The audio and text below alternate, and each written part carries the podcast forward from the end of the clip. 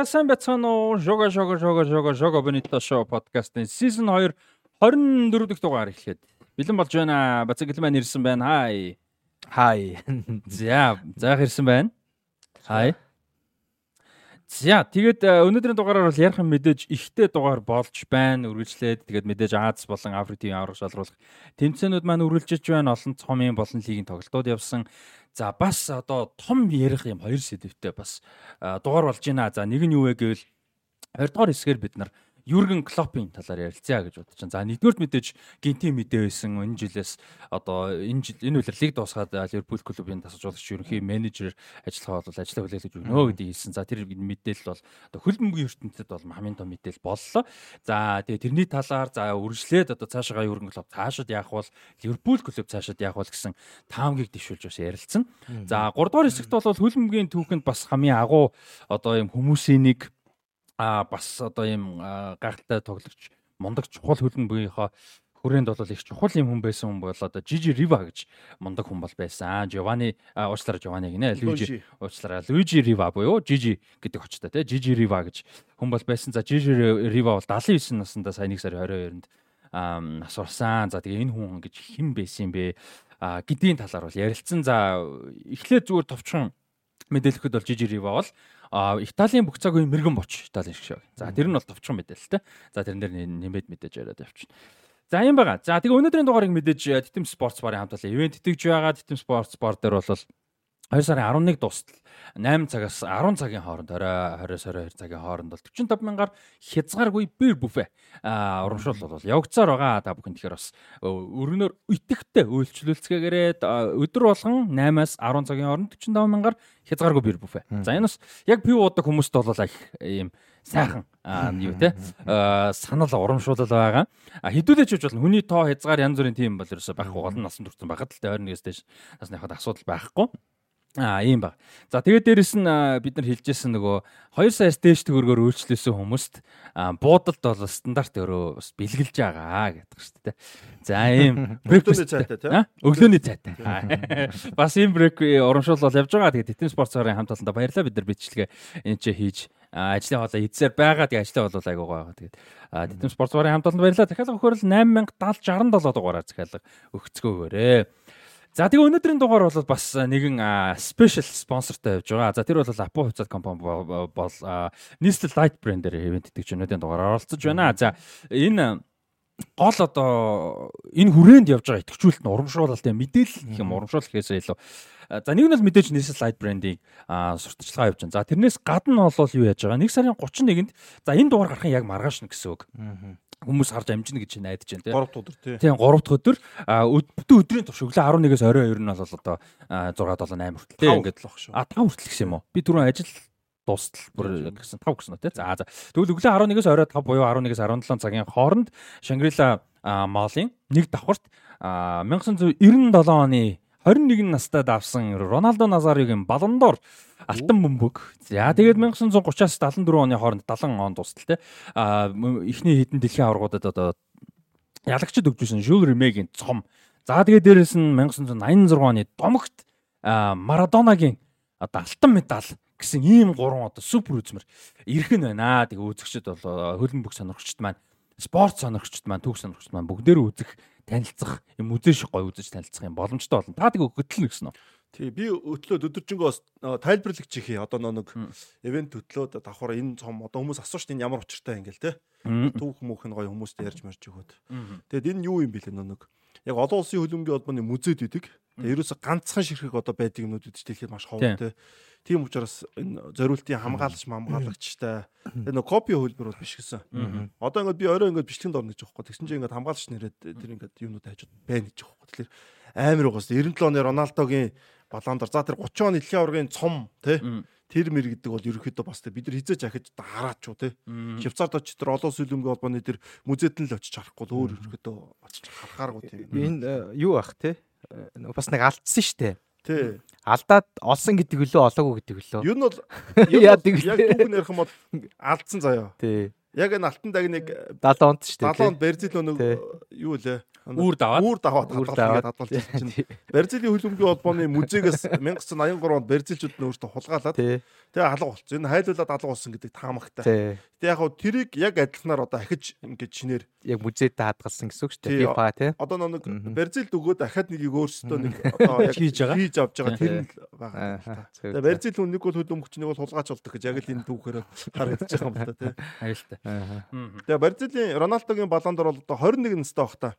Дэлхийн хамгийн шилдэг хөлбөмбөгч болж 97 онд баллон дор авсан. 96 онд болохоор FIFA-гийн шилдэг авсан шүү дээ нөхөр. Мгм. 20 настай. Бас амар байгаа шүү тий.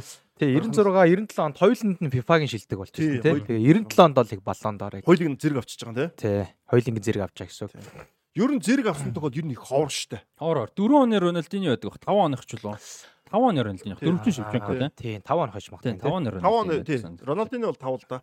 Гол нь зэрэг авсан тий. 6 оны Канаваро байдаг бах. Алтан бөмбөг нүүр тийш явцсан санагдаад. А балан дор ч өөр хүн байдаг үлээ. Канаваро байдаг үлээ тий. Үгүй санагдаад. FIFA-гийн Канаваро байдаг юм Тий. болж байсан тий. Яадаг лээ. Баллон дор чинь Канавар шүү лүү. Яг баг Канаваро санаг. Тий Канаваро шүү дээ. Баллон дор нь Канавар шүү дээ. Тий. Тий Оноо хамгаалагч. шилдэг юм байсан. Тэгэхээр хоёулаа Канаваро. Хоёулаа Балан дор Канаваро. Канаваро мөн. Ер нь бол яг хоёулыг нь авсан тохиол баг. Цөөхөн цөөхөн. Тэгээ Роналдо 21-т хоёулыг нь аваад 20-т Амар FIFA-гийн шилдэглэр энэ бол бүр өстө гоц амтан байгаа хөх тий. Харин. Ерөөсө гимтэл бэртэл ямар ч асуудал байхгүй байдаг байсан бол хамгийн супер ах хүмүүсийн нэг бол байна. Вамбастан Роналдо хоёр бол одоо Тий. юуд хүрх байсан нь мэдчихгүй те гимтэл бэртэл байсан бол. Яг хоо Вамбаст бол яг нэг юу штэ нэг яг нөө гол хийдэг юм штэ цэвэр үзүүр дээр те амар одоо юу ч мундаг. За, Роналдо бол ерөөдөө тэр гол хийхээс гадна тэр талбайн дүүд хуурж байгаа хууралт эсэргүүгийн хамгаалтыг эвдэж байгаа за тэр хурд те Тэгээд хурд идэг нь одоо юу гэдэг бид нар ингээд нэг Майкл Оуэн маа зүгээр хурд юм биш үхгүй юу? Хурд юм шиг энэ чинь өндөр метр 84 билүү? 3 борвч лөө те бас тийм намхан болж шүү дээ. Өндөр. Тэгсэн амар биетэй тэгсэн супер хурд. Тэгээ зүгээр зүгээр гүүгээд идэг юм биш үхгүй эн чин гүйлтэн дундаа амар олон тим нэг хөдөлгөөнүүд идэг янз янзын хууралтууд идэг. Тэр Интер тоглож байгаа тэр Барса тоглож байгаа тэр Эдвин Роналдогийн тэр хууралт бол гүйлтүүд нь бүр амар те оо янз янз. Юу ярих? Юу хийгээд байгаа юм бэ? Ч хамгаалч нар Мальдинигийн хэлсэн үг гэдэг те. Нааша ойрхон зогсоо би энэ үгдэг юм тэр дийлэхгүй байна. Тэгээ Мальдиниг ш одоо дэлхийн тим супер хамгаалагч тим үг амнаас нь гартал нь тэгж тоглож байдаг бол энэ бол ерөөсөө гайхамшиг нөө. Тийм учраас нөө феноменал гэдэг ил ил феномено гэдэг те феноменал гэж нэрлэж байгаа шүү дээ те. Одоо юу испанаар бол те. Англиараа феноменал одоо феномен феноменон а энэ айгу төгөлд би хэлж феноменон 6 онтой Канавара хоёулынгийн авсан юм. авсан байна Би яг юу үлээ гэдэг нэг их харсан ч тийм ээ. аа за Жогомонто шоу подкастын маань аа, 24 дахь дугаар. За. А явж байгаа түрүүний эхлэл хэсэг гинт зогссон боловчлаараа энэ ч тог тасарсан байгаа. За тэгээ одоо шууд үргэлжлүүлээ явчихъя. Хязгаарлалтаас гарч ирлээ шүү Тэгээ дээ. хязгаарлалтаас гарч ирлээ. Тий тэгээд Ахын кодонд яваад ирлээ шүү дээ. ярианы темп жоохон алдсан байж магадгүй. Сайн нөгөө нэг дэлхийн аваргын дуунуудын талаар ярьжсэн. Тэгээд нэг одоо алдартай оле оле оле оле гэдэг чтэй. Тэр дуу юу юм биш үү? 85 онд ер нь бол анх нөгөө нэг яасан юм байна. Одоо. Одоо хүмүүстэй танигдсан юм. Тэгээд 86 оны дэлхийн аваргаар Испани хөлбөрийг нь дуулсан юм байна л да. Тэгээд э, яг үндсэндээ яг 86 оны дэлхийн аварга аль биесны дуу биш ч гэсэн 86 оны дэлхийн аваргаар олон таних- дуу. танигдсан юм байна. Тийм ээ. Энийг бид Тийм нөө юугаар ярьсан баха. Сторидгоор би ярьсан шүү дээ. Нөгөө юуны аа, хи- Шакирагийн Hipston Line Bamboo-гийн хөлбөр өгдөө. Тэр 6 оны дэлхийн аварга ан нөгөө альбом бус дуун гэж явдаг байхгүй юу? Тэр шиг л юм байна л та. Тий. Тэгээд эн чинь бүр бүр анх бол бүр 39 онд үгэн ихний үгнүүд юм Гаринч байна. Гаринчагаар анх танигдсан болсон. Тий, Гаринчигийн хууралтыг тэгээд- хараад Тэгээд тэгээд 50-аад он 50-аад оны үед яг тэр Гаринчигийн үед ингэж орж ирээд тэгээ яг энэ юу болохоор ингээд те яг одоогийн бидний сонсдог хувилбар нь бол нэг 85 онд бол Тий. ай маяг одоо стори дээр баг би ярьсан. Мм. Тэгээд Тийм тийм. Дундаа ярьчлаа. тэгээд 86 оны дэлхийн аваргаар их нөө нэг дуулагдсан учраас яасан. Nice. Олон төрсөн. Тэгээд манайх нөө спонсортой байгаа нөтер тий. Тэр эхний хэсгээ явцсан байгаа тий. Үн ч одоо. Тий, тэр бол яваад амжицсан. Тог тог тог тусраад юм. Тий. За тэр оронд та хоёр ууж амжсан ямар вэ? Нөө гоё би би нөө. Лайт хөнгөн байж чадж байна уу лөө? Тий, хөнгөн байна хөнгөн байна. Ер нь хөнгөн бив чи одоо бол их даж өгöd шүү дээ. За тэгээ өнөөдрийн дугаараа эхлүүлцгээе. Тэгээд өнөөдрийн дугаараа ивент итгэж байгаа. Apophis компани нийслэл лайт брэнд тэгээд Титэн спортс барын хамт олондоо баярлалаа. 3 дахь өдөр буюу 1 сарын 31-нд Шангрилагийн нэг давхарчөө. За а тэр хэсэг бол төв сайхан үдэж байгаа сонсож байгаа одоо сайн өнгөрцөн байгаа. Аа за Премьер лигийн тоглолтууд саний тойрогт бол болоогүй байгаа. За энэ амралтын өдрүүдээр Премьер лигийн тоглолтууд тойрог бол эргэж ирнэ. 22 дугаар тойрог. Аа гол тоглолтод Бүтсаны шин 10 аа 4 15-аас бага. Гэтэ 2 дахь 3 дахь тоглолтууд байгаа шүү. Тэгээ дахиад Аа тий 2 3 дахь байгаа. Тий А тий 2 3 дахь байгаа маань. 2 сарын 1-нд мэгэн тоглолтээсэн тийм. А 2 2 сарын а 1 сарын 31 2 сарын 1 тэгээд 2 сарын 1-ний шөнө мэн гэдэг. 2 сарын 1-ний шөнийн супер тоглолт бол 4:35-аас ямар 15-аас ямар амар тоглолт үү те. Ливерпулийн талбай дээр Челси юм байна. А Мэдээж Юрген Клоппын талаар өнөөдрийн дугаараар ярина гэдгийг хэлчихсэн байгаа. Гэтэл шүн 2 3 дахь өдрийн шүн 4 5 5 гэдэг бол бас чанга байна. Өглөө үсчихчих би бол. Амралтын өдрүүдээр бас тоглолтууд мэдээж явна те. За юуны холбооны цомын 5 дахь шатны тоглолтууд явагдсан байгаа. За энд бол холбооны цом а юугаар алдартай тэгвэл мэдээ жижиг багуу том багуудаа буулгаж авах нь одоо гоё сэтгэл одоо юм гоё сэтгэл хөдлөсөн түүх бүтээсэн гоё мөчүүд гардаг. За тэдний нэг бол сая гарсан. За тэр бол одоо Английн лигийн одоо хөлбөмбөгийн пирамидаар бол 6 дахь шатанд тоглолдог тий. Мэргэжлийн бус гэсэн үг шүү дээ. Лиг 2-оос дахиад 2 шатаар доошоо тоглолдог. Maidstone United гэж баг. Одоо юу н эрэгчлийн Премьер Лигт бараг л одоо тоглох нь тодорхой болж байгаа Ipswich таамта тоглосон. Юуг бол Leicester City-тэй хамт Championship-ыг бол тэргүүлж байгаа хоёр баг нэг байгаа. За Ipswich-ийн талбай дээр тоглосон. За энэ тоглолт бол Ipswich-ийн одоо маш том фаворитууд байсан боловч 6-2-ын одоо 6 уучлаарай 2-1-ийн хайрцаатай буулгаж авсан. Ipswich Town 78% бөмбөг эзэмшсэн. 38 зөгсөн. 13 хаалгаа онсон. 11 удаа булангийн зохил зөгсөн боловч Maidstone баг United баг 22 бөмбөг эзэмшиж 2 удаа хаалгаа зохилт хийж 2 удаа хаалгаа онж нэгч буулангийн зохилт хийгээгүйгээр одоо 2-1 ярцаада буулгаж авч FA Cup-ын одоо түүхэнд бас том амжилтыг тогтоосон байна. За тэгээд энэ амжилт нь бол 1977-аас 78 оны улирлын холбооны цомын цомд бол а 6 дугаар шатанд 6 дахь шат одоо юуны левлийн те? Баг шалгарснаас хойш анх удаага 6 дахь шатны баг 6 5 дугаар шат руу одоо ингэж 5 дугаар шат буюу шүгүйн 16 гэсэн үг шүү дээ те? А шүгүйн шүгүйн 32 л орж ирж байгаа байлаа чи юу лээ 16 баха тий 16 юм шиг байна тий 16 тий 2 3 4 тийм шүү. За тийм тэгээд ямар ч байсан 5 дахь шат руу бол одоо 6 дугаар левелийн баг 78 оноос хойш анхудаага орж иж байгаа юм том төвөөр бүтээсэн байна. За Медстон баг одоо а юунд бол 5 дугаар шатанд юутай таарах боломжтой вэ гэхээр Sheffield Wednesday, Coventry City хоёрын хоцсонтой таарах. За тэр хоёр бол хоорондоо тэнцчихсэн ба бас том хоёр багтай.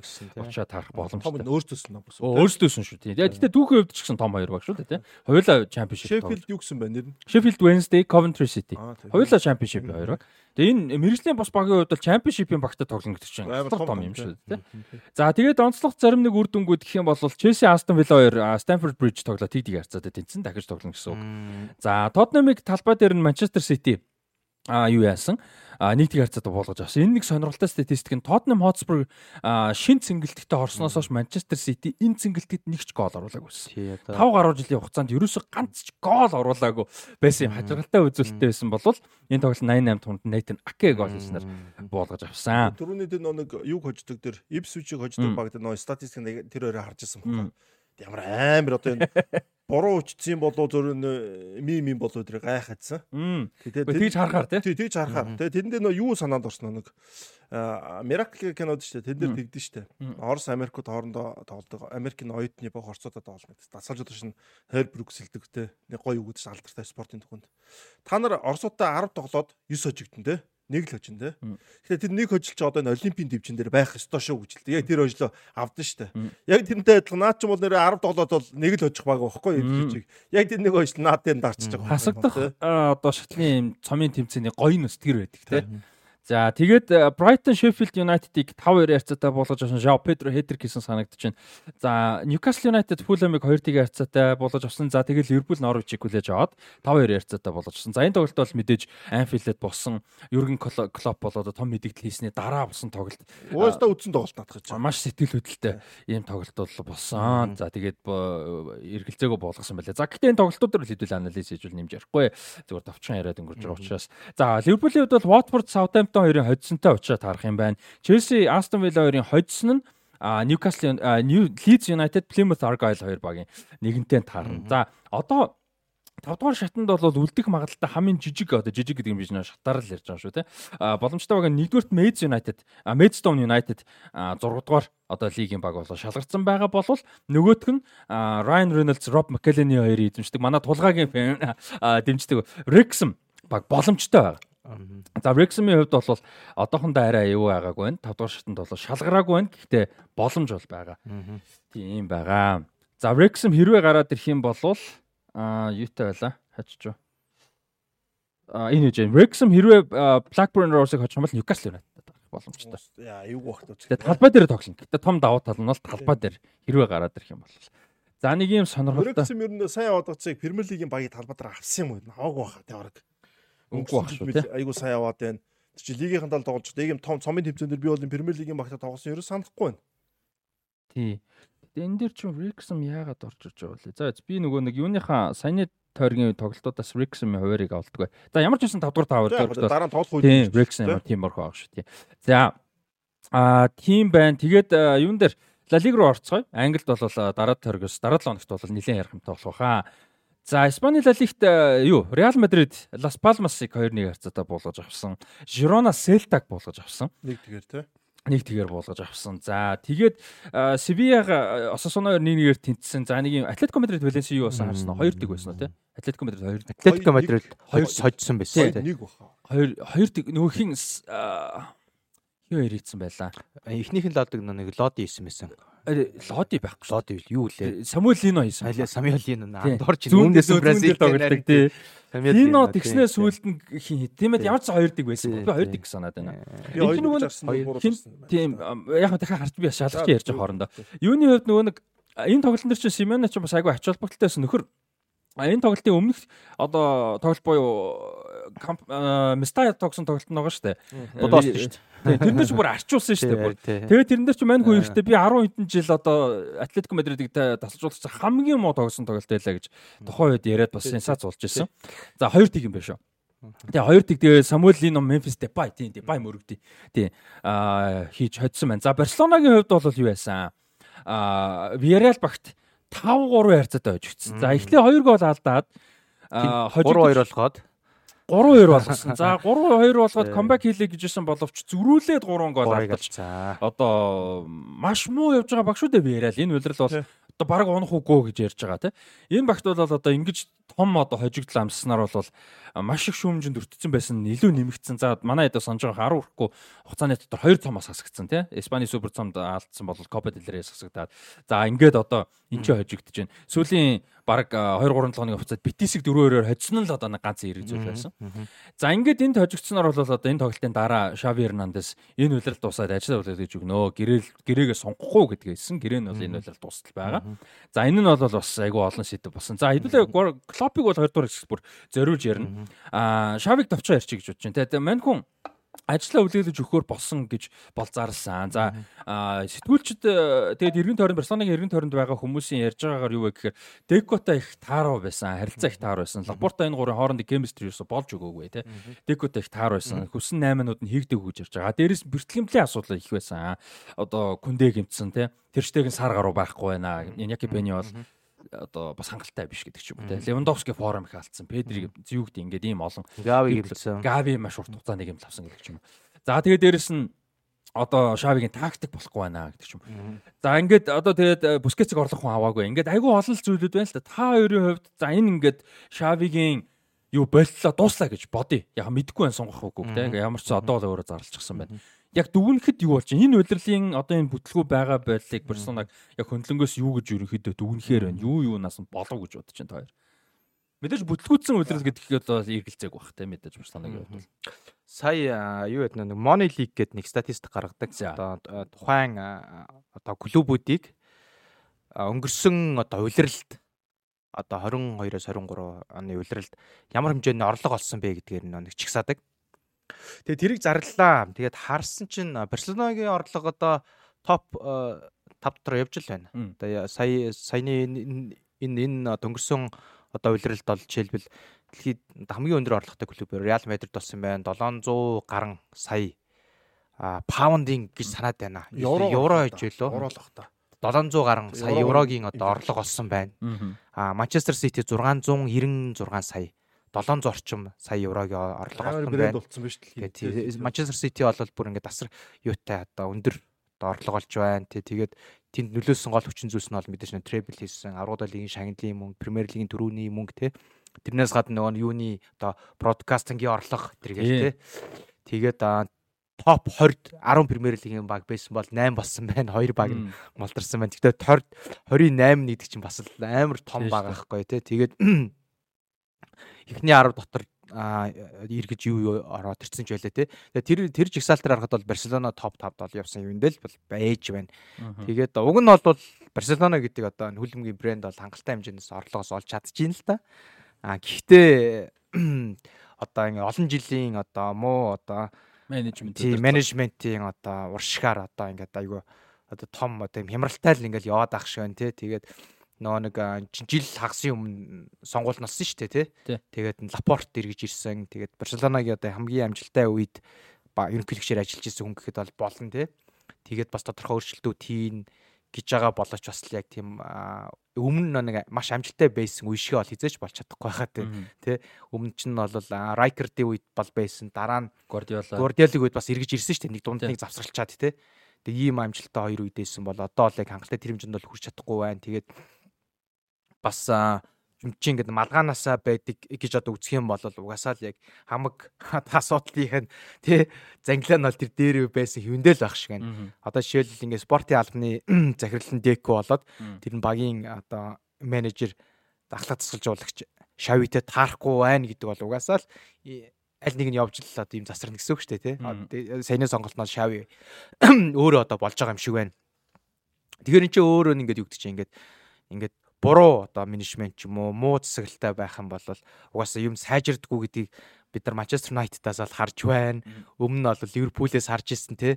Ливерпул хамгийн сүүлд Премьер Лиг төрүүлж байгаа 30 жилийн дараа Премьер Лиг дэргэж төрүүлсэн. Тэр хооронд одоо тэр 2000-аад оны дунд үеэс одоо 2010-ад он гартал бас хэцүү байсан шүү дээ Ливерпул бол яг хөө 90-ад оны төгсгөл 2000-ад оны их үед бол топ хэмжээнд бол өсөлж исэн ихэд бол болно Ливерпул тийм ээ. А тэгээ тэрнээс хойшоогоо болол айгүй тийм дэ ундалт нэг унаал нэг сэргэлж тогтворчихгүй байсан шүү дээ тий. Тэгж явж байгаа Клоп ирснээр бол а шийдэгцэн тэгээд Клопын өмнө бол нэг одоо Хенригийн гэр бүл болол бас зөв менежмент хийснийхээ ачаар хурдан туршлууд хийснийхээ ачаар бол ингэж докторжуулж оруулж ирсэн тий. Тэгээ эн чинь ингээд нэг инерцээрээ явж байгаа үед нэг инерц алдчих юм бол буцаж сэрэхэд бас хугацаа ордог гэдэг нь бол Ливерпулийн чинээс харагддаг. А эргээд Манчестер Юнайтед чинээс бол харагдаж байна. А тэгээд яг Арсенал бол яг харьцангуйас хурдан сэрэх гэж одоо оролдож байгаа шээ. Арай харьцангуй гайгүй болчлаа. Венгерийн дараагийн үеийн одоо уналтаас за нэг 4 жилийн дараа ч юм уу те. Биш 4 за нэг та 4 үлрэлийн дараагаас нэг арай өөр болж эхэлж байна гэж те. Тэгэхээр чин тэнд бол бас яг менежментнаас гайгүй сайн байна гэсэн үг шүү дээ. А тэгээ одоо ингээд сүүлд бид нар харах юм бол Жирона байна те. Жирона бол одоо Манчестер Сити гэдэг одоо энэ маш сайн одоо хөлбөмбөгийн менежменттэй багийн жишгийг л авчирч тавьж байгаа шүү дээ ерөөсөө тий. Энэ жишгээр ингээ явангууд ямар амжилт үзүүлж байна. Гэт харах юм бол Барселона дуг нь бол тийм Жироногоос хэд дахин илүү тоглох боломж байгаа хэрнээ. А тэр менежмент одоо гэдэг клубийн одоо систем одоо тогтолцоо нь ерөөсөө биш байгаа учраас ингээл баларч ийн л да. Тэгээ одоо ингээд Жироногийн бүрэлдэхүүн а Барселонагийн бүрэлдэхүүн хоёрыг ингээд цаасан дээр тавина ингээ харьцуулаад үзье л тээ. Шин бүр ингээд тэнгэр газар шиг ялгаатай юм зү тийм ээ. Тэгсэн хэрнээ 10 онооны тоглолтын тоглолтын агуулга за тэр оноон дүүрч те. За оноон дүүрч. Зүгээр тоглолтын чанарыг харъя л та. Мм. Барселонагийн тоглолтыг үзэж ийн гэж одоо л надад юу санагдхаа болцсон шүү дээ. Бараг л одоо мэдик одоо юу ямар ч гимээр ин те. Тэг тэгэхэр чин одоо энэ болгон чи ингээд нэг систем одоо засаглалаасаа тогтолцооноосаа менежментээсээ ингээд доош үргэлжилж байгаа л. Тэгэхэр чи одоо мэдик одоо магадгүй Лапорт ирээд 2 жил орчим болоход өөрчлөлт баг байсангүй. Тэгэхээр одоо мэдхгүй одоо дахиад энэ өөрчлөлтийг авчирч чадах юм уу гэдэг нь айгүй эргэлзээтэй болж байна гэдэг ч юм уу те. Тэгэхээр одоо энэ одоо энэ Барселонагийн уналт одоо шийдэгдэлтэй одоо магадгүй Йохан Кройф шиг ч юм уу тийм алдартай хүрээд бүтцээр нь ингэж өөрчилж тавиад явах явах юм уу яах юм те. Жохон энэ нь бол яг тийм сайн одоо тогтолцоо сайн засаглал нь бүрдэхгүй бол хэцүүлэх Барселоны Тэнгүүд айгу гоё хэлдэг явж нөө. байна. Малгаанаасаа гэ тэ. Одоо ингээ Барселонагийн ингээ малгааныхаа доошоо нарахаар гоё байгаа байхгүй. айгүй олон гой гой залуучдын ламасаа гаргаж ирж штэ.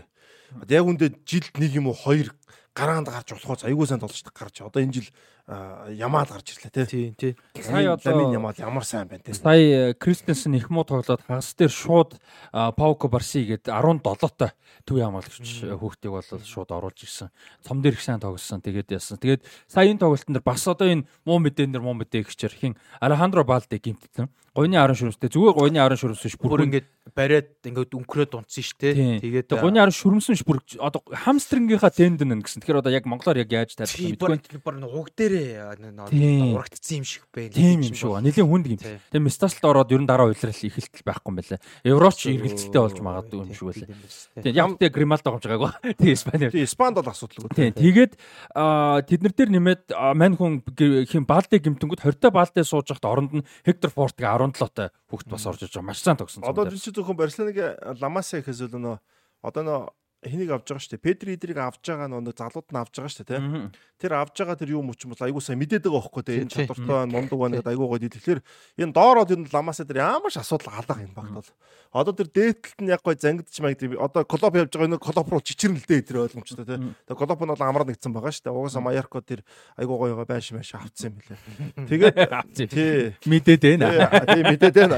Авцсан юм бидээ. Нөхөр бол ерөнхийдөө 1 жил 2 жил төлөмөөс хол угаасаа харахгүй айгуу хүнд ажилтаа юм Амар амар. Тэгээд Марсал тогсдгүй байж. Тэнгэл бол айгүй гоё. Тэр малган дээр асуудал байгаа байхгүй. Тэгэхээр доор моор бол одоо тэр ундраг мондраг дээр бол Марс дээр бол угаасаа үеийн үеийн амар өсөн шүү дээ. Ламасагийн актемж одоо угаасаа бүх цагийн баг хамгийн шилдэг актем одоо ч бараг номер 1 хэвээрэл байгаа ч би хард. Угаасаа тэр нэг нөөцөн дээ. Тэгэхээр Барсагийн асуудал яг харахгүй тэр менежмент тасалж одоо яг клуб шиг хүмүүс ч юм уу тиймэрхүү том амтын ирж л дээ Хэвээ үнэхээр нь өөрчлөлт хийхгүй. Клопод яг Барсагийн тоглолтыг гаргаж чадахгүй шүү дээ жишээлбэл. Одоо энэ хөшүүргний асуудлаас яригдчихээн л да. Одоо өнгөрсөн зунчин Лапорта ирээл а Месси их үлдээн стонер бүхэндээ наварн те одоо Бартомео Сандро Росли хийсэн хорыг цэвэрлэн. За тэгээд Месси их үлдэж чадаагүй нөгөө асуудлууд гарсан одоо Негрерагийн хэрэг одоо шүүх хурал нэмээ үржилж байгаа. Жил хагас буруу болчтой би 2 жил юм биш 2 жил хагас юм биш 2 жил хагас болчихж байгаа юм те тэрнээс ч Кикес Этиен Метиен гэж болж байгаа. 2 жил хагас юм байна. А тэгэнгүүт яаж юм хэр тэр нөгөө нэг хөшүүргнүүдэд чинь гол зорилго нь юу гэсэн ирээдүгээ зараад одоогийн амжилтад зориулж зарж ирсэн шүү дээ. Ирээдүгээ зарсан. Тэгээ тэрний чинь тал мал мөнгө нь орж ирээгүй байгаа юм билээ. Тэр чинь одоо хүртэл бас асуудал болж байгаа. Бас дахиад тус тустай худалч шүүхөрлөөр. Тэгээд ойрын хугацаанд амжилт олоод тэр олсон амжилтаараа ирээдүгээ тогтооно. А тэр тэрний тулд ирээдүгээсээ тодорхой байв зарж байгаа гэдэг одоо тайлбар хийж тим шийдвэр гаргасан боловч ойрын амжилт нь хэцүү болчиход байгаа байхгүй. За өнгөрсөн жил мэдээж төрүүлсэн. А хамгаалалтаа Тэр бол тэр бол айгүй том юм болцсон шүү дээ. Чухал байсан. А гэхдээ тэрэн дээр одоо суур болгож босгох нь чухал байсан. Тэ. А одоо чинь Ливерпул 19 онд аврагд лиг төрүүлснийг бодъё л та. Тэрнээс хойш зогсоогүй те. Тэрэн дээр чинь суур болгоод нэмж яваад нийт 3 даврагд лигтээ финалд шалгарлаа. Премьер лигтээ төрүүлээ. Цомнууд авлаа тийм. Аврагын төрсөлтлөө. Тэнгүү тэрнтэй адилхан Барселонаг өнгөрсөн жил за төрүүлчлээ. За одоо аврагуудыг ихтэй сайн юу те. Одоо аврагаа хамгаалъя гэдэг юм. Ийм байсан бол одоо энэ жил ингээд яг аврагуудыг хэсгээс гарсан гэтээ боддоор Барселонаг хол явна гэж бодож байгаа хүлээж байгаа юмс нэг байхгүй л яг өмнө хэлээ. Аа тэгээд цомоосоо мултарчлаа. Жижиг хоёр цомч жижиг гэж хэлдэг те. Цомч одоо өөртөө авах боломжгүй боллоо. Нэгэн цагт бол одоо юу гэдэг Мессиг байхад тэр нэг асуудлуудыг дараад исэн байгаа хгүй Месси байгаад байсан учраас те. Тэгээд Лалиг авчдаг. Тэгэл ерөөсө аврагууд лиг авч чаддаггүй шүгэн дөрөвтэй камбэк хийлэгчдэг. Гурвуудаа тий камбэк хийлэгчдэг. Аврагууд лиг авдаггүй. Тэгсэн мөртөө цом аваад идэг. Тэгэл лиг аваад. Тэнгөт тэр үед жишээ нь Копа Делрийг Барселонагийн фэн сүүлийн 20 20 жил одоо ерөөсөө л одоо юу гэдэг гэлээ Испани үг нь одоо мартчихж. Ерөөдөө тоглоом маягаар те? Аа нэг яг байсан жаага байхгүй жаага нэг тийм жижигхэн бонус маягаар тооцдог байсан гэж байгаа. Байхгүй тэгж нэрлдэг байсан те? Тэгсэн чинь одоо тэр нь ч байхгүй болж байгаа байхгүй. Тэгэнгүүт чи яг нөгөө нэг айгүй олон ирээдүйн юмнуудаа өчнөө хэдэн зуун сая еврогоор зараад хувийн зараад инээ тэрээгээд хийсэн шийдвэр нь яг амжилтанд хүрч байгаа гэдэг айгүй хэцүү. Тэгээ одоо энэ жил Барселоныг хувьд талбай дээр мэдээж асар уйдах төлөв тоглож байгаа маш их алдаанууд гарч байгаа. Одоо Фрэнки Дион хүртэл ямар супер тоглож илээ, ямар их алдаа гаргаж байна те.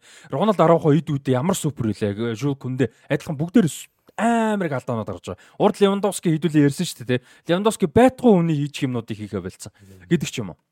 А гэхдээ талбайгаас гаднах асуудлууд гэдэг юм бол юу болж байна гэхээр одоо тэр мөнгнүүд нь байгаа хгүй. Тэр чинь ирээдүгөө зарад ингээ айгүй олон юмны өөр тавьчихсан, зээл тавьчихсан ч юм уу эсвэл ирээдүгөө зарцсан байгаад байдаг. Тэгээ нөгөө амжилт нь байхгүй. Тэнгүүд чи одоо юу яах хэрэгтэй болж байгаа. Эхний дөрөв энэ жил авахгүй бол одоо сүрнэ. Энэ клуб бараг сүрлээ. Аврагууд лиг ирэх авахгүй л бол энэ нөгөө санхүүгийн шудраг өрсөлдөөн болон бусад санхүүгийн асуудал бүр бүр сүрэх гэж байгаа. Эвгүй байгаа шүү. Маш эвгүй, маш эвгүй. Тэгээд клуб клубүүдэд дэлхийн аварга ирэх заавал авах хэрэгтэй гэж байгаа Барселона. Эхний хоёрт одоо бүр орно гэж зүтгэхгүй болвол а нэг бол аврагуудын лигт одоо юу гэдэг юм а энэ жилийн Испани багуудаас хамгийн сайн явдаг ч юм уу. Тэгээ энэ жилдээ ямар нэг байдлаар энэ жилийн удирлаас хамааран байж 25 онд болох ч байгаа клубүүдийн дэлхийн аваргын ирэх авахгүй болвол клубүүдийн дэлхийн аврагын авчих юм бол 50 орчим сая еврог аварлах гэж байгаа байхгүй тэр нь дангаараа.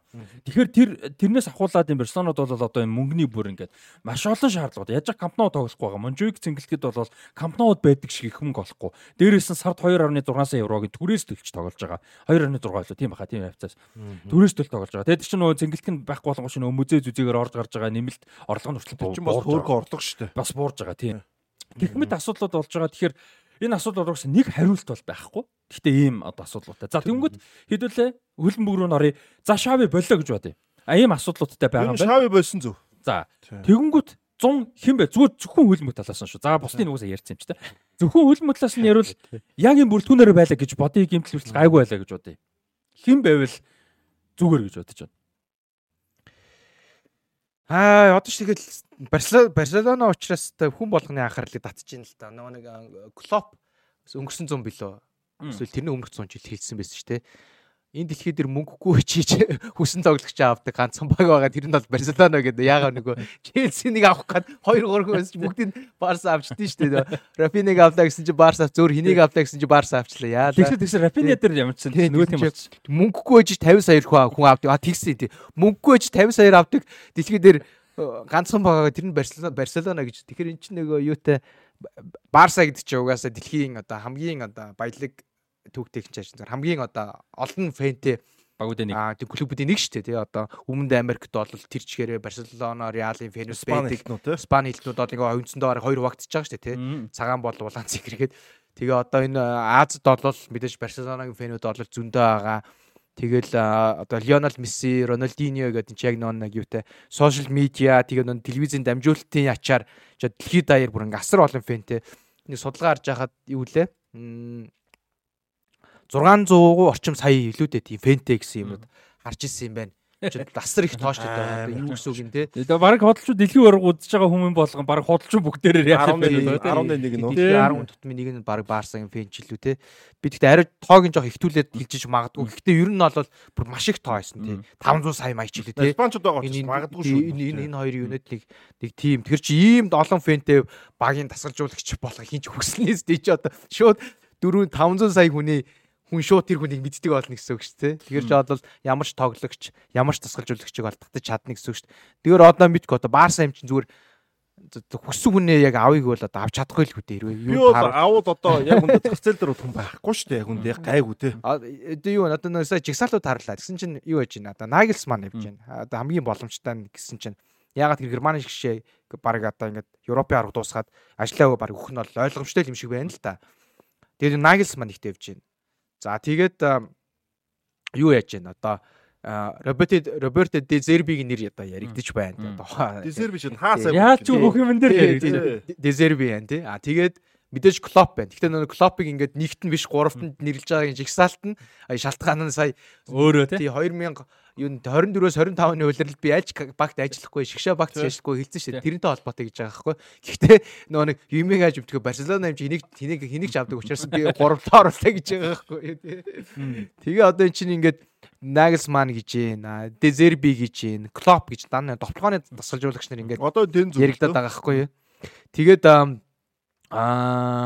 хин гэж одоо одоо яаж санагдчихэв а Луис Энрикегээ эргээд татаж магадгүй гэж одоо яригдчихэж байна те. Одоо дөрөв дэх одоо гол хүн их юм болвол.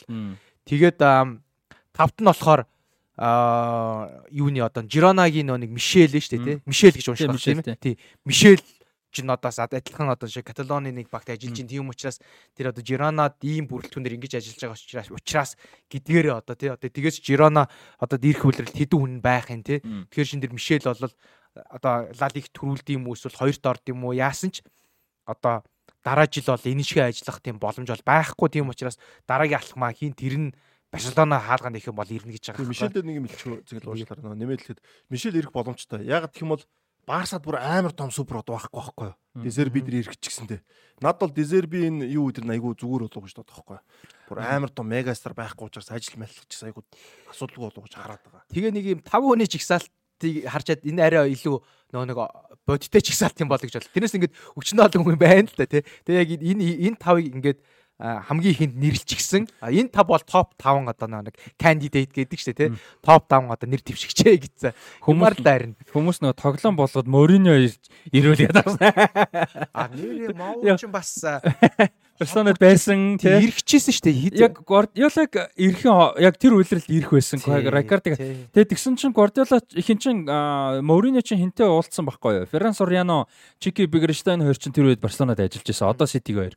А тэр хоёр ажиллаж байсан. Тэгээ манайд ч уулзаад ер нь бол Барселонад ирэх гэжсэн. Тэгээ маань чи Бобби Робсны удирдлага Барселонод байсан те залуудаа. Тэгээд ирэх гэжсэн. Тэгсэн чинь Лапорта ч амбицлсан байхгүй. Лапорта дундуур норж амбицлан гутаа үгүй ээ. Одоо ерөөсө Гвардиолаг ахлуулна. Тэгээ Гвардиолаг ч тухайд хин ч итгэхгүй ч 2 дугаар багийн байна шүү.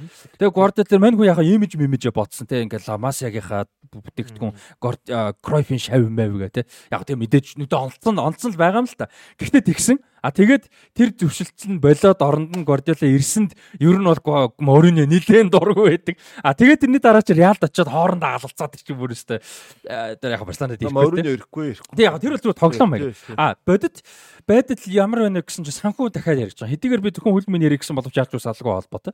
Тэгээ одоо Дезерби гэдэг ч юм уу одоо Грам Нортон хин бэдийн Грам Нортон гэж солиорч Грам Грам Поттер хин бэдийн Грам Нортон өөр шоуны хэлж байсан. А ингээд өөр хүмүүс байж боловч байх боловч юу яаж байгаа. Санхүү асуудалт. Тэнгүүт одоо энэ Шави болно гэж байгаа. Тэгээ Деко тэнцвэ байгаагийн. За тэгээ Лапорта. Энэ дунд бол хамгийн боломжтой юм нь Маркезиг юу яах? Тушаал дэвшүүлгээл гэж одоо боддоор Рафа Маркес академийн тасалжуулагч хийж байгаа. Хоёрдугаар багийн ахлах тасалжуулагч хийж байгаа. Академид бол угаасаа мундаг байсан. Өөрөө маш харизматай хүн. Угаасаа авьяаста тоглосон. Ахлагчтай багийн ахлагч байсан. Таван дэлхийн аврагт орцсон. Тавууланд дөрвөн удаа багийн ахлах дэлхийн аврагт орцсон. Түүхэнд рекорд хийсэн. Бүгдэнд нь зоонос гарсан. Бүгдэнд зоонос гарсан. Бүгдээр нэр нь баг худалчин гол хийчлээ. Тэгээд мань чи өөрөө Декота мэдээж хамт тоглож ирсэн. Тэгээд Эд Барселонада рекорд ивэр тоглож ирсэн. Лапорта тэр өдөр хэдэгч байсан. Тэгэхээр яг одоо бол хэрвээ Шавиг удирлаас өмнө юм удирд дуусгах болох бол Рафа Маркес одоо тушаал төвшүүлэх нь хамгийн зүгээр гэж магадгүй гэж бас ярьж ин л. Хэрэг тэгэх юм бол нөгөө клуб дотроо уур амьсгалын асуудал уу? Гаднаас хүн биш дотроосоо тий. Клубийнхаа домог аль хэдийн бүх юмаа мэддэг тий. Хүлэн зөвшөөрөхтэй ч гэсэн хүн гэсэн утгаар гэж бас яг клуб ирүүл юу нь бол бүгдийг шийдчихэлтэй тий дотолдог хөлбөмбөг тоглолдог учраас тэгээ колоп бол ирэхгүй тэр бол ойлгомжтой. Яг дезерби яг тэр Мишель идэр бол энэ дагуу сонголтод тоххой. Тэгээ бас байж болох юм тий Марксыг. Тий Рафа Маркес ер нь яг хамгийн гол нь санхүүгийн хувьд асуудалтай байна. Санхүүгээс гадна ингэж байхгүй. Ламасиад ажиллаж байсан дэр Бебагд ажиллаж байсан салгч философо мэддэг ер нь шал өөр хүмүүс байгаа. Тэгээд бас гол залуу туулагчтай бүгдийг мэднэ. Бүгдийг мэднэ. Тэгээд чинь багта 20 жил наан цаанд болцсон хүн шал өөр л дөө. Тэгээд өндөр талын нэхгүй. А тэгээд нөгөө удирдлага талаас амар. За тэг Маркес Фелтэ гэж бодъё халахад амархан бохгүй юу? Их зардал болохгүй, нэр төрөнд халгүй те нэг тийм асуудал багтай. Цалин баг гэдэг үнэлт одоо Рафаэл Маркс за чи Барсад ажиллаа баг цалингаар их юм бол хүн өөрийгөө туршиж үзэх боломж байгаа цалин бол нэгдүгээр асуудал. Нэгдүгээр шүү өөрийгөө батлан гол. Клуб бидэрт бол Дезерби бидэрт бол цалин чухал. Угаасаа өөрсдөө баталсан хүмүүс бол ямар шаардлагагүй. Тэгэхээр арай өөр. Тэгээ одоо одоогийн Барсад ирээд За магадгүй амжилтгүй байлаа ч гэсэн нэг тийм айхтар одоо муу зүйлээ бол болохгүй шүү дээ. Раба Маркес. Угаасаа Барселона ер нь хэцүү байсан шүү дээ. Одоо Шави ч гэсэн бас яг тийм байгаа шүү дээ. Яг Шавиг дүгнэхэд хэцүү. Гэхдээ ингээд нэг амар том фейлцэн гэж ярихад бас хэцүү байгаа. Дээ. Тийм, лалига авчирч шүү дээ. А гэхдээ зөрүүлээд асуудалтай байгаа ч гэсэн эргэн тойронд асуудал нь хитрхи олон том байгаад байгаа болохоор ганц шавыг буруу ерөөсөө биш байна. Одоо яг ийм байгаа тохно. Хамгаалч тоглож байгаа авчиж байгаа шүү дээ. Хамгаалч тоглодог баг олон жил сайн тоглож чаддгүй маягдл ерөөсөө харуулж шүү дээ. Тэр нь өөрийн хөлөмгөө шави ерөөсөө суудаж чадахгүй байгаа даа байхгүй. Тэр өөрийн хөлөмгөө суудаж чадахгүй учраас хоёр төчлөөс ингээ фейл. Одоо мөрийн ерөөс тийм болчихлоо шүү дээ. Хамгаалдаг. Тэр нэг юм уу 2 жил явна. Тэгээ 3 дахь удирлаас ч юм уу фейлдэн. Тэгээ ахид нэг босох гэж үзэн тэгээ байхгүй. Тэгээ эрүүл уруулдаа өрөө явдаг. Тэгэхээр хамгаалдаг угаасаа сонсож угаасаа энэ лигийн төвшөнд угаасаа олон жил өндөр төвшөнд нь ажиллана угаасаа хэцүү. Одоо орчин үед бол бүр удлаа болсон юм бол. Би түрүүн тэр орлого хэлсэн шүү дээ тийм Money League гээд энэ хоног Deloitte-аас гаргадаг ч гэсэн. Тэгвэл наа чи ямар ч баараагүй. Тийм ямар ч одоо юутай одоо нэг зүрлөө ихэд маш бага зүрнэ гэсэн үг. Deloitte ч нь одоо дэлхийн одоо аудит санхүүгийн одоо дөрвөн том корпорац нэг шүү дээ тий. Big 4 гэдэг. Тэрний нэг тэгээд аа аудит санхүүгийн одоо үйлчлэгээний чиглэлээр тийм ээ. Тэгээд 22-оос 23 оны үеэр л нэгдүгээр Real Madrid 723 сая паунд юм байна. Аа англи гарсан учраас паундаар гарсан. Паундаар гарсан байна. Тэгээд хоёрт Манчестер Сити 718, 3 PSG 697. PSG бол асар дээгүүр явж байгаа байхгүй. Тэгээд Барселона 695 бараг 700 сая. Ч одоо юу гэж төрүүлсээр яалаас нь 30 сая л зүрвэн шүү дээ тий. Амар сайн орлого олж байгаа. Одоо Барселона яг зарлага зардлаа багасгах, цалингийн зэсээ буулгах тий айгүй олон зардлуудыг хасах шаардлагатай болох гэдэг юм тий. Зөв ажил чадвал амар хурдан сэрхэхэр байгаас энэ орлоос нарахад Manchester United 5-д, Bayern 6-ад, Ливерпул 7-д өнгөрсөн жил 3 тайчаа сая доллар унсан байл Ливерпул. Тэгээ Тоттенхэм 8 549, Челси 512 9, Арсенал 463 10-т гэж байна. Энэ ихний 10 бол ерөөсөө өөрчлөгдөг юм байна. Тэгээд дотроо л байрнуудаа сольсон. За тэгэд удахгүй ахад юм чи одоо ингээд орлого морлого ингээд Барсаг ингээд ашиг машиг ингээд харахаар юу байгаа тахгүй. За орлого ашиг хоёр тустай тий. Яг наа ч юм бол орлого үсэ тий. Орлого орлого тий.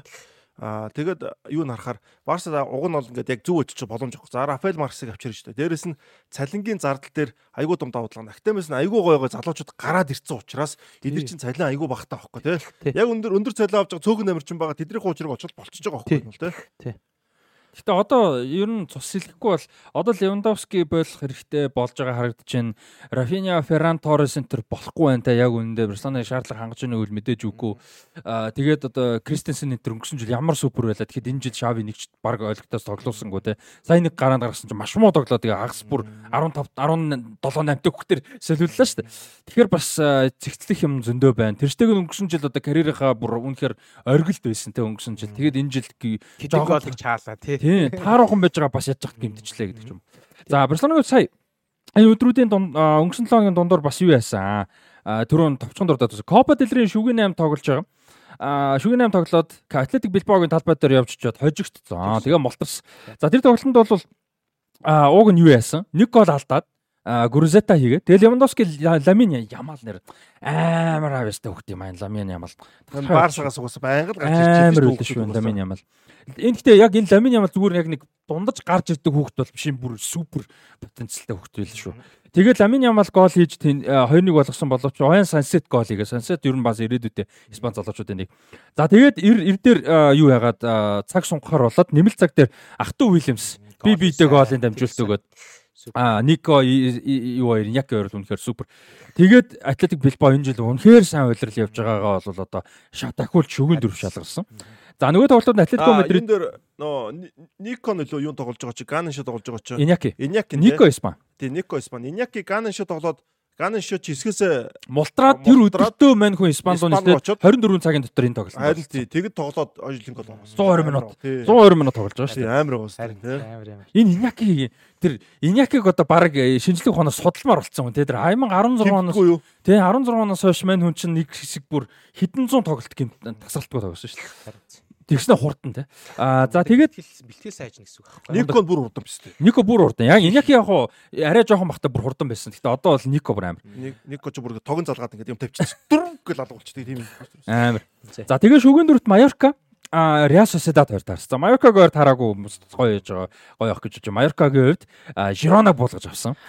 За Жирона бол томын нэг боломжнаас ингээ мултарсан. За бараг зүв зүв Жиронод. Яг үн аврагд хөлийг авсан дэр. Ихээ юу? Тий олон олон тэмцээнд юм залгардах бол дэмий шүү. За Майорка Sociedad хоёр хоорондоо тоглоно. За тэгээд Атлетико Мадрид Атлетик Билбао гэсэн ийм маш сонирхолтой. Атлетико Мадридтэй таарчаа Билбао. Яа. Их сон. Тэгээ одоо гоё Sociedad Майорка хоёр финалийн төлөө Атлетико Мадрид Билбао хоёр. За энэ бол шүгэн дөр бол 8 бол уучлаарай 4 бол үнэхээр Sociedad Билбао хоёр л гоё болно. Да хоёр юуны баг финал төлчихөл те. Финал төлчих хоёр баск сайхан тогсон шүү дээ. Баскийн финал түүхэнд анх удаага баскийн финал. Билбаогийн жилиг цом харахыг авахыг харах нь үгүй юу аа. Анхандаа түүхэнд анх удаага баскийн финал сайхан Копедрийн финал шалгараад тэгээд ковидын дараа жил. Тийм ковидын дараа те Сосидад авсан шүү дээ. Одоо Билбао дахиад боломж гарч байна. Билбао ч тэр юу нэ ковидын дараагийн жил Копа дел Рейгийн финал 14 хоногийн зайтай 2 жилийн финалыг дараа нь тоглоо. Хоёуланд хоёуланд хажигдсан. Нэг нь Битис тажигдаад нөгөөтг нь Сосидадад хажигдсан. Нэг нь Барса. Барса санагдаад байна. Бит чинь тэрний дараагийн жил нь тий. Тийм Аа тийм ээ тийм. Барса. Реал Сосиедад хоёр тэгж байна. ба, Энэ жил харин нэг Билбао цам авчаасаа. Билбао ч нь бол бас айгүй тийм маш гоё түүхтэй клуб шүү дээ. янз янз. Эрнесто Валверде байгаа. Тий харин. За тэгээд Реал Мадрид. За Реал Мадридыг ярихгүй бол мэдээж болохгүй. За Реал Мадрид дөнгөж сая энэ тойрогт бол Лас Палмасыг 2-1 харцаа болгож авсан. А Жирона хожлоо авснаар яг нэг онооны урд явж байгаа. Тоглолт илүү. Гэхдээ нэг тоглолт илүү тий Реал Мадридаас. За Реал Мадрид энэ жил хэдүүлээ ярьжсэн энэ үйлрэл бас жоохон хэцүү байж магадгүй тий. А бүрэлдэхүүн бас тийм сайн биш байна. Бенземаг орлож чадаагүй. За аргуудад их нэг хол явахгүй бах. Лигдээ ч гэсэн хэцүү бах гэж ярьжсэн боловч одоо үйлрэл талаас илүү гарцсан явж байгаад Реал Мадрид бол одоо аваргын фаворитууд хിവэрэ байна. За Барселона 3-т явж байгаа боловч Атлетик Билбао, Атлетико Мадрид энэ гурав болоод аваргын төлөө өрсөлдөхгүй гэдг нь одоогийн байдлаар бол тодорхой. Магадгүй хэн мэдгүй. Сүүлийн тойргуудад байгаа. Гэтэл хэцүү харагдаж байна. За Жиронаг хичнээн гоё явж байгаа ч гэсэн яг аврах гэдэг дээр фаворит гэж ярихад мэдээж шүү дээ. За тэгэхээр Реал Мадрид бол одоо фаворитууд байсаар байна. За энэ дээр ги- Анчлоти гэрээгээ сунгасан Жуд Беллингемийн 8 ямар амар нүдэ болсон 8 амар 8. болсон бэ. За тэгээд аврагуудын лиг чүгийн 16-д Лайпцигтэй байгаа. Цаашаа зам засагдах боломж зөндөө байна тий. Лайпциг ямар орон гарan байгаа Тий, байлаа. Тий. Тэгэхээр одоо Орчууд наачаад лайтаа явах шүү дээ. Аа орчвол эвгүй гэхдээ бас гарan байгаа тий бас тий. давхар тий. За тэгэнгүүт Реал Мадрид бол энэ жил одоо үнэхээр биднэрийн ч гэлтгүй олон хүний бол одоо хүлээлтийг давж гин одоо амын байр үлж гин тий үнэхээр супер байна. Тий. Аа гоё байна тий. Тий мундаг байна. Одоо Флорентино Перес а, Лапорт хоёр ч ер нь бол Барселона, Реал Мадрид хоёрт 2000-ад оны их үед бол бас зэрэг ажиллаж исэн шүү дээ. Тий. Өрсөлдөж исэн те. Үгээ аваатай. Тэгээд эхний хэдэн жилүүд нь бол Лапорт баг Флорентино Пересээс илүү ажилласан байж магадгүй. Гэхдээ сүүлийн хэдэн жил одоо Флорентино Перес ингээд дараалал Реал Мадридын одоо нөгөө нэг ерөнхийлөгчөөр нь ажиллаа шүү. Энэ хугацаанд бол Реалыг бол яг бүр тэр 50-аад оны үеийн нэг алтан үеэн тий. Тэгээд одоо домогт Сантьяго Бернабеугийн үеэн тий. Тэр үедтэй нуарыг зэрэгцгүй хэмжээнд тэрнээс ч илүү даах хэмжээнд бол Флорентино Перес бол Реал Мадрид клубын түүхэнд дараа ингээ үлдэхээр болж шүү дээ тий одоо ингээл э, тэр э, 2009 онд чинь анх сонгуулаар гарч ирээл тэгэл Роналдо дахиж Галактикогоо бүрдүүлээл Тий. тэгээ тэрнээс хойш тогтмол ажиллаж байгаа шүү дээ. Энэ энэ хугацаанд Реал хэдэн удаа аврагууд илэг төрүүл, хэдэн удаа лаалыг төрүүл, хэдэн удаа ингэж доктортой тоглоо гэгэнгүүт нь өмнө нь гаргаж ирсэн айхтар том алдаануудаа нөний засаад Реалыг бүр ингэж маш зөв одоо нэг зохистой одоо менеж хийж чадчихээн. Тэгээ одоо чи нэг супер од эхлээд мөнгө зарцуулаад авсан бол дараа нь тэднийг зөв үед нь зарж явуулж чадлаа. Оронд нь харин сэргээр маш аваачлаг залуучуудыг аваад ингээд тордоод ингээд бэлдэж гаргаж ирч чадчих штэ тий. Тэгэд энэ бол бүр яг яг энэ Флорентино Перес ялангуяа ингээд тэр э, Роналдотой супер одтой үе биш энэ сүүлийн баг энэ 4 5 жилд баг магтмаар тань л да. Сүүлийн 4 5 жилдээ бол Vinicius Junior, Rodrigo хоёрыг Бразилиас авчирлаа. Валвердег Тий. авсан тэр дунд нь. Тий, Вальвердег бүр сураггүй байхад нь одоо одоо одоо олголоо. Тэгээд Касемирог бол за яг магадгүй хин одоо Зидан нээсэн. Гэхдээ Касемирог бол бас потенциалтай байж болох юм байна гэж одоо авчирсан. Дэлхийн топ хагас хамгаалагчныг болгож чадлаа гэдэг ч юм уу тий. Энд чинь ингээд бас зөв одоо ингээд а, одоо өмнөх алдаанаас суралцаад илүү сайжирсан Флорентино Перес Реалыг бол бүр л супер болгож юм л да. Энэ үлрэлийн ихэнд бол бас А Беллингхэмиг авахд бол за Беллингхэм мундаг гэхдээ ийм нөлөө үзүүлнэ гэж бод бодоогүй. Тэгтэл бол бүр айхтар байна. Тэгээ дээрэс нь бас нэг Анчелотиг бас ажиллах боломжоороос хангаж өгж байгаанаас том давуу тал бол үүсгэж байгаа юм болол гэж харж байна. Тэгээ Анчелоти ч гэсэн бас өөрөө яг энэ оддын учрыг олдог те. А тэгээд багийн уур амьсгалыг а зөв одоо ингэж барьж чаддаг дасгалжуулагч учраас их одоо гой одоо менеж хийж ийн л та. Одоо энэ хуучны тэгээд олон жил нэг салбарт ажиллаж байгаа насанд явцсан хүмүүс өөрчлөгдөж болдог бизнес дээр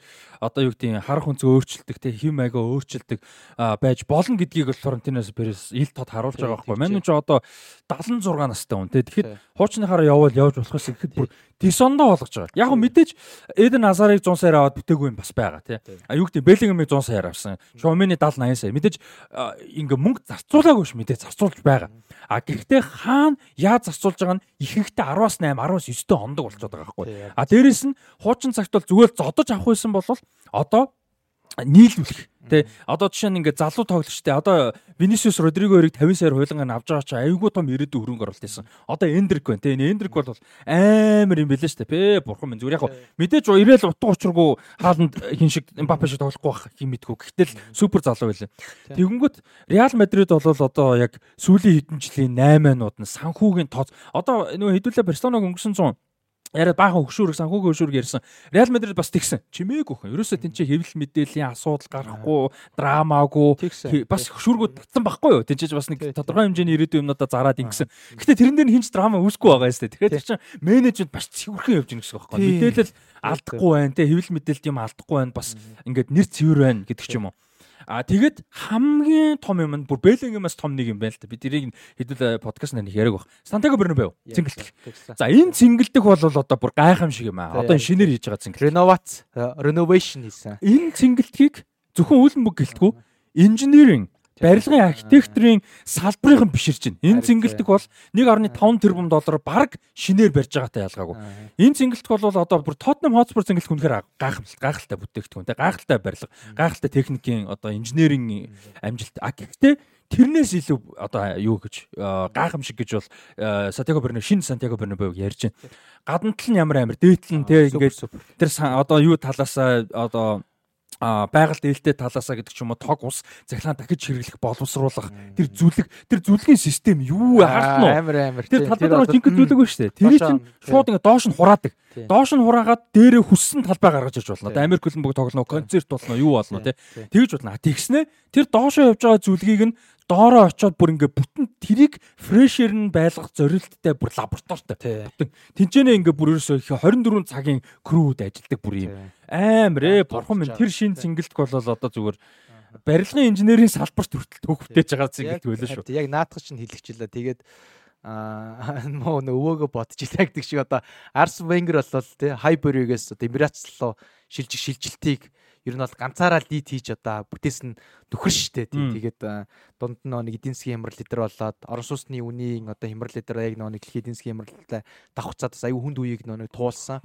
Тэгээ ямар төсвөр ямар багаар Арсеналыг нэг топ одоо дөрөвдүгээр байрыг цом гэж гэж одоо нэг баярлдаг гэдэг нөө хоч зүйтлэн дөрөвт оруулсан шүү дээ тийм. Одоо бол юу гэдэг чинь тэр багаар бол премьер лигт баг үлдэж чадахчих байх. Багууд яг тийм бүрэлдэхүүн орол тийм одоо юу менеж хийжсэн. Тэгээд Яг тийм багаар ш тийм мөнгөөрөө. Тийм тийм мөнгөөр тийм. Тэгээд одоо чинь тэр шиг одоо менежер хийж байгаа шүү дээ. Тэгээд багийн тасгалжуулагч. Тэгэхэд Флорентино Перес дээрээс нь лид хийж хийж байгаа тий.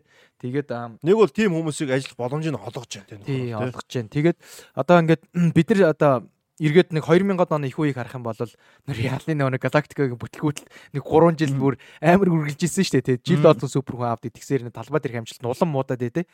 Тэгэхэд ч одоо нөгөө нэг нөхөр чи өөрөө зүрөөд Фернандо Ерог хөөж явуулаад тэгээ дээрэс нь Макалелег зараад оронд нь нэг Бекмиг авчирсан чинь Зиданы алдардаг гэдэг ч те мотороо солиог гэж Бентлиг хөнгөний будаад ямар нэмрээд юм бэ гэдэг шүү. Би үл моторыг авчаад Бентлигийнхээ өнгийг хар байсныг шараар бодох ямар хэрэг байд юм бэ гэдэг үгүйдэг ч те.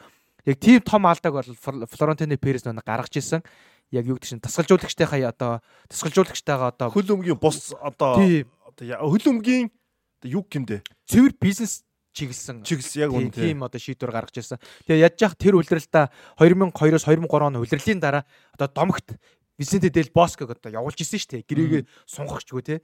Тэгээ оронд нь одоо хэнийг авчирч ирсэн, Карлош Керш шиг авчирч авчирч байсан. Аа тийм одоо жи спортын маш том одоо буруу шийдвэр байхгүй тэр амар буруу шийдвэр бол тийм тэгэл Боскоч ямар агуу тасалж төвийн хахтай Гравес нэтрэж тоглож байгаа. Тэгээ төвийн хагас дээрээс Макалелли чи хин блэ? Төвийн хамгаалагч, багийн хамгаалагч Фернандо Еро хин блэ те.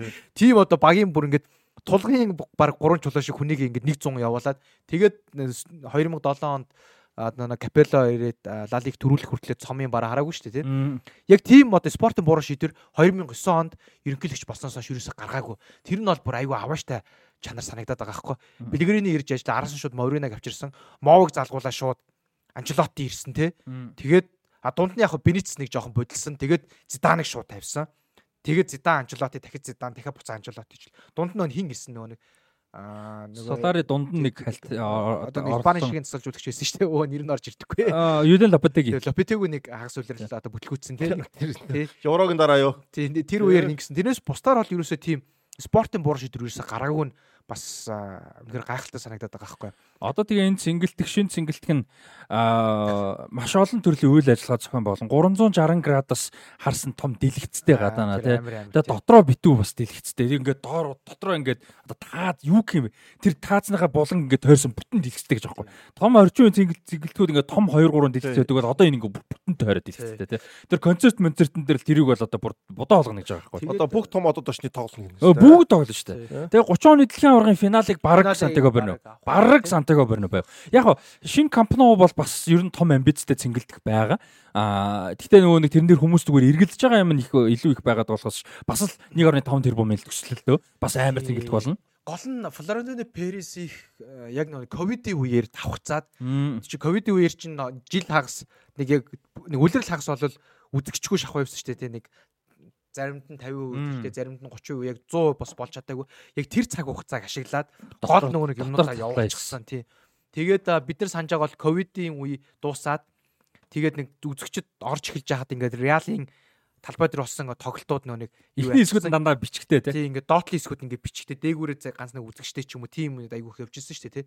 Тэгээ одоо явсаар хагаад одоо баг бүрэн дуусч байгаа санагдаад байна. Яг гадна талын том нь бол болоогүй. Тэгээд доторх нь бол доторх одоо нөгөө гол одоо үзэгчд нэг орлого шүү тэр нь бол болчихсон. Тэсэн чинь Барселона яг одоо үзэгчийн орлого чинь маш их хэмжээний орлого байх шүү дээ яг трийг одоо гол орлого байна уу тий трийг одоо бас тодорхой хэмжээнд золиослоод чинь одоо Кампноуга хийж байгаа гэсэн үг шүү дээ одоо олимпийн цэнгэлэгч Кампноу Кампнау шиг тийм том биш шүү дээ. Би нэг ярьцлага түрээс төлж байгаа. Нэг ярьцлага харсан байхгүй юу? Чи тэн дээр юу байж байгаа байхгүй юу? Одоо нэлээд гайгуулаг сурд одоо ингээд лаг гараа байхгүй юу? Тэгээд техник технологи энэ юмны хөгжил айгүй хурдтай өгч учраас би ингээд айгүй мундаг ингээд боловсрал авсан ч гэсэн би 5 жилийн дараа шинээр гарч байгаа хүүхдүүдийн хүнд нь одоо ахаа сурахгүй болохгүй байна гэж байгаа. Тэр нэ их сургууль сурах биш л тэр нэ өөрийнхөө мэлийн байн апдейт хийж байгаа бол. Тэр нэ барилгын инженерүүд чинь гайхаж байна одоо угаасаа дэлхийн эдийн хөгжлийг тийм болчиход байгаа байхгүй. Бүх салбарт амар өрсөлдөөнтэй. Шинэ 3 жилийн өмнө 5 жилийн өмнө дэлхийн супер мэрэгчлэн байсан бол 5 жилийн дараа өөр нэг барилгаараа гайх хэмжээнд очичдаг ч юм уу тийм болоод байгаа болох наа ч юм бол яа харахгүй нэ. Тийм хамгийн юуг нь сонгоод байна л да тий. Тийм. Тэгээд одоо эн чинь бас нэг менежерүүдийнх нэг нь бас айгуу том захирлуудынх нэг нь юу л яасан юм байна л да. Айгуу гоё юм хэлж ирсэн юм байна. Нөхөр хэлэхдээ нэг одоо Сантьяго Бернабеу цэнгэлт бол Мадрид хотын одоо юм бэлэг тэмдэгтэй ингээд юм том юмнууд нэг. Гэхдээ энэ том цэнгэлдэх энэ том бэлэг тэмдэг болсон одоо газар ерөөсөө жилд нэг 30-аас 40 тоглолт зохион байгуулахаас өөр ямар ч ашиггүй байна гэдэг бол гамшиг юм аа тий. Энийг бол одоо өөр олон юмд ашиглаж нэр одоо юу зохион байгуулж байх ёстой гэж бол ярьж ирсэн нь бас нүдэ олж байгаа. Ийм том юм бас болж байна тийм. Ер нь бол лигийн тоглолт 14 хоногтны тоглолт шүү дээ тий. Тэгээд одоо 19 тоглолт тэгээд цомын тоглолт аврагуудын лиг гэл 30 гаруй тоглолт. Тэгээд гол нэг хөлөмгийн том клубүүдийн цэнг одоо нэг багууд тоглолт хийхгүй гол шалтгаан зүлэг нээдэг. Зүлэг зүлэг бол одоо ингээд орчин үеийн хөлөмгт бол бүр хамгийн чухал хэсэг нь болчихсон. Тэгээд тийм одоо одоо нандинж байгаа зүйл дээрээ олон хүний тоглолтыг ч хүмүүс зүйл зүйлээс талхлаа шүү дээ. Тэгэхээр нөгөө нэг аюух болгоомжлолт болчихсон. Ядч нөгөө дээр нь давцсан мавцсан оруулахтаа хүртэл айгүй юу тийм олон төрлийн нэг зохицуултуудтай тий. Тэрийг бүр ингээд амар шийтсэн багтах. Ингээд яагаад ч юм те. Одоо зүлгүүд нь шууд доошоо дээр NBA-гийн тоглолтууд тэгж нэ эргээд окон талбай болдог, юуны талбай болдог тэр шиг болчиход байна. Тэр яг жижиг болохоор болоод байгаа. Одоо энэ том талбай гэдэг чи бас аа. Тийм гол нь амьд зүлэг шүү дээ. Хүлэмгийн талбай гэж гасар том талбай шүү дээ. Тэгээд тэр бол Үнэхээр гоё юм. Манай Сүхбаатарын талбайг ороод тал саваагаад нэг тал нь өстэй. Одоо баг аа. Бараг л тийм байгаа шүү. Тий. Асар том талбай шүү. Тий, асар том талбай шүү тэр ч одоо. Худалч үнд ч тий. Энэ бол энэ бол нэг тиймэрхүү тий. Юу нь бол бас том штэ хөлбөмбөл ба. Том том том тий. Яа нэг ийм мундаг юм байг бол одоо Флорентино Перес ахлаж. Яг супер лиг гэдэг нэг жоох. Аа зүтгэж байгаа. Тий нэг тэгээд байгаа болохоос Лапорта энэ хоёр чинь супер лиг гэ зүтгэж байгаа сүүлчийн хоёр зэрэг шүү дээ. Мөнгөний юун дээр бол наадад ч юм бол хэдэж яахгүй л тий. Тэгээд тэгээд Реал Мадридыг бол үнэхээр супер удирдах чадчих байна. 30 оны дэлхийн аваргын финал болох магадлал. Өө гиснээс 26 оны дэлхийн аваргын хуваар дараалал огт гарна гэж хэлсэн шүү. Тоглолтуудын хуваар. Гоё шүү. Тэгсэн чи харин яс манай багш тэгсэн одоо Мазалагийн энэ инквалатор багш энэ 26 онд болох дэлхийн аваргын тэмцээний хуваарийг одоо хийх гэж хахад манай энэ футсалын лигийн энэ жилийн 2 дугаар ахсан хувааринч тодорхой биш байдгийг. Өмнөх өдөр өдөр манайх ч одоо энэ хот бүрддэг ч автобусныхаа юг шууд өмнөх өдөр зорчиж байгаа. Одоо хязгаарлалт гээ гинт тог тасарч байгаа жишээ нэ. Одоо 1.5 сая хүнтэй хотын автобусыг өмнөх өдрөө солино гэдэг чи одоо юу гэсэн үг юм те. Тэгээ 3 4 9-өөр 4 4 9-өөр те. Дэлхийн хамгийн хүүтэн нийслэлийн хамгийн үүдэн цагт нь гэж солилцсон. За тэгээд би хэлжсэн бидний өсвөрийн улсын авраг дуулж хат манай конкурстэд давтчихсэн гэдэг. Одоо тэгээд тэр яа гэж 18 настай тэр 17 настай тэр сургууль төгсөж байгаа хүмүүс конкурс хөнгө хөлбөмбөгийн улсын аврагт тоглох юм уу те. Орон нутаг будгаас бол impossible байхгүй тэр чинь бол. За тэгээд Испанид ийм байна ойрд бас энэ хоёрыг энэ талаас нь ингэж бол нэг яриаг байх гэж бодож байна. За Итали руу орцгоо. Италид Италийн супер цом а явагдсан. Тэгээд шгшээ тоглолт нь Наполи Интер Милан тоглож. Лодоро Мартинес эрдэр нэгэн нэгдэх минутанд гол оруулснаар Интер Милан 3 дахь жилдээ дараалж Италийн супер цомыг өргөж байна. За ингээд Симоне Инзагийн ээлжид нэг нь цом болж байна. За хэн болвол Лодоро Мартинес жил их тусам Интерт бол одоо улам чухал тоглогч болж байна. Одоо энэ жил 26 настай бас болоог байна тий. Зөндөө олон жилийн мундаг карьер бол үлдсэн байна. За А Сериагийн 22 дугаар тойргийн зарим нэг тоглолтууд болсон байгаа. За энэ дээр юу яасан? Ювентус оноо алдсан. Урган төлөө өрсөлдөнд Эмполитэй 1-1-ээр тэнцчихсэн. За AC Milan Болони 2-2-ээр тэнцсэн. За энэ тоглолтод хин Тиаго Мотта шүүгчтэй модалцаад улаан уцаагаад талбайг орхисон. За тэгээд Интер Милан мэдээж сая супер цомтой байсан учраас тоглолт. Ювентус Эмполи дээр ч гэсэн Ювентус аруулаад тоглолтыг дуусгасан. А тэгсэн тэгсэн. Яа хин улаан улаан. Аа зөвлөгч нэр нь орж ирдэггүй. Аа тийм ээ тэгсэн тэгсэн. Тий тэгээд аруулаад дуусгаад аруулаад тоглоод гол алдсан Эмполид. Тэрээс 11 үл байсан бол нэг тэгэр л дуусгасан баг. Эмполи чи ер нь бол энэ юу мөн байгаа шүү. Муу 19 тавьж байгаа шүү дээ. Тий. Эмпол бол бас айхтар оноо авсан. Чухал оноо авчихсан тий. Тэглээ. За тэгээд энэ тойрогт Интер мэдээж тоглолтод оролцоог байгаа. Интер ингээ хоёр тоглолт дутуу болчихсон. Фиорентинатай тоглосон. Нэг тэгэр очсон. Аа аа тийм шүү дээ. Фиорентина тэр нөхөө тоглолтоо хийсэн. Нөхөд хийчихэ. Тийм тийм. Тэгээд Фиорентинаг хожингууд юу ячиж байгаа байхгүй. Нэг онооны дээр болчих. Аа тэгээ нэг тоглолт дутуу. Ювентус үр дүнгээ хаваалах. Тийм. Интер Интер ёстой амар гоё. Симоне Инзагийн чинь дээр Ливерпул дээр явж ил бас. Клубын дараа. Магадгүй шүү. Одоо Барса дээр ч бас дахиад лавдаар хийсэн байхгүй тий. Тий тий тий. Фиорентина дээр. Барса дээр ч явж иж магадгүй шүү. Симоне Инзаги. Тоглолтын хэм маяг эднэр бол бас юу шүү дээ гоё шүү дээ. Симоне Инзагийн яг гоё тий динамик тоглолт гаргуулдаг тий. Төвийн хагас махсууд харал та зур дотолдог гурван нөхөл тоглолч дээ. Яа гоё шүү. Яа Чалханогло тий Барелла Михидриан яа Михидрианыг тэнд авчиад тоглуулдаг. Харин тий Чалханоглог хоошо тавьчихдаг тий. Бареллад баринда. Аркадиш Милик бол авсан. Ювентусээс. Тий Милик. Тий юу болвол Интер дээр яг ингээд Михидрианыг одоо энэ ч ингэж шүү нөгөө нэг Мхитаран ч өөрөө гэсэн тогтцсон карьертэй хүн ирж штэ тий. Довтлогч шаар тоглолдог тий энэ тэр.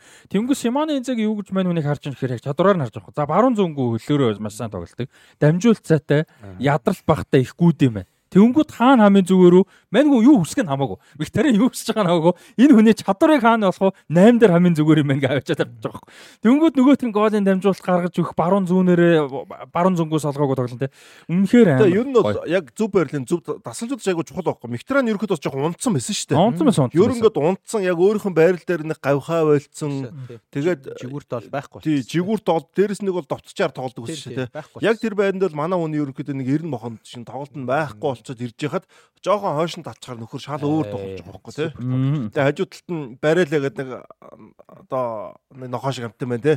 Айгуу сайн гүйдэг. Тэнгүүдээ жолхоног руу араас нь гол найруулах юм. Тэгээ нөө Мектрен ч өөрөө том багууд тоглож усаж учраас тэр хоёр тоглолтойгоо ойлголц. Ялангуяа жолхоноглогтой ойлголцод ямар ч асуудалгүй. Таны тоглолтын дээр хин тургуултай байсан. Жолхоноло тургуултай байсан. Тэгээ Фратези Асланы Мхитарян гэж тоглосон. Барил Фратези ч бас гоё тоглож байлаа шүү. Фратези янз янз. Наач одоо Италийн шиг бас ирээдүй болж байгаа бас нэг асуулт. Гол хийдэг төвийн хагас шүү дээ. А тэгээ саний тоглолтод бас э, энэ жилийн хамгийн чухал наймруудын нэг яг би энийг олон ярьсан байна. Ян Сомер яасан тургуулын зүгт тас. Тэгсэн. Тоглолт дуусчихад э, тий нэмэлт цаг дээр. Энэ дөр зөвхөн л одоороо ч юм уу төвийн хагас жигүүр биш биш. Жан Сомерын 8 бас үнэхээр гоё болсон. 3 сая 8 юу. Одоо Ювентусын Ювентусын Интер эзэж одоо одоо нэг хятад хүмүүс өчөө тий Стивен Жам байгаа. Супер менеж хийж байгаа. Тэгэд яг Стивен Жан болон удирдлага гэхээсээ илүү Марота Ер нь бол Марута яг илүү яг нөгөө гол үр дүн уралцсан оролцсон. Ер нь бол хятадууд ч нэг хэсэг фейлдсэн шүү дээ жоохон тийм. Сүний чин сүний чин нөгөө нэг э, юу шүү дээ. Дэлгүүрийн бизнес тийм. Ер нь бол одоо нөгөө юутаг Kim Power гэдэг шиг ойролцоо байхгүй яг duty free шүү дээ. Дэлгүүр одоо commercial худалдааны бизнес. Тэнгүүд ковид орчин төрчид зүгээр ингээд нэг унахаараа хідэн тэр бумаар унж байгаа байхгүй алдаг талаар. Тэгээ сүнийний хөлбөмбөгийн клуб чинь хаагдсан нэг өдөр. Зүгээр ингээд тоглогч нь ажилч нь өдөр нэг өдөр барилга дээр ирсэн тэр барилга ингээд клуб оршин тогтоолцсон. Тэгээд интер интер лүгөө нөгөө мөнгө оруулах янз бүрийн юм чинь аяйгуу асуудалтай болоод одоо энэ нөгөө Марота ирж тэ Марота ч ирсэн хямдхан 8 бодол Маркус Тюрамыг үнгүй авсан гэж бодлоо тэ. Бодоод ононог газ баг 20 дахин 60 юм байна. 15 дахин хэмд өнөр баг ялгаагүй алгаж шодорч байхгүй ян сомрыг тий. Тэгээ хин ч ян сомрыг авахгүй байх юмсан шүү дээ 33 таа хаалгач тий. Мюнхенд яг хуу нойрыг орлох гэж хэсэг тоглож байсан тий. Яг хуу багийн 2 дугаар хаалгачаар очих хүн байсан л та энэ бол ямар нэгэн багийн Нэг бол дунд жогийн гараан дээр нэг Тэгэхэд одоо Европын топ 5 лигийн бүх тоглогчдын бүх хаалгачдын өрөөнд хаалтын тоо а гол алдсан тэгээд цохилт хуур амаасан бүх статистикаар тэргүүлж байгаа. Нэг хоёр жилдээ ч юм уу 3 жилдээ бол айгүй юу 8 болчихж байгаа байхгүй чинь. Асуудалгүй 8 хадч асуудал шийдчихэж байгаа байхгүй чинь. Тэгээ Италид гол нь бас тохироод байгаа шүү аян зам орч байгаа. Италийн хөлөө мөхт наа чаа өөр англи мангли испан дээр бас явахгүй ч магадгүй шүү. За тэгээд э, бүрэлдэхүүн бол болох байна. Тэгээд энэ төр тэргүүлээ буцаага авчихсан байгаа. За одоо энэ тойрогт бол супер тоглолт байгаа. 2 сарын 4-ний шүн байгаа. 2 сарын 4-ний шүн Интерийн талбай дээр Жозепе Мяза цэнгэлтгэд Ювентус ирнэ. За энэ бол одоо Супер Сандей тий бүтээсэний шүн бол 345. Аа бас юу өглөөл үүсэх юм байна гэсэн. Гэтэ наан нь гой тоглолт Аталанта Лачио байгаа нэгээс. За энэ хоёр тоглолт бол ч амар хоёр тоглолт болно. Бүтцэн Ливерпул Арсенал хоёр байгаа шүү дээ өмнө нь. Бүтцэний шөндөө юм уу хагасны шөнийн бүтцэн нэг яриад нөө. Аа саяных болохоор бүтээсэний шүн шүү нэр тийм. Бүцэний шөнө гэж одоо бүцэнээс нэг тэгшил. Тийм тийм бүтээ сайн. Тэгвэл өмнө нь Арсенал Ливерпул хоёр тэг 30-аас байгаа шүү дээ. Шууд тэрийг үзэл энэ лөө орох нь шүү дээ. Гэтэ дийлэх нь үгүй хэлдэг хүн юм. Би бол дараа 7 хоног яг үзчихэл подкастт орж ирэх юм байна. Би бол яг Ливерпул юуг үзчихээд Ювентус юуг бол арай би бол яг дараа л үзэх юм байна. Би бол яг үзэх юм. Наа чи амар тоглолт. Оо энэ амар юм бол. Энэ амар. Одоо энэ хэнийг бас магтахгүй байж болохгүй. Алегриг. Энэ санхүү амар авт шүү дээ. Битүү асуудалтай бас талбайгаас зөндөө асуудал байгаа шүү дээ Ювентус чинь. За тэгээд одоо энэ хин Фажиолин Бетис ингээд торгуулчлаа. За Погба одоо байсан чгүй те асуудалтай гэмтэл тэгээд сүүлдээ допинг гэдэг асуудал болсон. А хин он гартал баг Влахович болохгүй байлаа. Энд ч одоо бүр өвөл баг явах уу, явуулах уугүй юу болцсон байсан шүү дээ. Нэг хэсэг чинь Лукакугаар солин мэлнэ гэдэг яриа хүртэл явжсэн те.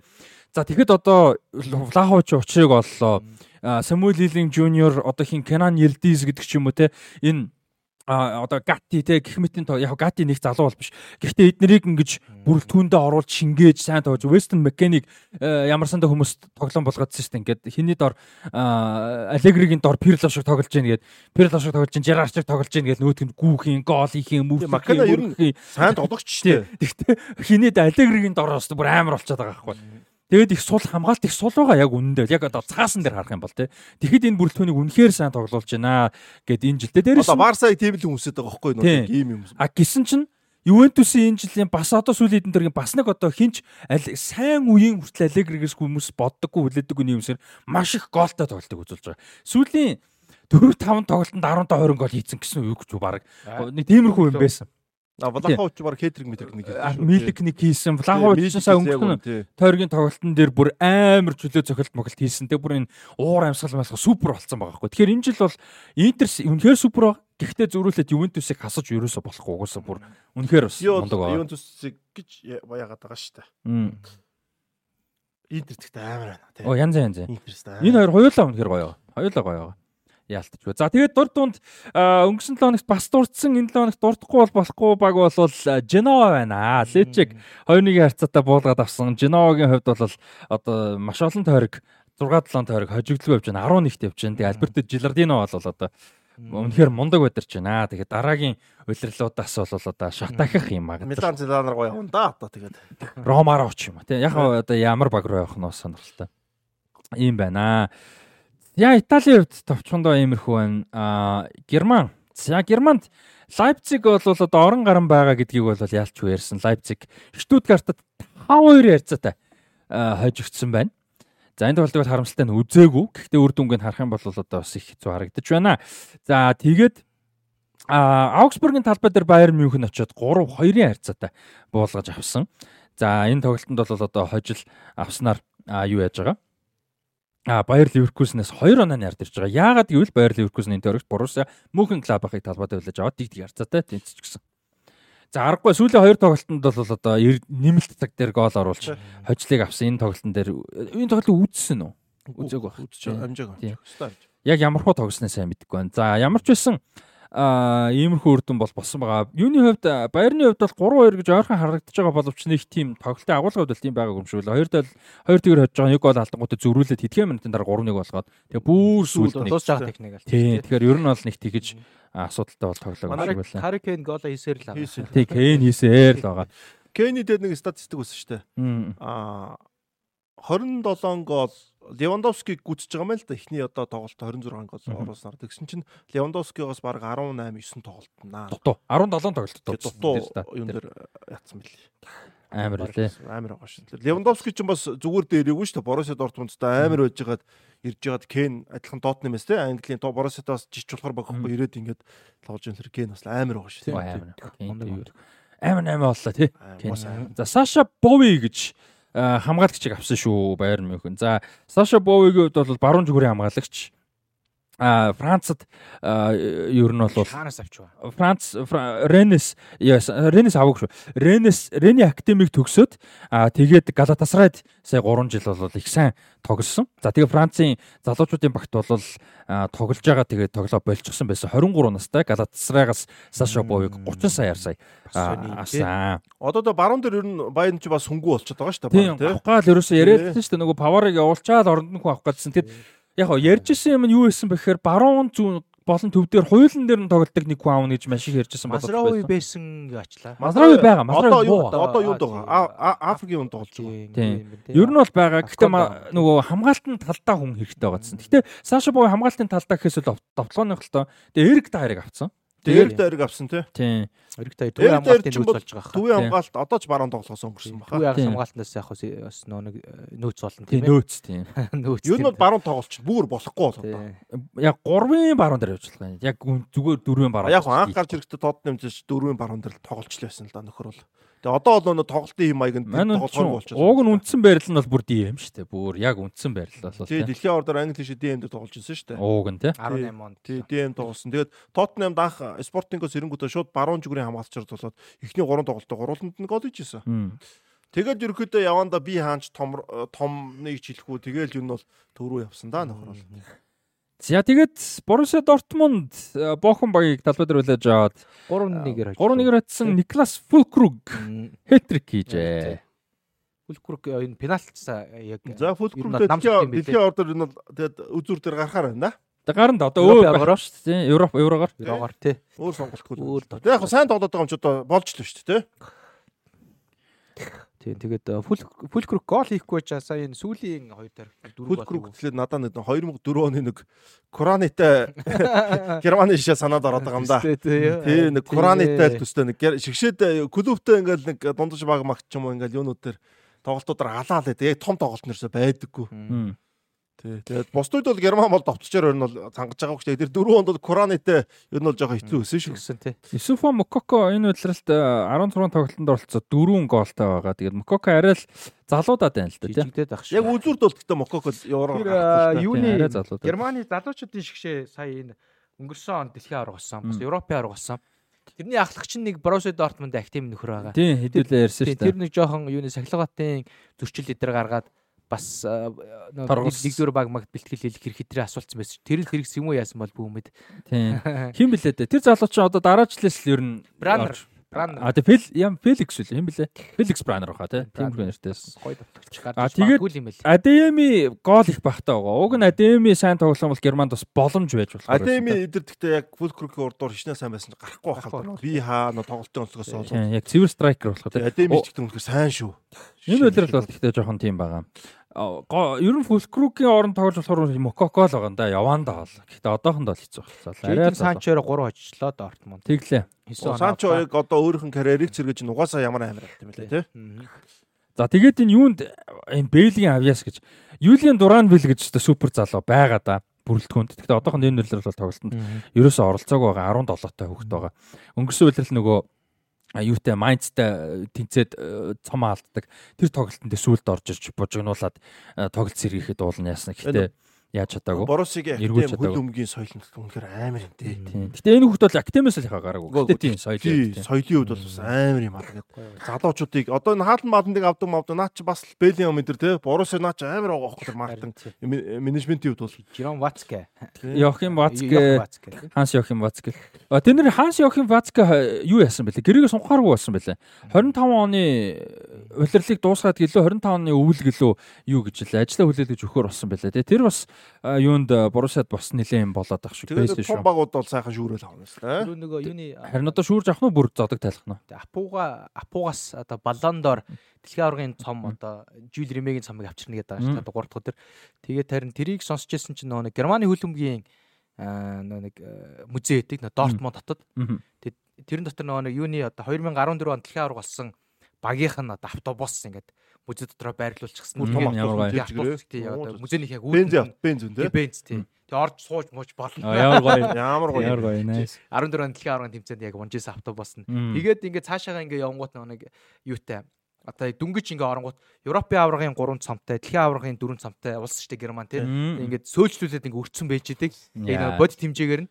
Тэгээ нөгөө нэг хамгийн ихэнд нөгөө нэг юуны Жюл Римегийн одоо цом байгаа штэ. Тэгээд Жул Римегийн юутай нэг л цом байгаа ш тэ. Тэгээд нөгөө нэг 74 онд нь болохоор ингээд ингээд өөр цомтой болсон ш тэ. Одоогийн тэ. Яг тийм гурван яг хэмжээгээр нь ингээд тавьчихсан. Тэгэхээр бас нөгөө нэг энэ дэлхийн болсон багууд дээр өөрсдийнх нь шгшаагийн мүзэд яг яг хэмжээгээр нэг адихнаар нь хуулбарлаад бас ингээс тавьдаг. Жул Римегийн цомыг алтан дагна гэж бас ярьдэн ш тэ. Бас дагна. Үндсэн нэр нь бол баг алтан дагна хаа тий. Жул Рим юу гэдэг лээ. Жулрэмэ чи яг үндсэн нэр нь. Жулрэмэгийн цом. Жулрэмэгийн цомод. Жулрэмэ трофи. Тий, энэ бол Жулрэмэ трофи тий. Одоо одоогийн цом бол албан ёсны нэр нь зүгээр World FIFA World Cup trophy. Зүгээр л тийм. Өөр нэр бол нэрийг тий. Тэгээ Германы шийдэл музей дээр бол бас. Тэр автобусны дээр нөө юу санаад орчихно. Дэлхийн аваргын спонсор нь Toyota. Тэгсэн мөртөө Герман бензин автобус ундаг. Тэнгүүтээ бензин дээр нь Toyota-гийн лого ингэ явж идэг. Тэр харж ирсэн үү? Тэр айгүй сонио харж ирсэн. Тэгээ бензин автобустай. Тэнгүүтээ дээр нь Toyota яаж идэг. Тэгээ тэр музейд тэр нэг сонирхолтой нэг хэсэг байдаг. Яг дэлхийн аваргалсан л одоо гол нөө нэг хэсгүүд нагаа штэ одоо Европын аваргалсан. Тэгээ тэрэн дотор 66 оны дэлхийн аваргын финалийн тоглолтын бичлэгийг олон талаас нь бичлэгийн нөө нэг маргаантай гол бичлэг олон талаас нь харуулсан. Тэгсэн нөө нэг иддэг.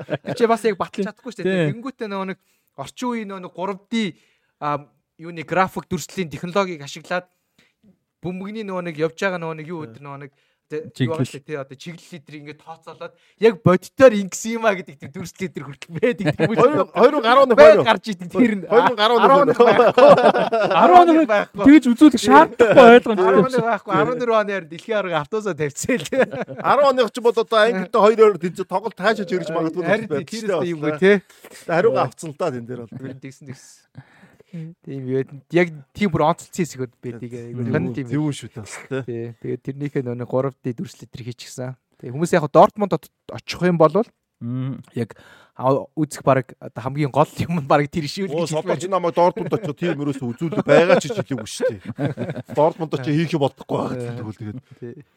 За тэгээд Германы лигийн хувьд бол тавчандаа юм байна. Тэгээд Дараатай өргөт Байер Ливеркузен Дармштадтын эсрэг Байер Мюнхен талбай дээр Борн Морсиа Мюнхен Гладбах а Боруссия Дортмунд Хайденхаймын талбай дээр дараагийн тойрогт. Хайденхайм хөрг яваад байна тий. Тий яг хөө. Би надад гол мол хийх юм. Сайн явж сайн явж байна. Наа чи дундуур явж байгаа тий. Дундуур явж байгаа нь. Би унах болоо гэж бодчихсон Хайденхайм. Тэгсэн чи айгуу сайн. Өдөрлийнх нь жоохон дараа өгсөн. Тэгсэн тэгсэн. Сайн явж байна. Айгуу ер нь бол унахгүй баг тодорхой болох гэдэг шүү дээ тий. Сайн явж байна. За Байер Мюнхен бол ингээд юунаас Байер Байер Ливеркуснаас 2 онооны ард бол явж байна. Тоглолтыг адилхан байгаа шүү дээ, тий. Тоглолтыг адилхан. Яа тэгээд Францын лиг Францын лигт Лион дахиад хожигдчихлоо. Хөрхи Лион Стад Реймс багт хожигдсон. За Лион ингээд 3 тоглолт оны өмнө 3 тоглолт дараалж хоцсон бол амралтаас ирснээс хойш бол 2 дараалж хожигдоод 16-аар буцаа унцсан. Аа унах байдал бол ойрхон байна. За Лион юу биш ээ. Марсей Монако гэсэн нилээн одоо алаан алаантай тоглолт болсон. Пьер Эмерик Обамян гол хийсэн, нөгөө талд Висан Бенедер гол хийсэн. Пьер Эмерик Обамян энэ үлэр бүх тэмцээний ер нь 15 6 голтой ер нь нилээн голтой явж байгаа. За Европа лигт сайн байгаа шүү дээ. Аяксыг мулталчихсан. За тэгээ энэ хоёрын тоглолтод Монакогоос хоёрч тоглогч улаан авсан байна. Давид Денис Денис Закария тэгээ Марипанга хамгаалагч хоёр хоёр улаан хуудас авч. Аа эсвэл тоглолтыг бол дуусгасан байна Монако. Гэхдээ ямар ч байсан оноогоо бол авчихсан. За Дагоми Миномино мэдээж Азийн аврагт явчихсан учраас бүрэлдэхүүн байхгүй байгаа. Аа Японд алж байгаа шүү намын намаа ч амар хэлээ шүү. Янз юм байгаа янз байгаа. Удахгүй ярина хэдүүлээ. За тэгээ Францыг дуусгахад Paris Saint-Germain талбай дээр Stade Brest эрж тоглоо 2-2 ярцаатай тэнцсэн байлаа шүү. Тийм.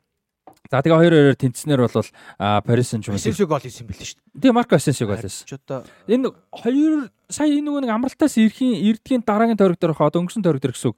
Asensio нэг өшгөлтөг амар дамжуудыг харсан Mbappe мөрөгдөг. Тэр бас супер байл шүү дээ. Asensio их сайн байгаа.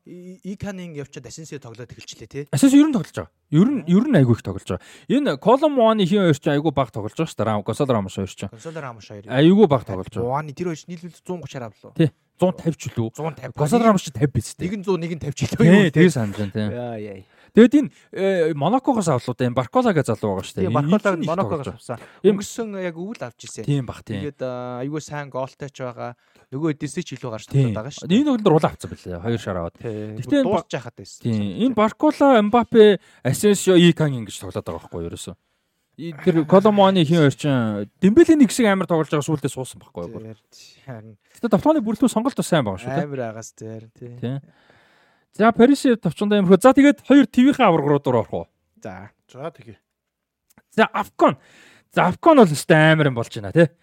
Афкон дээр э, юу яасан бид нарыг э, сүлд дугаар хийснээс хойш бол э, хэсгэн шат мэдээж дууссан. Ган мултарсан.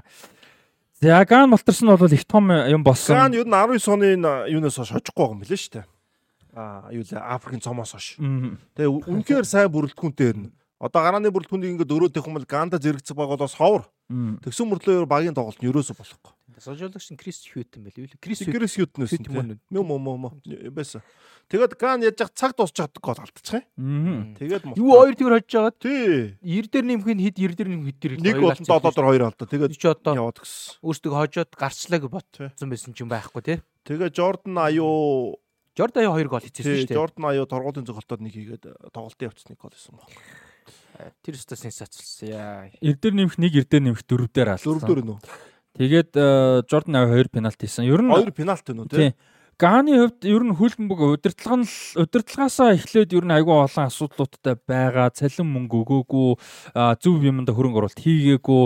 Одоо ч нөгөө нэг Стефен Апиа, Майкл Лисен, Асафам, Асамоо Гян гэдэг ч юм уу амар бүрэлдэхүүн ба штэ тэр нэг алдартай тэр шүүгэн дэлхийн аваргын шүүгийн 8 руу явдаг те 10 Гарш хар одод гэж нэр. Тийм, Black Stars. Тэ- Тэр бүрэлдэхүүнээс хойш тэд дэлхийн аваргаас хойш академи левелд одоо өс залуучуудын левелд бол ерөөсөө амжилт байхгүй болсон. Ирхээж авах байсан гэж аахгүй. Дэлхийн аварга ч юм уу, тэ Африк ТV-ха ч юм уу, тэ залуучуудад балдаг байсан шүү дээ. залуучууд нь амар байсан. Тэгээ байсан. Тэгээ тэр Black Star гэж брэнд ямар амар хүмүүс түрээ тэрийг зөв уран хогрол хийх хэрэгтэй байсныг яасан бэ гэхээр яг идэж уугаагүй.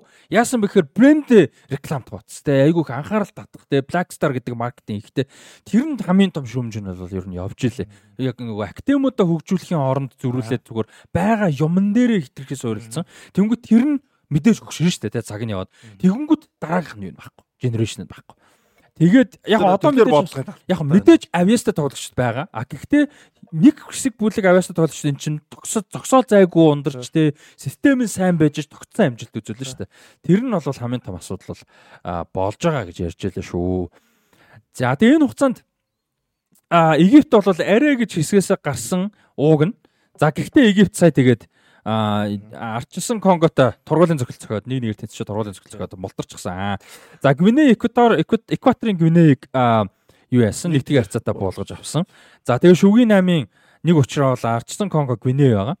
За энэ хоёрын хоцсонтой Мали Буркина Фасо хоёр а Сенегал болон Ivory Coast буюу Cote d'Ivoire гэсэн дөрвөн баг бол хоорондоо тоглох юм учиртай байгаа. За тэгээ нэгэр Камеруныг хоёр дахь харьцаатай болгож авсан. За энэ бас маш том үр дүн болсон.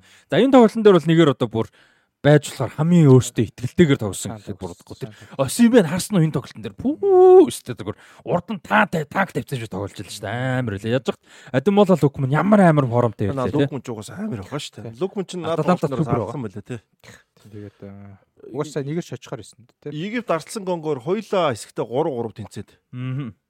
гарч ирсэн дээ. Египт ч бүр юу болж байгаа шүү дээ. Эсэгтээ 3 тэнцээд 2-оор гарч ирээ. Тэгээд цаг дуусч байгаа мус чад мөчт бас гол мол оруулалт тэнцүүлж. Энэ бол Египт бол эндээ зовж гарч ирсэн. Тэгээд угаасаа тоглолт нь ч нэг сүттэй биш тэгээд юу басан дөө. Тородын цохолтоор тэгээд ажиг. За ингээ Мухаммад Салахтай Египт. Хэдийгээр Египт Африк ТV аврал шалралт тэмцээний түүхэнд хамгийн олон төрүүлсэн баглаач Мухаммад Салахтай Египт одоо төрүүлээгүй хിവэрэ байна. А 2025 онд Африк ТV аврал шалралт тэмцээн зохион байгуулагдсан. За юу Мороккод зохион байгуулагдана. 88 оноос анхудаага Мороккод зохион байгуулагдана. За энэ бол одоо 30 онд болох дэлхийн аваргын бас их том суур болно гэж бас давхар ус ярьж байгаа. За ингээд 25 оны юугаар бол Афконоор Мохаммед Салах 33 та байх нь. Тэгэхээр бас боломж бас байна тийм үү? Тийм. Лионел Месси хэдэн наснда Копа Америка төрүүл хэдэн наснда дэлхийн аварга болж байгаа вэ гэхэд те. Одоо 32 настай та Үл биш 34 настай да Копа Америка төрүүлж байгаа шүү дээ 21 он. Тэгээ 35 настай да дэлхийн аварга болж байгаа шүү дээ тий. Тийм ээ 22 онд 87 тийм 35 тайсан шүү дээ. Тэгээд Тий одоо яг э, Мохаммед Салахт юу хэрэгтэй вэ гэхээр Луис Скалоны шиг дасгаж явдаг ш хэрэгтэй. Магийг нь гоё болгож Лионел Лионел Скалоны тий. Лионел Скалоны шиг хэрвээ тэгээ ивэн олоод өгчих юм бол Мохаммед Салах бол тэгэл э, юу штэ Египтийн жигшээг мессел гэсэн үг штэ. За нэгээр Камерун хоёрын хоцсон нь нэгээр сайн Камеруныг 2 дэгээр хоцсож байгаа. Тэгээ Анголтай таарж байгаа шүү. 8-д Ангол Намибиг 3 дэг харьцаатай болгоод авчихсан. За нөгөө энэ дөрвөн багийн Бишээ нэгээр Ангол хоёрын хоцсонтой Капверде, Мавритан, Морокко, Өмнөд Африк гэсэн улсуудын хоцсон нь бол тоглоно. За өнөөдөр бас зарим тоглолт явна, маргааш явна гэд дараа 7 хоногт бид нарыг эргээд ирэхэд бол бас маш олон тоглолтууд явцсан. Шүүгийн 8 дууссан байх юм биш үү? Хэдүүлээ чинь хагшаад тодорчсон. Тийм хагшаа тодорчсон байх юм байна. За тэгээд нэгэр дээр бас нэг юм байгаа. Нэгэр дээр нөө гарааны бүрэлдэхүүн мөрөлдөхөн дээр уучраа олохгүй ихний тоглолт бол айгүй муу тоглосон шүү дээ нэгээр. Тэгээд уучраа олохгүй байжгаад нэгээр энэ дөрөв хамгаалалттай хөлбөр өөрчлөлт, гурван хамгаалалттай хөлбөр рүү шилжээд за тэгээд юу байсан? А гарааны бүрэлдэхүүн дээр бас хөөх хөөх өөрчлөлтүүд өгөрөөс энэ нэлээд том одоо нэгэрийн тоглолтод нөлөөсөн. Жишээлбэл Калвин дээ одоо Фулэми солгоо төвийн хамгаалагч. Тэрийг гурван хамгаалагчийн төв зүүн дээр тавьж өгөөд Ола Айнаг одоо баруун зүгүрийн одоо вин бэк гэх юм одоо тий.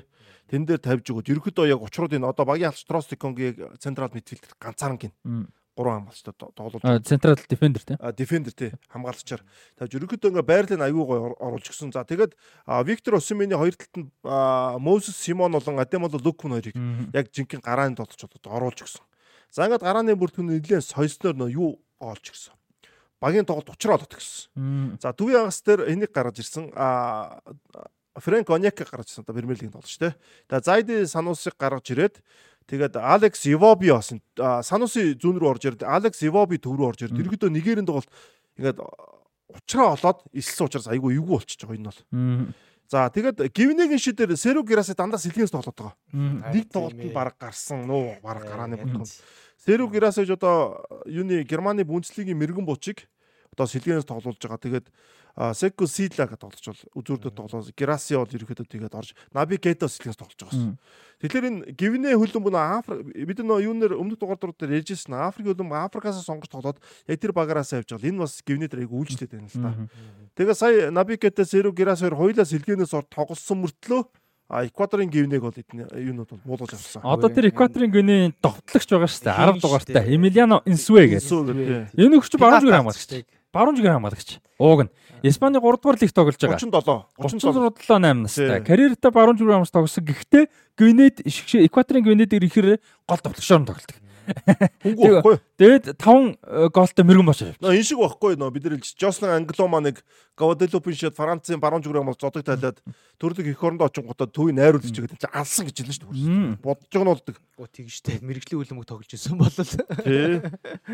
Тэгээд энэ ардсан Конг Египт хоёр нэг нэгэ тэнцээ торгуулийн цохолд цохоод энэ хоёр багаас 9 хүн цохоод тэгээд ардсан Конг бол а нэгээр юу өө Египтийг бол буулгаж авсан байгаа. Тэгээд Ivory Coast одоо Cote d'Ivoire ч бас инээдтэй юу байсан шүү дээ. Аа Cote d'Ivoire нөгөө юу байгаад хэсгээс мултарчлаа гэж одоо дасаж удаж хаалаад. Тэгсэн чинь хэсгээсээ гараад дөрөөр гарчиж байгаа. Дөрөөр гурваар тийм гурваар. Гурван гураар гарч байгаа нийт 6 багийн хамгийн сүүлийн слот буюу 16 дахь баг байхгүй юу? 3-ын 4-өөр. Тийм 3-ын 4-өөр. 6 багийнхаа 4-өөр гэсэн. Тэрүүгээр гараад тэгээ гарцсан чинь тасалжуулагчгүй болоод тэгэнгүүтээ нөгөө хэнийг яах гэж үтсэн бэлээ. Зээлх гэж үтсэн бэлээ. Өө нөгөө хин бэлээ? Рене. Ренер тий тий тий. Ренег зээлх гэж үтсэн. Тэгээ одоо Иста дээр Ренер ч одоо э, Сауди Арабыг өнгөрсөн жил э, дэлхийн аврагт оролцуулчаад тэгээд сая 23 оны эмэгтэйчүүдийн дэлхийн аврага Францын шгшээгээ тасалжуулж авсан шүү дээ. Тэгээд эсгийн сүүлийн тоглолтын дээр 4-0 дүүсэн шүү дээ. Эквадорын гівнэд одоо Коти орч талбай дараа шүү дээ. Талбай э, зохион байгуулагч ус. Тэгж хожигчод 3 оноотой хасах дөрөв мөмхтө боломж стил байсан байхгүй юу? Яг тэгвэл би ингээ хэсгийн юунуудын анализ цэцлэр дээр сүүлийн хэсгүүд бол ерөөж жоохон бодлоотой байсан байхгүй юу? Эвгүй байсан, тэггүй. Тий, нөхдүүд нэг хоорондоо тэнцэж мэдсээд Мм. тэгээд яг тэр шөндөө ихний юу н- өөрөөсдөөс нь доо- доор амжилтаа нэг баг гараад ирсэн байхгүй юу? Би Ган хэсгээр. ган нэсэн лөө. Юу лээ? Мавритан, Намиб, Гинэ ганчын сүүл лээ тий. Тий, гэсэн багууд авсан Тий, тэгээд БС-гийн нэг баг нь гараад ирсэн байхгүй юу? Гаан ч Аа, бүр дөрөд орчиж байгаа шүү дээ. Юу лээ? Ган хэрвээ хоцсон бол код төр мулт ах. Тий, гаан дээр Ган бүр 3-т гэхдээ тийм. тий 3-т ороод гэхдээ 2 тэнцэнийг хожигдлаа тий. Тий. Тэгээд Тий. тоош. Тэнгүүд Котиор дахиад нэг л боломж нөгөө дөрөв хэсгээс нь гарч ирэх боломж байсан байхгүй. Ялангуяа яг хоёр хэсгээс бол нэг нь бол боломж харагдаад хахад манидээс муу харнаж бол байхгүй шүү дээ. Одоо стилийн өөрлөөр гаргад юм уу. Тэгээ Эквадорын гівнөд 4-0 дүүлээд нэг тийм юу байд юм уу одоо тийм нэг. Доромжлол гэж үздэг юм уу шууд халж бол. Тэр бол айгүй мэрэгжлийн хувьд бол буруу юу байхгүй энэ бол. Дуустал нь байх- байлгах хэрэгтэй. Тэгээд айгүй том алдаа гаргасан. За Арслан Конг гівд хоёр дээр Арслан Конг одоо энэ гарааны бүрэлдэхүүн айгүй гоё тоглож байна. Одоо энэ Арда Шансел Эмбембо Артур Масоки гэж одоо хоёр Премьер лиг тоглож исэн. Одоо хоёулаа тоглохгүй байгаа. Нэг нь Ньюкасл Масоки ч Вест Хэмийн зүүн ам гадч байсан шүү дээ. Энэ хоёрыг ашиглаад айгүй дажгүй тоглож байгаа. За тэгээд урд товтлогон дээр нь болохоор энэ Мичак Гэлия гэдэг энэ айгүй сайн тоглоод байгаа энэ. Баруун зүгүрийн вингер дээр. Тэнгүүд Йоно Виса байгаа. Мм. Одоо энэ Тониг оруулж исэн. Виса зүүндэд нагараа Седрик Бакамбо угаасаа Европт аягүй сайн тоглолтод товтлогч. Ингээд энэ гурыгаа урдаа тоглуулад ерөөхдөө тун давгуу тоглоод. Тэгээд Египт хамгийн гол нь багийн тоглолт аягүй сайтай баг шүү дээ, тий. Энэ багийг ячиж байгаа. Одоо тэгээд нөө Коти орч Сенегалтай одоо тэгээд Өнөө шин юм ба шүү дээ тийм. нийслэл Ямасукр одоо юм биш Харин үү? одоо хамгийн суперага багтаа тоглож. Өнөө шин дөрвөөс Очч можч баллах бай тий. Гэхдээ ер нь Котиорын бүрэлдэхүүн бас сайн шүү дээ. Зөв тоглолол тий. Хожил хожихоор бүрэлдэхүүн шүү дээ. Тэгээ маргааш өнөө шин нэгээс Капверде Маритан, Мавритан, а дөрөв Сенегал юу? Кодиор маргааш нь нэгээс Мали, Буркина Фасо, тэгээ дөрөвөөс Марокко, а, Өмнөд Африк юм байна. Тийм. За мор тэгээ Алжир мултарсан. Тэ? Хэсгийн шатнаас. Энэ Яг хугацаа. том багуудаас Алжир, Тунис мултарсан. Алжир, Тунис, Ган гэсэн багууд. Тэгээс амар угаад мултарсан шүү тий. А- Африкийн аварга бол амар сенсацтай болж байна. За яг хуу за бол ойлгож байна. Ган Алжир хоёр төрөөсөө ойлгоход хэцүү байгаа байхгүй юу? Алжир бүр дөрвөөр мултарч байгаа. Намиб биш уучлаарай. Тунис бас дөрвөөр мултарч байгаа Тий. тий. Үгүй Тунис ч гэсэнтэй одоо юу гэдэг шүгэн 8 8 руу явахгүй хахад бол гайхаж гайхгүй тий. Гэтэ хэсгээс бол гарах хэрэгтэй Яг баг. Тунисийн нэг яг дотоодын лиг сайн мэдсэн. Тунис үнэхээр яг супер Алжир мэлжиж одод байхгүй шүү дээ ерөөсөө. Тэгээд яг ойлгож болж байгаа юм бас те. Тэгэхэд тэр Алжир мэлжир одоо яаж байгаа юм бэ? Байр толгон дээр зөндөө олон сайн тоглож нартай байж тэгээд. Яста янз явж ин да Афган бол. Гоё.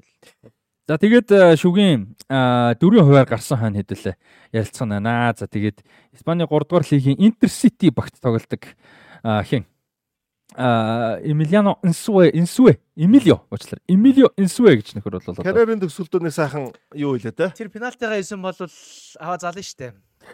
а юунаас хойш а, 70 оны Афконоос хойш хэсгийн шатанд хамгийн олон ол гол оруулсан тоглогч болсон юм байна. Хиний юу тийм миллион тий. тийм. За Аз Азийн Аа штэ янцтай болж байна.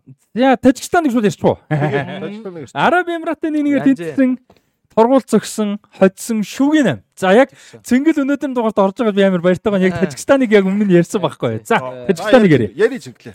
Яг Тажикстаныг ярив. Тэг хятадын тоглолтоос эхлээл юу вэ Тажикстан ч мага манай дээр ирээд арай гэж нэгдүгээр хоцсон баг бүнүү биш үл гэж бодож байсан. Тэгээд яг одоо яг тэр хятадтай нээлтийн тоглолт хийсэн яг тэр инерцээр бүр ингээд бүтэн явлаа штэ. Тэгээ хятадтай тоглоод дараа нь Катар тожигсон гэдэг Катартай бол тийм муу тоглоогүй. А тэгээд дараа нь а, бас тоглолтын төгсгөлд тэн чинь одоо ингээд гол хийгээд хэсгээсээ гарч яаж түүхэнд анхудаага орж байгаа дээ Тажикстан. Тэгээ анхудаага шүгэ 16-д үлдлээ. Тэгснэ 8 руу Тий, болдог. Тэгээд яг хөө би хятадтай тоглоод тэгээд Катарт байсан тоглолт хэсгийн сүүлийн тоглолтыг ингээд харахад Уучлаарай яг микроны гол хэсэг рүү яриараа. Хятадтай тэгээ ингээд харахад бол Арабын нэгдсэн Эмиратад харангуут нь за ер нь Тажикстан ч нь яг ингээд энэ хэсгийн 3 тоглолтод тоглосон шиг тоглох юм бол Арабын нэгдсэн Эмиратыг бол хожих юм байна гэж харж ирсэн байхгүй. Тэгээд тоглолт нь бол сайн байсан. Нэг гол оруулчаад хоёр тэг болох 2 3 гой боломж алдсан шүү дээ. Хийж гэж чаддгүй ямар сони хийдгүй байх гэж байгааг алдах нь тэгсэн чи алдсан шүү дээ. Яг тэгсэн байлээ. Яг цаг дуусч яхад цаг дуусахаас 7 или 8 минут сунгаад эрдээ нөхөн дөрөв дээр ч үлээ. Тийм тэр хавцаа байсан тийм. Тийм тэгээд тэгээд цаг сунгаж явлаа. Тэр 30 минутанд бол яг ерөнхийдөө тэнцүүхэн гэхдээ илүү одоо Эмират Арабын нэгдсэн Эмиратс илүү аюул тарих гэдсэн тий. Тэгээ яг тисэд 30 минут тисэд торгуулсан цохил цогсон. Тэгээд а Тажикстанчууд үлдлээ те шүгэн 8-д. Одоо чинь нэг пенальт хаачихсан. Тий хаасан нэг нэг Ятимов. Ятимов. Тэр чинь хоёр дахь нь нөлөө хаасан санагдав. Тий.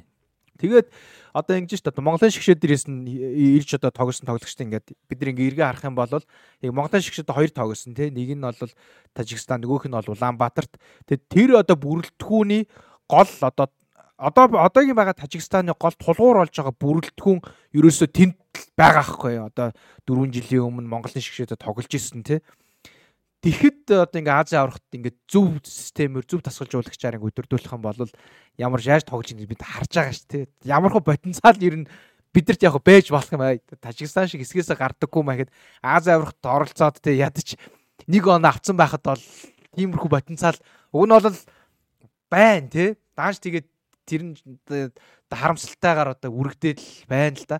Тэгээд одоо Тажикстаны шгшээг харахаар ингээд нэг талаар ингээд урам зориг нөгөө талаараас жоохон тийм харамсалтай санагдаж байгаа хгүй тий. Тэгээд одоо нөгөө нэг 2004 онд илүү нөгөө нэг 2000 одоо их үед гүржид төвсгөл болоод гүрж чадчихъя гэдэг хүртэл ном гарсан шүү дээ тий. Тэр шиг баг одоо Тажикстан чадчихъя гэдэг баг ном чорог бичгтэр болж. Тий тий тий. Тажикстан бол хөл өмгийн үед наадын топ 8 улсын нэг оронд ч ерөөсө бидэрч Хинч төсөөлөө өөрсдөө ч бодлого байх одоо. Тийм тэгээд тэр тоглолтын хэм маяг гэдэр нас их гоё юм аа. Одоо ингээд тий чи ингээд хоошоо суугаад хамгаалаад байгаа баг шүү дээ. Шахүйдээ шахаж гин, довтлохүйдээ довтолж гин, хамгаалах үедээ л хамгаалж чадчих гин. Одоо бөмбөгтэй үедээс маш гоё хурц хурц тоглолтууд гаргаж байгаа. Тэр Желилийн өдөр бол бас онцгой хэлээ. Тэр талбайн төв тэр Умарбаа юу гэх бах тий Умарбаа тий. А тоглолтын хэмлэг бол маш гоё одоо удирдах байдаг. Зөв цагта зөв газар руугаа их дамжуулт их гоё ингэж хуваарлах юм аа талбай төвөөс. Тэгээд тэр нь ингээ зөв хөндөө очиод төгсгөлтөн жалилийн өдөр авахаараа бас л тоглолтыг бол хэвээр маш гоё хурц болох юм. Тэгээд эн чинь бас тоглолтын хэм маяг гэдэр бас гоё ялгарч чадчихээн зөв тоглож чадчихээн. Тэгээ энэ тоглолт бас айгүй одоо хүлээлттэй байсан гэдэг нь харагдаж байна. Яасан гэсэн юуны шүгийн 16-гийн эхний тоглолт Австрали Индонез байсан. Австрали Индонезийг дөрөвдүгээр харьцаатаа буулгаж авсан. Тэр тоглолт яг энэ Тажикстан Араби Эмиратын тоглолттой адилхан Аль Раян хотод болсон. Тэгэхэд тэр тоглолтод 7863 хүн үзэгч үзсэн. Тэгэхэд Тажикстан United Араби Эмират хоёрын тоглолтыг 33 мянган хүн үзсэн байгаа байхгүй. Тэгэхээр хүлээлт анхаарал бол аль хэдийн бүрдсэн байсан гэж бас тийм. Тэгээд тэгээ одоо Тажикстан дараагийн шатнд зөв тоглох юм бол хагас шишээ харагдаж байгаа. Одоо Ирак юу хоёр хоцсон тийм шүү дээ. Бас за Ирак тийм том одоо зөрүүтэй тоглохгүй. Ирак одоо ерөөд Арабын нэгдсэн Эмираттайгаа ойролцоо байгаа шүү дээ. За Ирак юу хоёр тоглосон? Йордан хоёр тоглоод Йордан бас epic одоо түүхэн comeback гэж юу яасан буулгаад авчихсан. Йордан өөртөө 40 45 дээр э, юу яасан? Гол хийсэн эхний үеийн төгсгөлд нэг тэгэр хожиж исэн. За тэгээ Ирак comeback хийгээд Барса шиг юм бас. 68 76 дээр Ирак 2 гол хийгээд за баг хожиж исэн тоглолтын дээр Йордан 90 дээр нэмэх нь 5, 90 дээр нэмэх нь 7 дээр 2 гол хийж. Үгүй Йордан очсон биш. Ээ харин би дэ яриад нь штэ. Йордан комбек хийж Иракийг булгаж авснаар Тажикстан шүүгийн 8-д Йордантай тоглоорсон. Би энэ тоглолтод чи Ирак хоцчлоо гэд оргицсан байж чи 90-д нэг 5 долоод ирсэн. Таачтай Ливерпулийн фэм мэдэнтэй сүүлчийн шүгэл хүртэл тоглоо гэж. Би энэ тоглолтод чинь за тэгээд Йордан хожигдж байгаа юм чинь за за Ирак ч одоо хоёулыгаар хожиж би энэ тоглолтод бүр хожижлоо айцсан. Хоёр ТV тэмцээн дүүрэн камбэк байгаад байгаа чинь. Тэгээ одоо харин тийм Тажикстанд бол ерөөсөө ингээд хагас шишээ харагдаж штэ. Харагдаж байна. Йордан ч харагдаж байна. Йордан Йордан ямар амар түүх бас бүтээлж байгаа байхгүй тий. Иракийг тэгээд яг Ирак дээр бас ингэсэн л энэ Амен Хусейн 76 руу гол хийж байгаа. 2-1 болгоод тэгснэ 77 дор улаан аваад хөөгдө гарч байгаа байхгүй.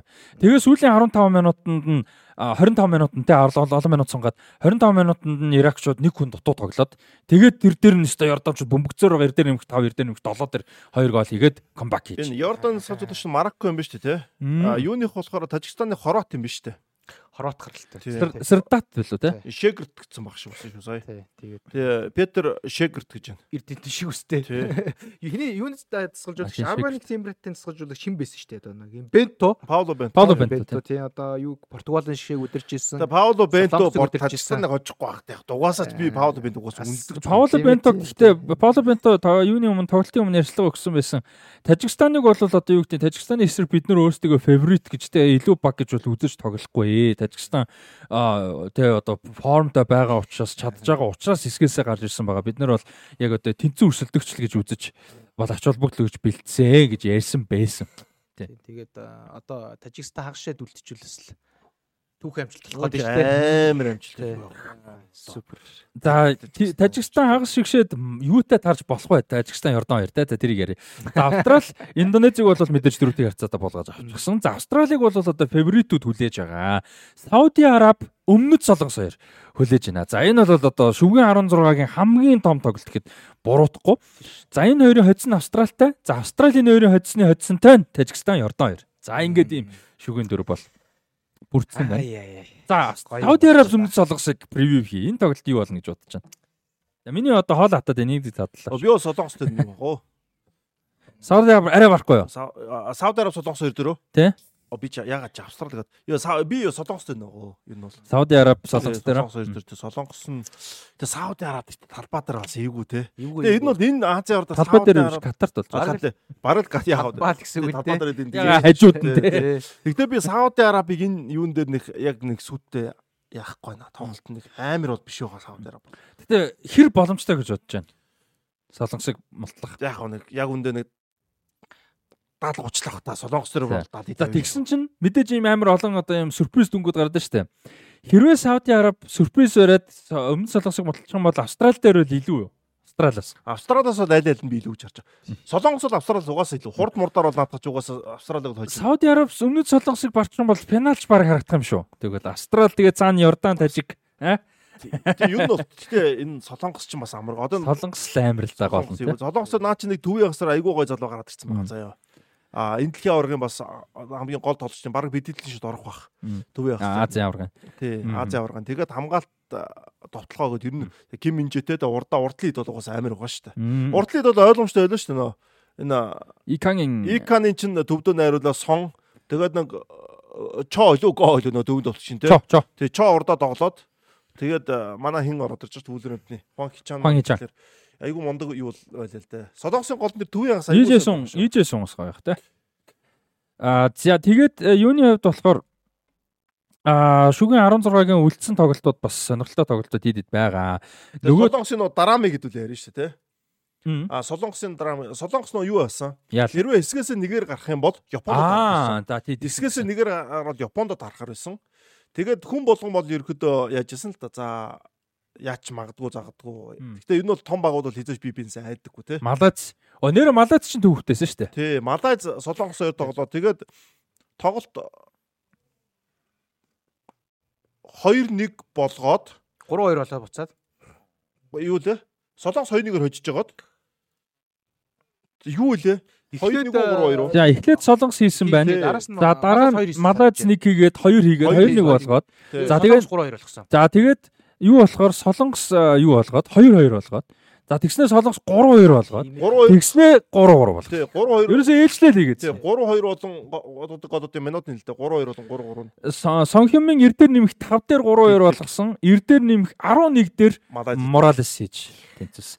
За энэ бол түүхэн оноо шүү дээ, тий? Түүхэндээ анх удаага баг оноо авч байгаа болов. Би тийм байсан За санагдаад. тэрийг мэдэхгүй. Ер нь дэхтэй нэг түүх гэж ярьж исэн юм анхны юу л гэх шиг байсан.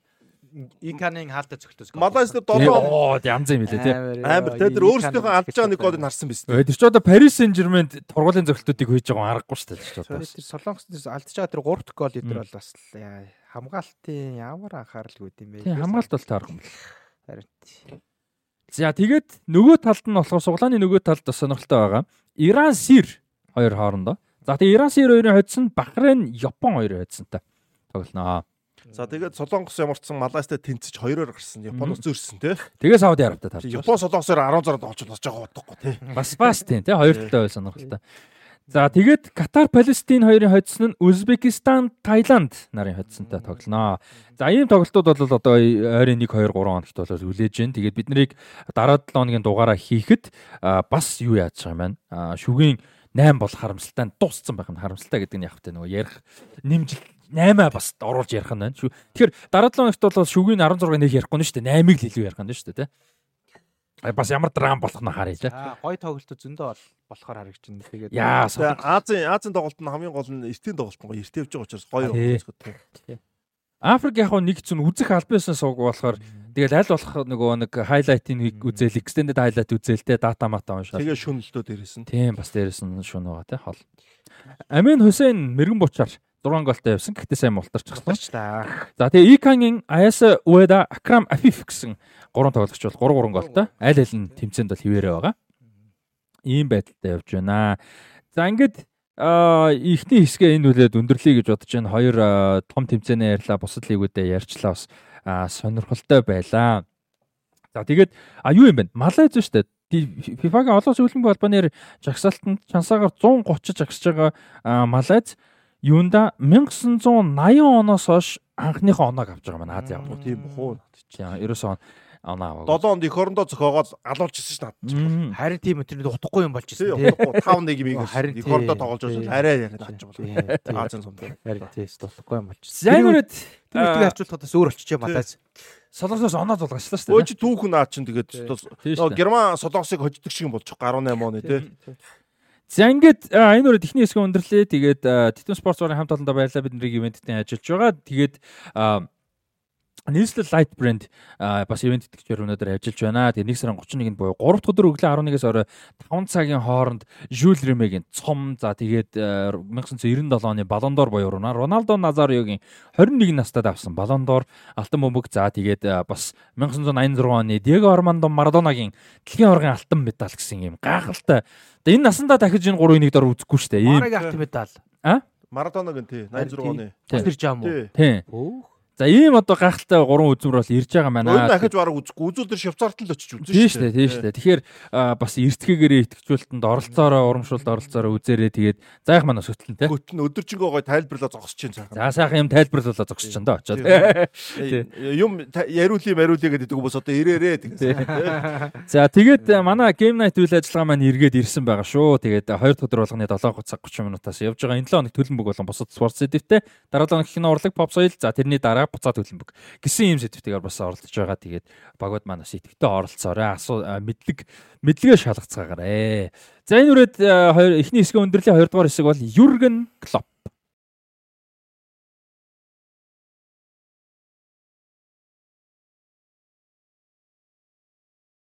За шогомонто шоу подкаст 24 дахь дугаар 2 дахь хэсэг эхэлж байна. Юрген Клоп Яа, Юрген Клоп тасалж удагч саяхан өстө бомб хайсан. Тэгээд э, энэ хөлрлийг дуусгаад ажлаа хүлээл гэж өгнө гэж хэлсэн. Сая уг нь бол жил хагасан юм бах тий. Жил хагасан юм гэж санаж байна. Гэрээгээ сонгочихсон байсан. 26 он дуустал буюу 26 оны улирал буюу одоо 25-аас 26 оны улирлыг дуустал гэрээгээ сонгочихсон байсан. За тэгээ мань хүн э, юун дээр бол албан ёсны сайт дээр Ливерпулийн албан ёсны сайт болон YouTube дээр бол юу яасан ярилцлага өгсөн 30 минут ярилцлага байсан. За тэрний дараа бас тоглолтын өмнөх хэвлэлийн багвар хийсэн Норвичийн тоглолтын өмнөх хэвлэлийн багвар хийсэн. За энэ дээр бол маш олон асуултуудад хариулж олон контекст өгсөн. За тэр ярилцлаган дээр бол юуг баталгаатай болгосон бэ гэхээр энэ бол одоо ямар нэг эрүүл мэндийн ямар нэг үйл ойлголцол ямар нэг ямар нэг байдлаар сөрөг зүйлийн үр дагавар биш ээ. Ерөөсөл маш их ядарч байна. Тэг ирчүүч дуусах гээд байна. Яг одоо бол би зүг зүгээр ив ирүүл сав сар бол 56 7 настай хүн ямар ирүүл байж болох тийм гэдэг бас бас тэрчээс те. Тэгээд А мань хүн бол юу яасан гэж. 11 сард өдөрлгуудтай бол одоо юу яасан? А хуралд хуралтай байсан. Хуралд орсон уулзсан. Ийш ийш өгч гоочлаа. За сонсож байгаа хүмүүс тучлаа. А тийм. За тэгээд юунд бол 11 сард хуралд ороход бол гол хурлын яриа сэдвүүний юу байсан бэ гэхээр 108-ны төлөвлөгөө дараагийн удирлын төлөвлөгөө. Pre-season-ы төлөвлөгөө тий. За pre-season хаана явах юм? Бэлтгэл нь юу юу хийгдэх юм? Ямар хуу тоглогчид одоо зорилго таргет нь тий. Ямар хуу санхүү юм? Гэх мэт ингээд дарааж тэр одоо тэр үед явдаг байх нь шүү дээ тий. Одоо бидний мэдхгүй хүчний ард болдог юм. За тэр уулзалтан дээр дотроо бол яг шийдсэн гэж байгаа байхгүй. Одоо мэдэрсэн гэж за би энийг дахиж бол хийхгүй юм биш үү те. Ямар ч ойрын хугацаа те. Тэгээ өөрөө өөрийгөө бас одоо сюрприз хийсэн гэж байгаа те. Би тэгэж бодоагүй байсан. Тэгээд яг тэр уулзалтан дээр надаа за дахиж бол би хийхгүй байна гэдэг мэдрэл мэдрэмж уучлаарай. Төрөөд энэ шийдвэрийг бол гаргасан те. Тухайн үед нь ярилцсан. Тэгээд бол удирдлага бол хүлэн зөвшөөрөөд ингээд ойлголцоо явсан гэдэг ч. За ингээд Ливерпул бол а эрт зарлж байгаа. За тэгээд ер нь одоо ингээд бодоход ерөн клопын удирдлага дуусахад мань үний халж дуусах бол биш. А мань хүн ингээ бүр амар муу муу яваад одоо нэрээ чирнэ гэдэг шигдээ чирж байгаа дуусах биш. Яг мань мөний хүссэн нөхцлөөр л ерөнхийдөө дуусах байсан нь бол одоо ингээ харахад яг зөв болж байгаа. Тэгээд а эрт зарлж байгаа нь бас их зөв болж байна гэж бодож тий. А Ливерпул клуб олон нийтэд ил байдлаар дараагийнхаа тасалжуулагч тасалжуулагчдын бүрэлдэхүүнийг за бас спортын захирал те энэ олон хүмүүсийг бол одоо бэлдэх сонгох юм тавтай тухтай хугацаатай бас болж байна те А тоглогчдын хувьд бас дасалжуулагчийн хадлаа одоо энэ Александр Арнольд, Робертсон, Алисон, Ван Дайк те энэ тоглогч Салах энэ хэдийн хувьд бол Клоп ч одоо карьерийнх нь одоо босгосон хүн шүү дээ те. Яг зарим нэг нь бас үлдэрсэн баг. Тэр энэ тоглогчдын хувьд тасалжуулагчийнхаа төглөө тэ сүүлийн хэдэн сарыг одоо бүхнээ зориулах гой боломж нь олдож байна. За фэнүүд ч гэсэн Клопын тоглолт болгоныг тасалжуулагчийнхаа одоо тоглолт болгоныг бишрэхтэй тоглолт болгоныг дэмжих хажуугаас нь үзэх боломж олдож байна. Wolverhamptonтай хийх тоглолтын билет утаа алдсан. Премьер лигийн энэ жилийн сүүлийн тойргийн тоглолт Anfield зингэлтэд Wolverhamptonтай тэр тоглолтын билет гэдэгтэй амар. Манай Liverpool-ийн фэн клубынханд 30 билет оногцсон ч гэлөө тийм үз явж үзнэ гэсэн юу гарцсан байх. Нааш ямар гоё юм бэ те. Тэрийг үзнэ гэдэг чи одоо зүгээр Ливерпулийн фэнүүдийн хувьд ч хөлбөмбөгийн фэнүүний хувьд ч одоо сайхан жаргал байгаа юм шүү дээ. Төрүүлээ Премьер лигийн цом авч яал. За за тэгвэл тэгээ дуус дуус. Тэгээгүй байсан ч гайхалтай. Тэг Клопын сүүлийн Анфилд тоглолт. Гэхдээ тэгвэл за тэгээд одоо юу ярих вэ те. Бид нар 30 билетийг фэн клуб юунаас харсан шүү нөө хүмүүс бичсэн тэгээд манай өдөр зөвлийн хэд мэд ч юм уу өдөрж байгаа хүмүүс нь бичсэн болохоор Тэгээ бас тэгээд мэдээлэл болооч хараад байгаа шүү. За тэгээ мань хүн хэлэхдээ бол юу яасан аа Англид бол хизээч дахин баг тасалж болохгүй. Тэгээ би Ливерпулийн эсрэг бол хизээч тоглохгүй. Англид хизээч баг тасалж болохгүй. За дээрэс нь одоо энэ улирлыг дуусгаад бол ямар ч клуб ямар ч шигшээ үеиг бол тасалж болохгүй гэдгээс.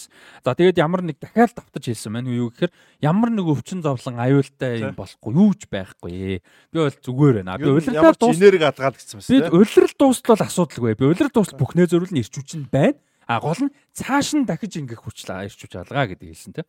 А тэгэд э, өнгөрсөн удирлын дундуур өнгөрсөн удирал чинь яг хуу э, бас таархан үе хэцүү байсан те тэгэнгөт тэр үедээ бол ярьжсэн шүү дээ. Хэцүү үед ингээд мань хүн бол боли гэдэг юм ихтэй байсан. Өөрөө ажиллаа хүлээлгэж үгүй гэдэг юм санаа бол орж ирсэн гэж байгаа.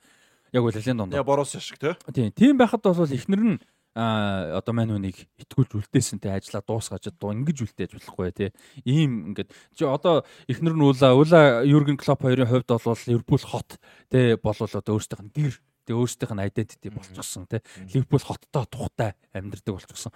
Ийм хүмүүсийн хувьд бол ингэж дутуу орхиж болохгүй гэдэг маш гоо одоо зөв зөвлөгөө өгч. Эхнэр ер нь бол Юрген Клопт одоо маш их нөлөөлдөг, маш сайн найз юм л да. Одоо нөгөө анх Ливерпулд ирэхэд бас эхнэр нь бас ингээд айгуу сайн дэмж нөлөөлсөн. Челсидээ ярьжсэн шүү дээ. Тий, тэгээд нөхрийг бол одоо яг тэр өнгөрсөн жилээр одоо болох уу яах вэ? Яг бол тэр чинь яг ер нь бол энэ баг төсөөр ингээд энэ багийг сайн авч учраас хэрвээ дараалаад ингээд үнэхээр том том тоглолтод гимтчих юм бол Клоп Боруссия дээр яасан мөлий те. Аа үнэхээр ирч хүчинч дууссан ба хоёрдугаар гимт бэртлийн асуудлаас тодорхой хэмжээнд гарсан бол Ливерпул дээр үргэлжлээд тачраараа гимтсэн шүү дээ бас. Тэгсэн. Одоо тэр нэг нэг сайн яваал нэг ундаг үлрэлүүд дээр ч бол ерөөдөө тэр нэг нэг хэсэг хамгаалтынхаа дөрөв дөрүлээ байхгүй болчдөг те. Академийн хоёр хүүхэд нэг нь толгоо молгоогоо бооцсон ч юуг дуусгаж байгаа шиг те. Премьер лигийн дөрвөлөө оруулж ирж байгаа шиг те. Өнгөрсөн жил ихэд тоглооны бүрдгүүн тэр чигээрээ бас гимтэлтэй те. Тэгээ нөө даруй нүнээс нь байхгүй Тэгээ байхлаараа ч өдөртөө тоглож чадахгүй ганц мохомоос хаалаа гэсэн. Ингээд харахаар ерөөдөө клуб бол бас нэг баг төсвөр айгуу сайн бас ингээд тоглуулж байгаа. Тэгэхээр эхнэр бол угаасаа энэ бүхэн дээр айгуу сайн ингээд чиглүүлж яаж өгсөн. Тэгэд энэ юун дээр нь бол эхнэр нь ч гэсэн нөлөөсөн юм байл л да. Ерөөдөө нэг жил яваад амарч хаа. Тэгээ ерөөдөө харахгүй. Клуб бол өөрөө нэг амар живчтэй өөрийнхөө угаасаа гэгийн прессингийнхэн тоглолтын арга барил нь өөрийнх нь зан характертай айгуу тийм ойролцоо их юм уу та тий амар тийм ирчвчтэй тоглолдог. Тэгээд нөө нэг нөхрөж юу гэж нөө нэг ямар металл илээ Хард металл. Хард металл одоо хөлбөмбөг тоглодог гэж ярьдаг. Яг тэр нь шиг heavy metal шүү. Heavy metal лөө. Аачлаар анд шүү. Тий. Тэгээд нөхөр бол яг тэгж тоглодог учраас нөгөө бүх юма зориулдаг учраас ирчвч нь айгу дуустдаг. Тэгэхээр би нөхрийг бол бодоод байгаа. Нөхөр бол нэг жил амран заяа. Тэр бол баталгаатай. Нэг жил амраад нөхөр бол тисэхгүй дээ. Тисэхгүй нэг 3 жилийн гэрээ бол том баг дээр бол байгаа. Гвардиола тэгсэн байсан. Миний карьерийн хамгийн том өрсөлдөгч би бол одоо саннаа тий миний карьерийн хамгийн том өрсөлдөгч байсан. Премьер лиг түүнийг санах болно гэх тий. Тэгснэ Германд ч тийм шүү дээ. Тэгээ тэгээ маань гэтээ яг яг нөгөө Боруссия яг супер багт нь бол Гвардиола Барса. Тийм ээ тийм. Гэхдээ ер нь бол бас тэнд байсан болохоор тий. Тэгээд мань хүү тэгсэн байсан.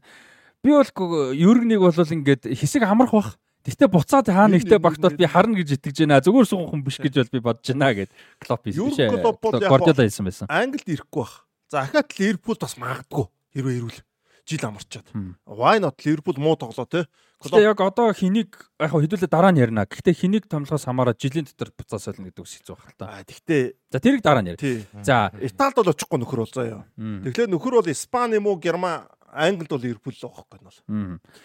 За тэгээд мань хүн бол юу яасан?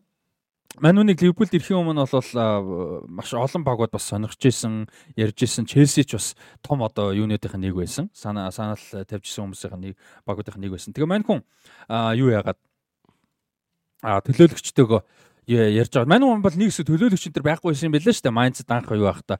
Тэгээд Nike-д ажиллаж исэн хүн Мануник карьерт аюулгүй том нөлөөтэй юм байлаа. Тухайн үед Nike-д ажиллаж исэн. Тэгээд хин чин Майнцыг тасалжуулж байхдаа маш залуу байсан. Дөнгөж 30 эдтэй А Майнц 2001 онд тасалжуулж ирсэн байгаа байхгүй юу? Майнц тоглож байж байгаа, тоглож тасалжуулж байж байгаа. Тий, тэгээ шилсэн 34-тэдэ тасалжуулж ирсэн. Тэгээд ингээд мань хүн чи угасаал залуугаасаа юм сэтгэл хөдлөлтэй юм характер байсан те ингээд юуны тоглолтын хажууд талбай хажууд ингээд маш их анхаарал татдаг. Тэгээд тэр нэг тийм буруу характер биш байхгүй юу? Буруу даа бол биш те. Буруу характер. Тэгээд мань хүн дээр бол Nike юу яжсэн юм байна. Тухайн үед а тасалжуулагч ч юм уу те одоо тамирчин биш гэдэг утгаар хүмүүсийг бол нэг тэгж брендийн төлөөлөгч нэг тэгж баг маш багтай юм байсан.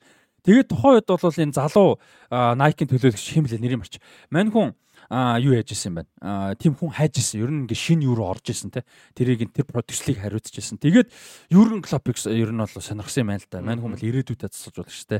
Характертай, характертай. Тэгээ ингээ уулзаа ирсэн чинь мань хүн эйжент мэйжент гэж байхгүй сайхангаар.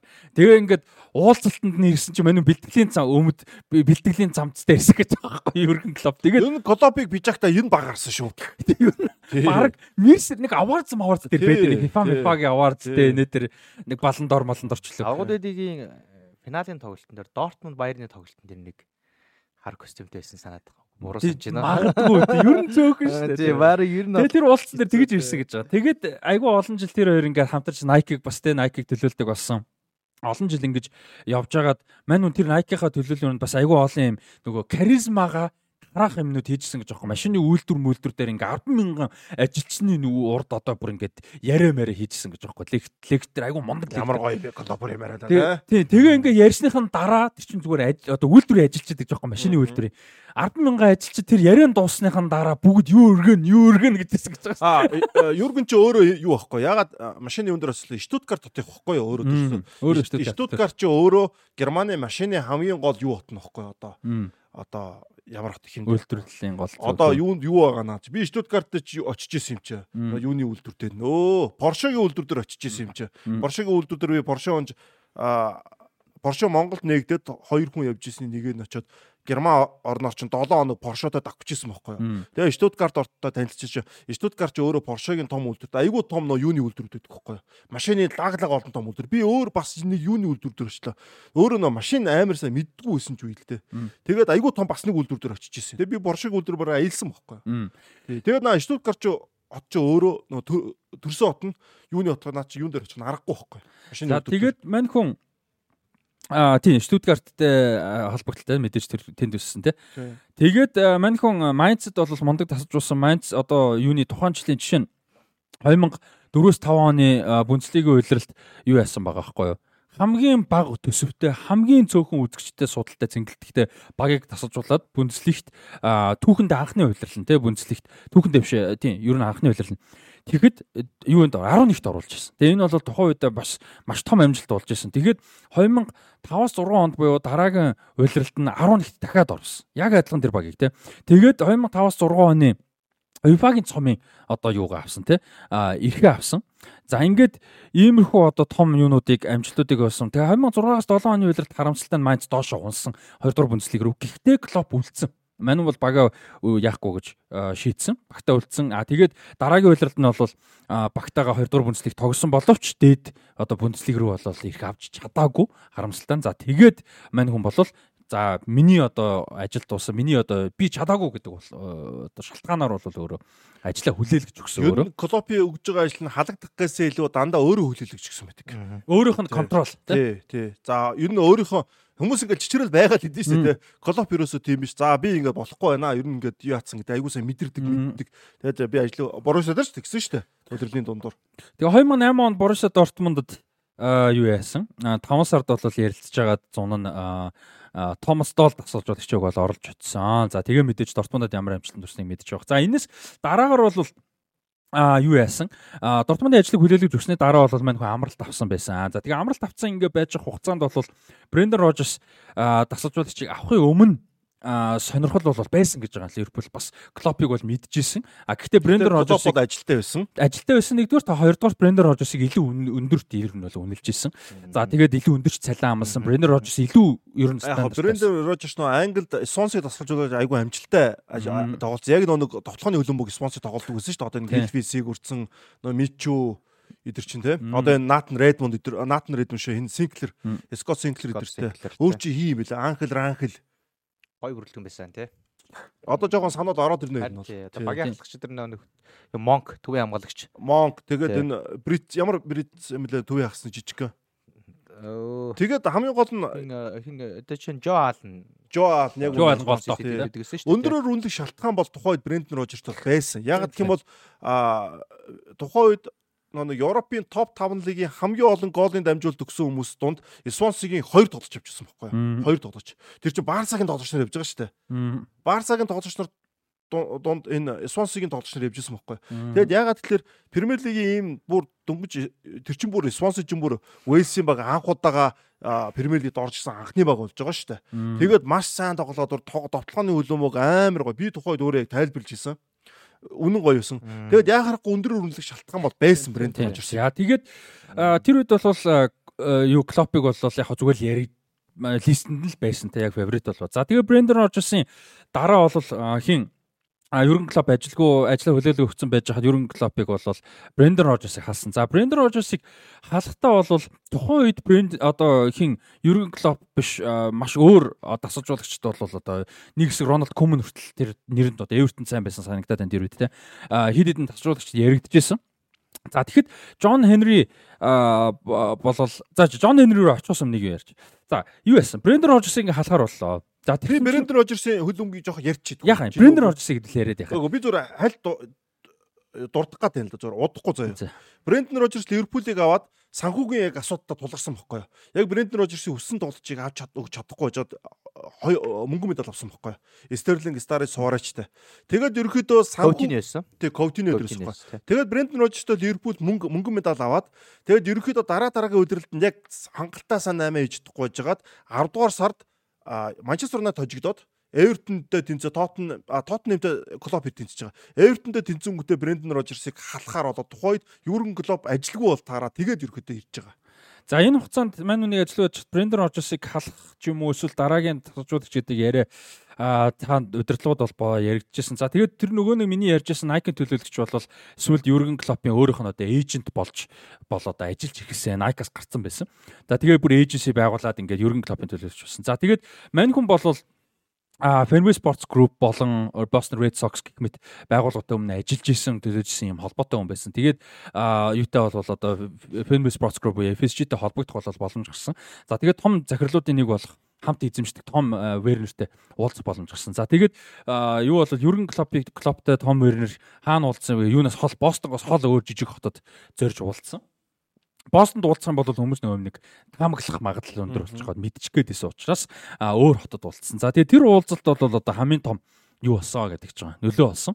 А хэдийгээр Том Вернер одоо хөлбөмбөгийн тим одоо мундаг мэдлэгтэй хүн биш ч гэсэн энэ хоёрын харизма характерууд хоорондоо маш таарсан те 20 минутын уулзалт байх хэвчээс юм 3 цагийн драйв болсон гэж байгаа. Машинтай явж өгөө сүйдээ нааш таашаа яваад өстө дуу буу халаад янз бүр болсон гэж. За тэгээд энэ мэдээллийг бол мэдээж хамт одоо FSG-г эзэмшдэг Джон Хенрид дамжуулсан Том Вернер. За тэгээд Джон Хенригийн хүсчээсэн зүйл юу байсан бэ гэвэл цэвэр дата математикийн одоо тий методыг бол харнаа. Moneyball стайлаар бол одоо энэ багийг удирднаа гэж шийдвэрүүдийг гаргана гэж зорж байсан. Moneyball кино байдаг тэр шиг гэсэн үг тий. А яг ганц кино ширэн системийг ярьж байгаа тий. Тэгээд тэр одоо юугаар методоор тэр хэм маягаар бол MLS MLB буюу одоо Major League Baseball-ын Boston Red Sox баг бол одоо 3 удаа World Series тэмцээнд төрүүлчихсэн байсан. Яг тэр хандлагаар, тэр системээр. За ийм ч учраас бол одоо а Юрген Клопыг юу яхад томилоход бол маш том нөлөө нь бол тэр болсон гэдэг чинь. За тэгээ Юрген Клопын дасалжуулсан Ливерпулийн хамгийн анхны гарааны 11 За 2015 оны 10 сарын 8-нд бол баг би хэлэндээ надад. За 10 сарын 10 сарын цээж ирээ.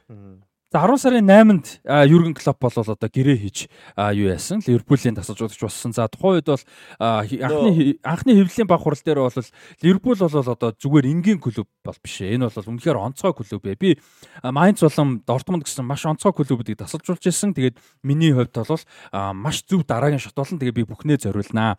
А тэгээд миний гол зорилго бол ойрын 4 жилийн дотор том одоо авна гэсэн юм зорилготой гэж болол ярьж ирсэн. За тэгээд тэр ярилцлага дур бол би ийм янз бүрийн одоо гайхалтай өөрийн гэсэн одоо онцлог юм байхгүй ээ. Намайг одоо нормал ман гэж дуудаж болно гэж тоглоом хийж ирсэн. За 2004 онд бол анх шигшээ багууд яг цугралтын дундуур брендер уужсан галаад нөхрийг авчирсан. Тийм яг тэр дунд.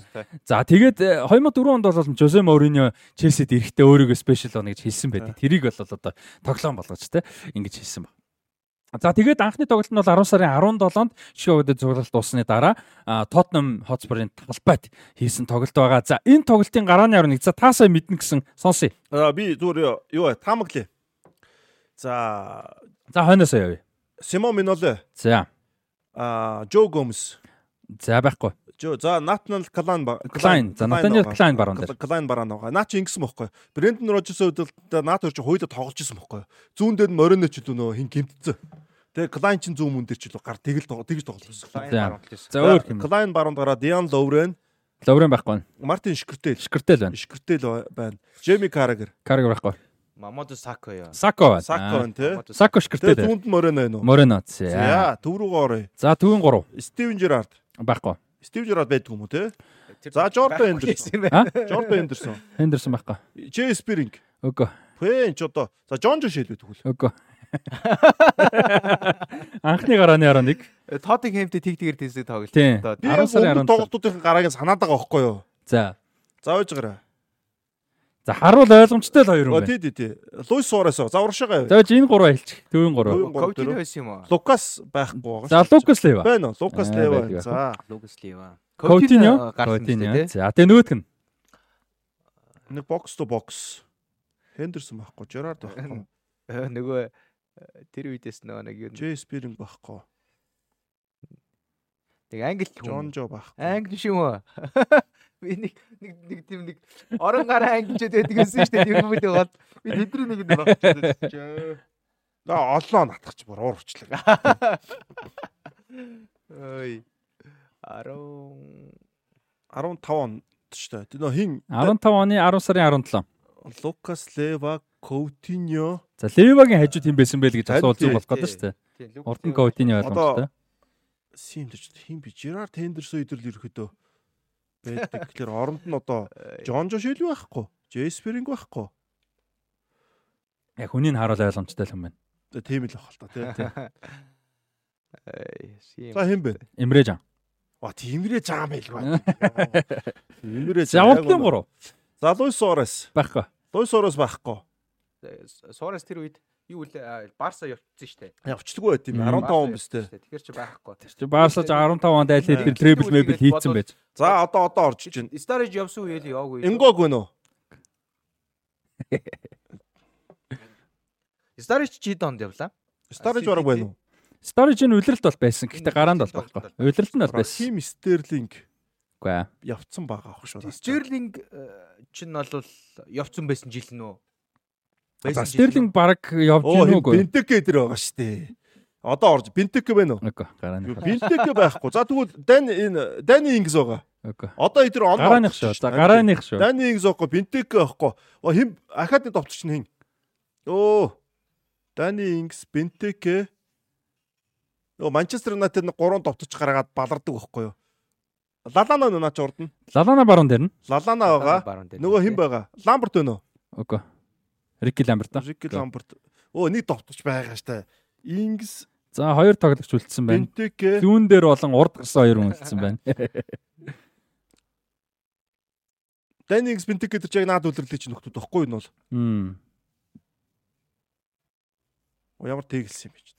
Дани Ингсийг яг энэ үлрэлт нь авсан. Бентекиг энэ үлрэлт нь бас авсан 100 нь авсан За байдаг. хий хэлж хэлж.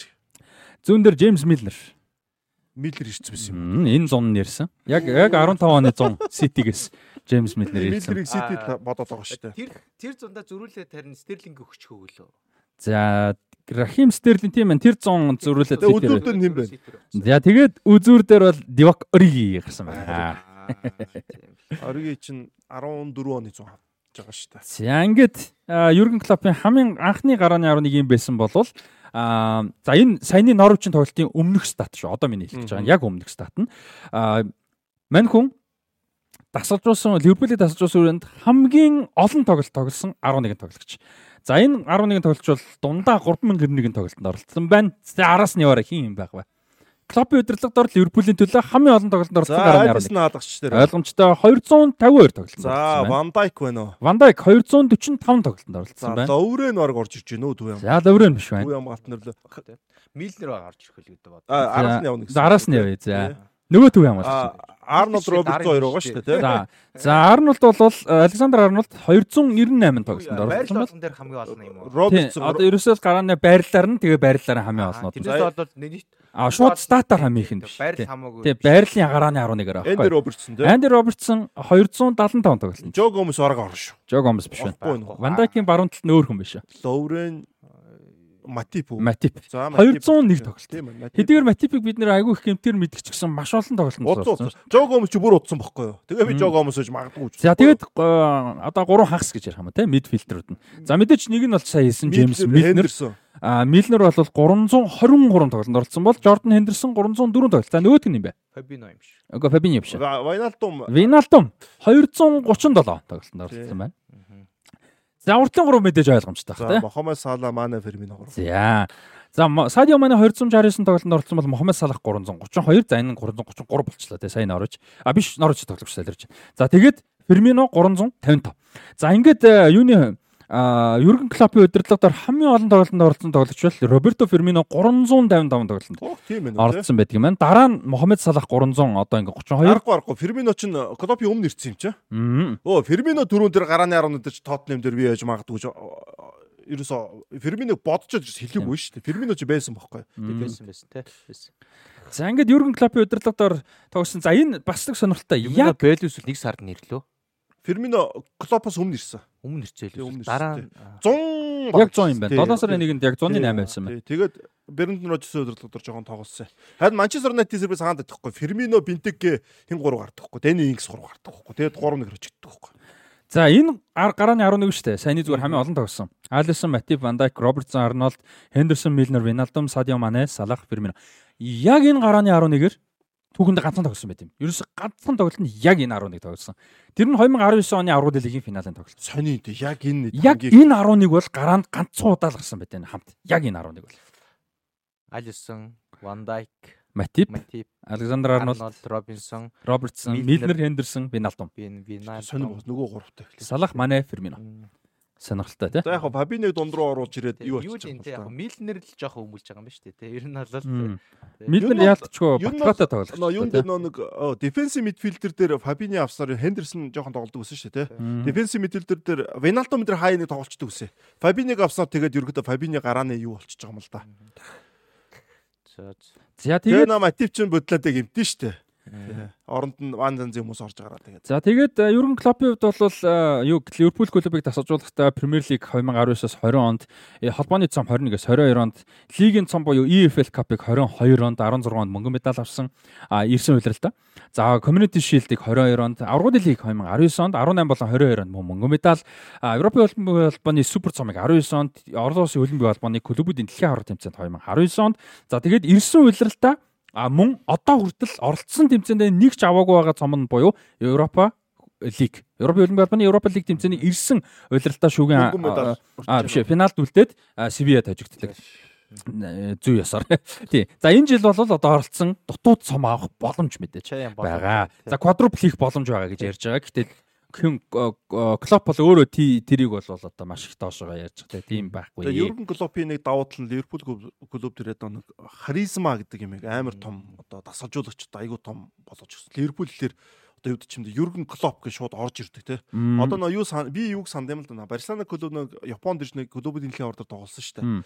Барселона ерөнхий чинь Суарес, Месси, Неймар эдэр урдаа тоглодог. Тэгээд энэ гурав ирж байгаа гэхэлэр тэр хүлээж авж байгаа тэр үзэгчид тэр спонсорд амар байсан байхгүй. Тэгэхээр одоо юу ч юм да урд нь Ливерпул явж ихээр аа лаг клуб гэж боддог юм бол одоо Ливерпул Клоптой ямар нэгэн байдлаар аялан тоглолч юм том юм точрол Ливерпул хэд ч өөрөө дэлхийн хэмжээний амар том брэнд болцоо очиж байгаа. Тэр нь өөрөө аюу том бас давуу тал байгаад байгаа ерөн клубын. За тэгээд Юрген Клоптой хамт арын албаны тасалжуулагч Pep Linders болон development head of development гэж одоо хөгжүүлэлтийн ахлах одоо захирал дарга гэх юм. Хөгжлийн одоо Тэгээд development head of development гэж байгаа тийм.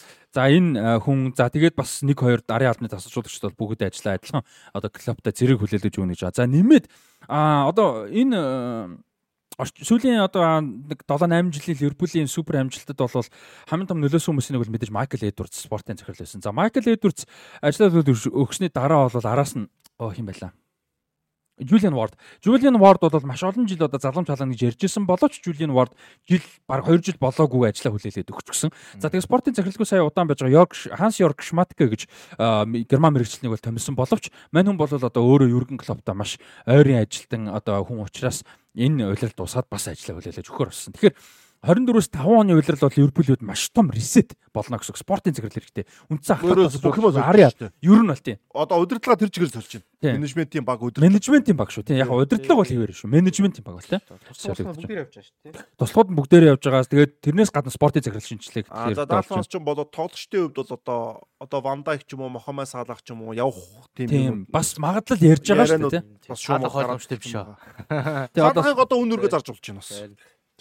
Одоо арабууд марабууд 200 сая маяг зэрэг бэлэн байл одоо одоо энэ 100 мөн бол явуулж болж байна юм. За тэгэл Ливерпул хотод уур амьсгал ямар байсан бэ гэдгийг олон сэтгүүлчид олон хүмүүс бас ярьж байна л да. Уур амьсгал бол за одоо үнэхээр хүн асуурцнаас наагур тийм болоо хүн сэтгэл уур амьсгалтай байсан. Тэгээ нэг хүн айгуу гоё ярьж илээ л да 70 хэдтэй фэм байгаа байхгүй юу? Маш олон жидвч бүр ингээд ухаан орсноос ш Ливерпулийг дэмцэнтэй 60 гаруй жил тэр чинь тэр чинь 40-тод цом өргөчөд 70 хэдтэд цом өргөх нь харуулж байгаа юм байхгүй юу? Тийм тийм тийм. Наад чинь. За тийм нэг хүн байсан. За тэгсэн чинь мань хүн юу гэж ярьж гин гэсэн чинь аа нэгдүгürt хөлбөмбөг бол бид нар одоо most important of least important things гэж ярьдаг.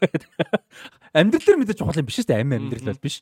Гэхдээ тийм чухал биш юмны хамгийн чухал нь хөлн бөгөөд.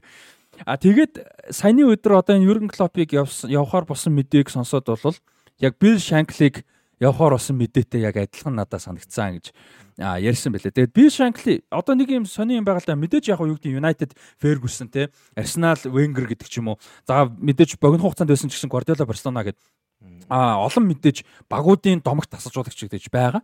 А гэхдээ тэд нар дунд дундаа болвол ер нь Ливерпулийн тасалжуулагчид тоглогчдоос илүү ач холбогдолтой байдаг. Түүхэндээ ер нь тийм.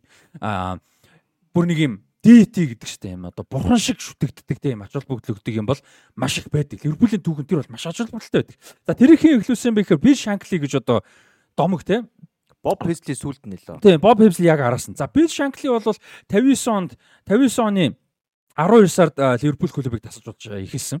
За, мань хүн тасалжуулаад эхлэхэд бол одоо юу 2 дугаар лигт байсан. Ливерпул бол маш муу байсан. 2 дугаар лигт байсан. Өмнө нь яг дээд лигт 2 3 4 жилүүдээ нэг тийм төрүүлсэн баг. Гэхдээ яг энэ 50 50 50 донд бол маш муу байсан багийг тасалжуулсан. За, тэгээд 74 он хүртэл юу болол Билл Шанкли дасалжуулахдаа 11 цом авсан. За энэ хугацаанд бол одоо байж болох бүх цомуудад төрүүлсэн энэ агуу багийг агуу баг Фергюсон шиг баг. болгож болж чадсан 15 жил. За тэгээд энэ 15 жилийн 10 гаруй жилд нь яг яг хэдийг нь мартсан байх шүү. Яг 10 гаруй жилд нь Bill Shankly биш Bill Shankly-гийн 15 жил өдөрцсөний 10 гаруй жилд нь Bob Paisley гэж залуу бол туслахаар нь ажиллаж байсан. За тэгээд Bill Shankly яг ажлаа хүлээлгэж өгсөний дараа Боб Пейсли гэж юуг авсан, ажлыг хүлээл хүлээж авсан. За яг нэг сар гарны дараа. За тэгээ Боб Пейсли бол юуг Ливерпул клубыг 9 жил удирдахдаа бол юу яасан? 20 цом өргөсөн. За Боб Пейсли бол одоо ингээд жилд одоо 2.5 биш та баг. За тэгээд тэгсэн мөртлөө Ливерпулийн фэнүүд бол Бил Шанклига илүү яг Боб Пейсли үнэхээр агуу шүтэн. Гэхдээ Бил Шанклиг төлсөн. Бурхан нь тий.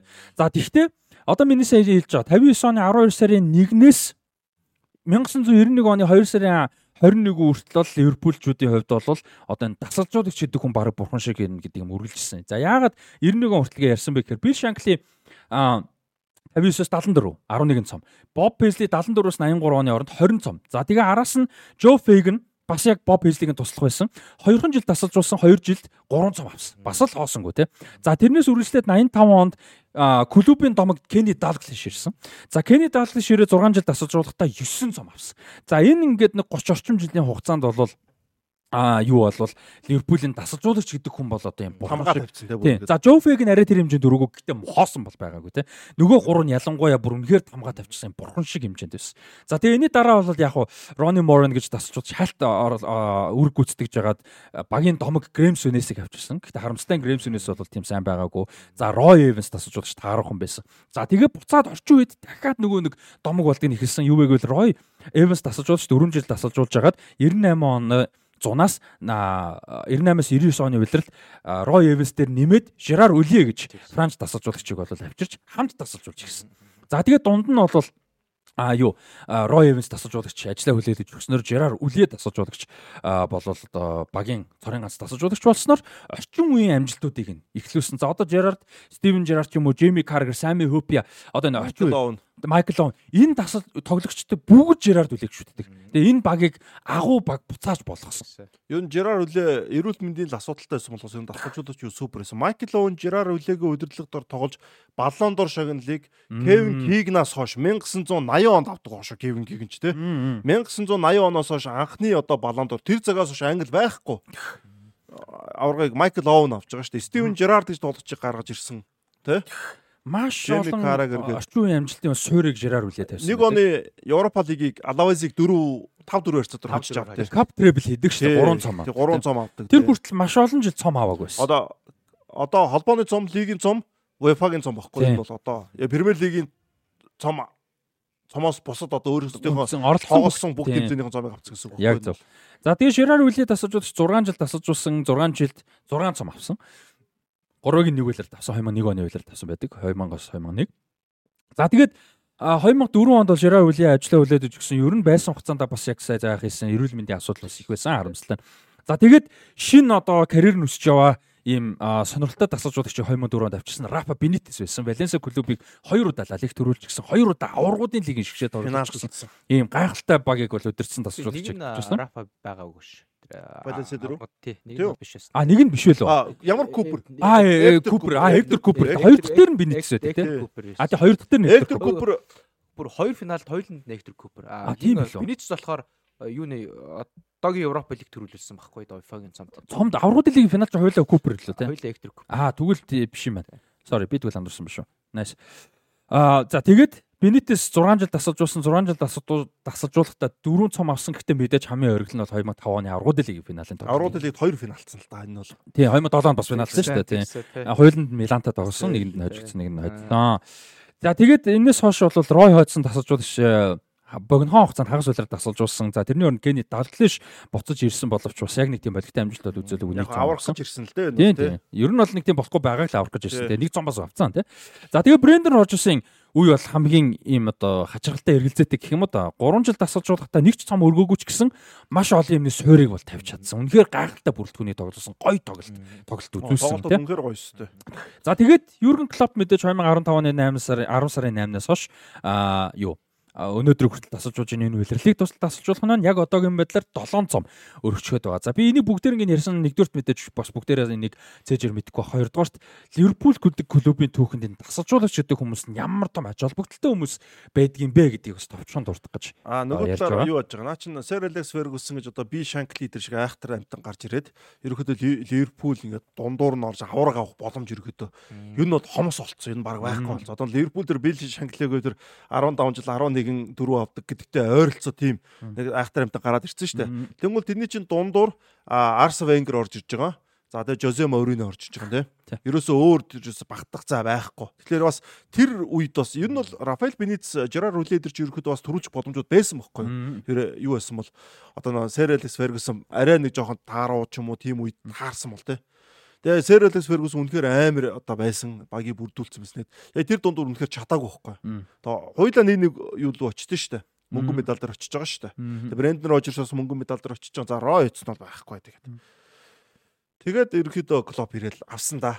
За тэгээ Клопын тухай айгүй олон нийтлэл анализ юмнууд байдаг. Тэгээ тэд нар дээр бүгдээрэн дээр нь юу гэж хамгийн том ярьдаг вэхээр Клоп бол бүх юмыг маш том хэмжээнд том зургаар харж чаддаг CEO менталититэй хүн гэж. Том Werner уулзахдаа биш Том Werner ш. Нөгөө эйжент нь Том Werner-д анх танилцуулахдаа юу гэж хэлсэн гэдэг энэ Юрген Клоп гэдэг хүн бол бүх альч одоо дэлхийн том компаниудын альныхын CEO байх чадвартай ийм сэтгэлгээтэй хүн шүү гэж анх одоо танилцуулахаас өмнө хэлжсэн. Амар гоё тайлбар. Яг тэгвэл тэр хоёр 20 минут уулзсан нэгэд яа 3 цаг уулзж инхээр хоёулаа тэр мундаг менталитет учраас би бинийг аягуулсаа ойлгож байгаа учраас яриан зогсохгүй яваад байгаа хөөхгүй. Одоо би нанжтай анх танилцсан дүүхээ ярихад бас нанжт тэр ихгүй. Хөл өмг сайн мэддэг үнтэй би таардаггүйсэн бохгүй. Нанжтай тар чи нанжт дээр буудал муудлаа өнгөрж яваа бүр хитэн цаг ярьж солирч ирсэн шүү дээ. Яг тэр шиг нөө дуртай юм мэддэг юм мэддэг үнтэй байхад яриа дуустахгүй те. Яг наад чинь бол яг юу байхгүй. Зингэл ундрал бид нар санаж байна. Тэр э, юу UBS-ийн олив дээр анх уулзчаал те. Хитэн цаг хөлөн баг ярина. Дуусчихгүй ерөөсөн. Тийм байсан шин. Наа чи яа харахгүй амар зөвүүн тодорхойлт байна.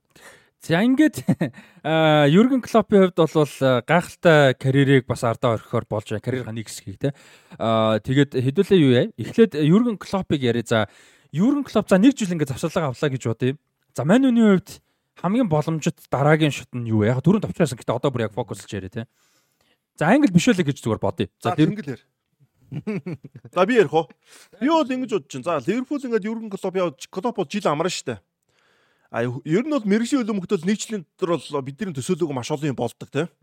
Тэгэхээр миний яг хаа зүгээр би Ливерпулийн фанат учраас бас бодож магадгүй. Ливерпул нэг жил хэрвээ ямар ч салжуулагч яваад амжилтаа явахгүй тэгээ тасгалжуулж байгаа боли моли клуб эргэж ирэх юм бол яагаад болохгүй гэж тий.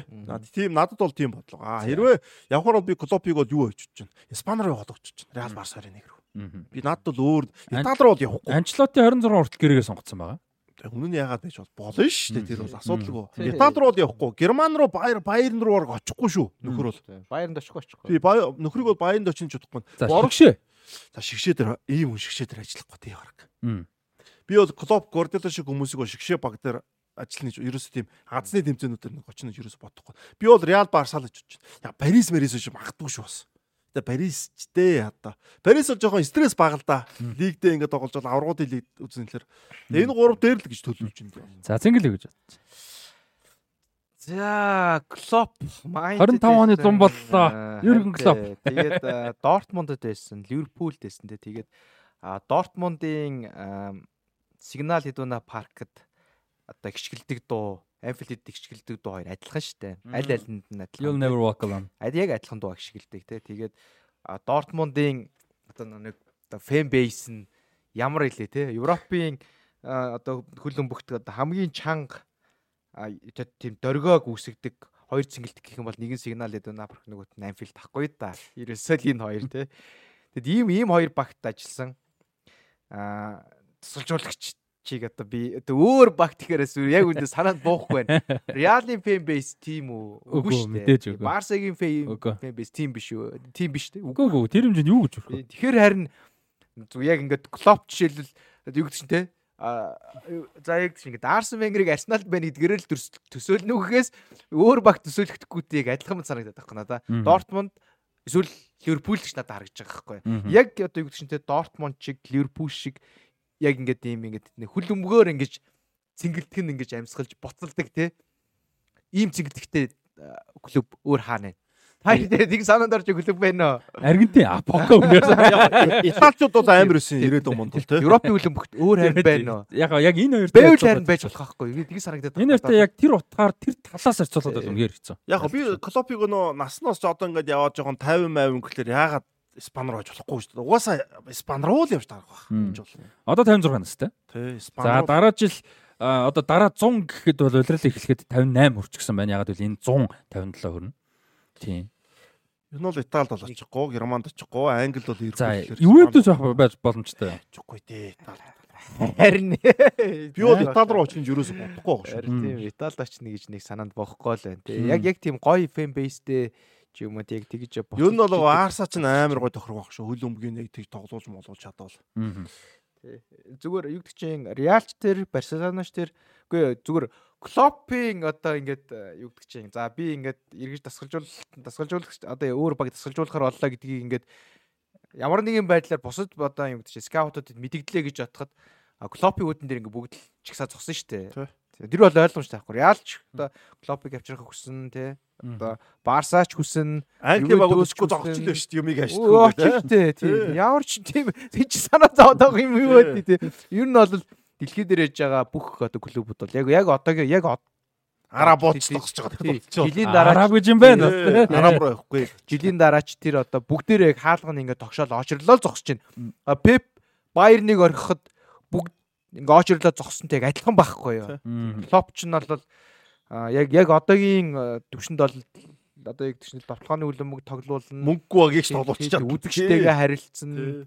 Одоо фэнүүтэйгээ харилцсан. Тэ тэр бүх юмараа бүр ингээд бүх одоо юунуудаа Одоо Колопиг аавн хийж байгаа. асар том бас спонсор брендинг дээр ч айгуу том нэмэрч. шал өөр болгоо шүү дээ. Нүүр дээр болчих. Тий, шууд нүр зэрэг болчих. Тэгэл одоо ингээл одоо э, Дортмундын тоглолт дуусгаад одоо яг ультра фэнүүдийнхэн байдаг тэгсэхдээ яаж ч фэнүүдийг мэдлдэг үлээ те. Ливерпул одоо Энфилд тоглолт дуусны дараа эсвэл зочдын тоглолт дуусны дараа яаж одоо хөгжин дэвшигдэг очиж мэдлдэг үлээ те. Тэр мөр чинь бүр ингээл. Тий. Тэр чинь бол ингээд тийм байглаасаа ингээд ер нь бол өөрөө ингээд өөрөө ингээд чинь тийм ингээд зохиомлоор биш дотроос нь ингэж оргилж хийж байгаа үйлдэл тахгүй. Мм. Томчтой урд очигдсон шүү дээ. Тий. Тийм тэр одоо энэ одоо энэ юунууд бол юу гэдэг чинь ингээд жижигхэн юм шиг энэ элементүүд бол чинь хүлэмгийн ингэж Амьд гоё болгож байгаа зүйлсүүд байгаа даахгүй. Тэгэхээр энэ зүгээр бүх багууд л хүссэн тий. Клопийн хувьд ингээд Өөрөө тодорчтойгоо хаана очих вэ? тодорчтойгоо харилцаж байгаа харилцаа бол ямар тасалж Тий. хамгийн одоо би номер 1 гэж үнэлэхээр ихгүй. Одоо Гордело ч юм уу Морини одоо өөр зөндөө яг Анчлотой гайг бах те. Ерөнхийдөө ингээд тодорчтойгоо асуудал масууд юм гардал Клоп тодорчтой асуудал үүссэн ч гэсэн мэдээж үүсэн дээ. Шууд юугаа шийдвэрээ нөө нэг хоёр талдаа гарчдаг. За чи ингээд миний миний төлөвөнд байхгүй чи өөр багаа сонгоод ингээд ингээд нөгөө тоглогч ч гэсэн явахтаа нэг тийм дур- дургуун мургуу явдаг те. За зугаас би энэ байхгүй чи өөр багаа олъё гэдэг ингээд асуудлаа шийдчихдэг. Ерөнхийдөө тийм тоглогчтой харилцаж байгаа харилцаан дээр айгүй гоё. Одоо шилбэл исламын шашинтай тоглогч нар нэг Рамадан сар болж байгаа шүү те. Рамадан сар болоод ингээ бэлтгэл бэлтгэлийн цагийг өөрчилж болох юм болох уу саадаа манай эдэр ингээ асуулаар тэр мөр амар гоо нээлттэй болцдог.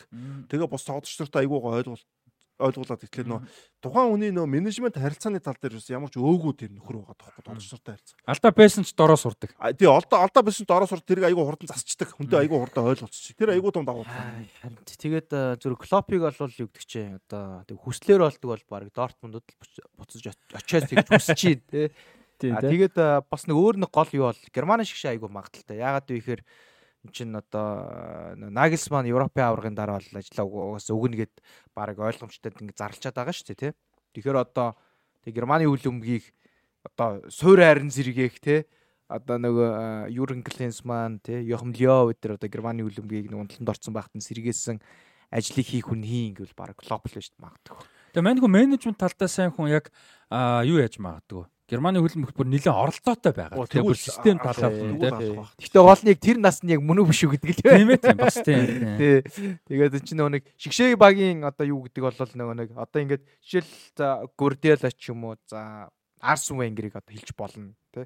Тэр чинь ингээд өвчтэй амьд байгаа хэрэг. Өдөр болгон ингээд очиж Тийм, байнгын бэлтгэл хийдэг, тий. тоглогчтойгоо байнга хийдэг. Шууд 3 цаг ярьдаг гэж Мм. байна тий. Гинт юм санаа. Тий. Зүгээр одоо одоо юу гэдэг чинь ингээд нэг өдрийг хүлэн бүг өнгөрөөж чаддгүй хүмүүс аахгүй да. Клоп ч гэсэн тэр англи юм шүү дээ. А тэгэхээр тийм хүмүүс шигшээ дээр очих юм бол өдөх байхгүй юу. Тий. Тийм тэгэхээр харин зүгээр тэр нас Бас ийм байж. мөн үү биш үү гэдэг. Одоо ингээд Ливерпулээс ингээд 6 сар болчих штэ. Мм. 6 сарын нэнээс ингээд болонгуудаа Европын аварга үзээд Европын аваргын дараа Германы шишээд Клоп санал тавьж магадгүй байхгүй. Яг бол шигшээ багийн юу чинь ерөөхдөө ажил нь бага штэ. Арай бага. Арай бага штэ. Талбай дээр бэлтгэл талаас бол бүр бага. Бүр бага. Тэгээ нөө судал. Тэгэхээр нөхөр бол тэр Майоркод гэртээ байгаа гэж байгаа. Тэр гэртээ сууж байгаад энэ ажлуудаа хийгээд тач болохоор тэр Европын аваргаан дээр бас Герман дээр бас магадгүй те.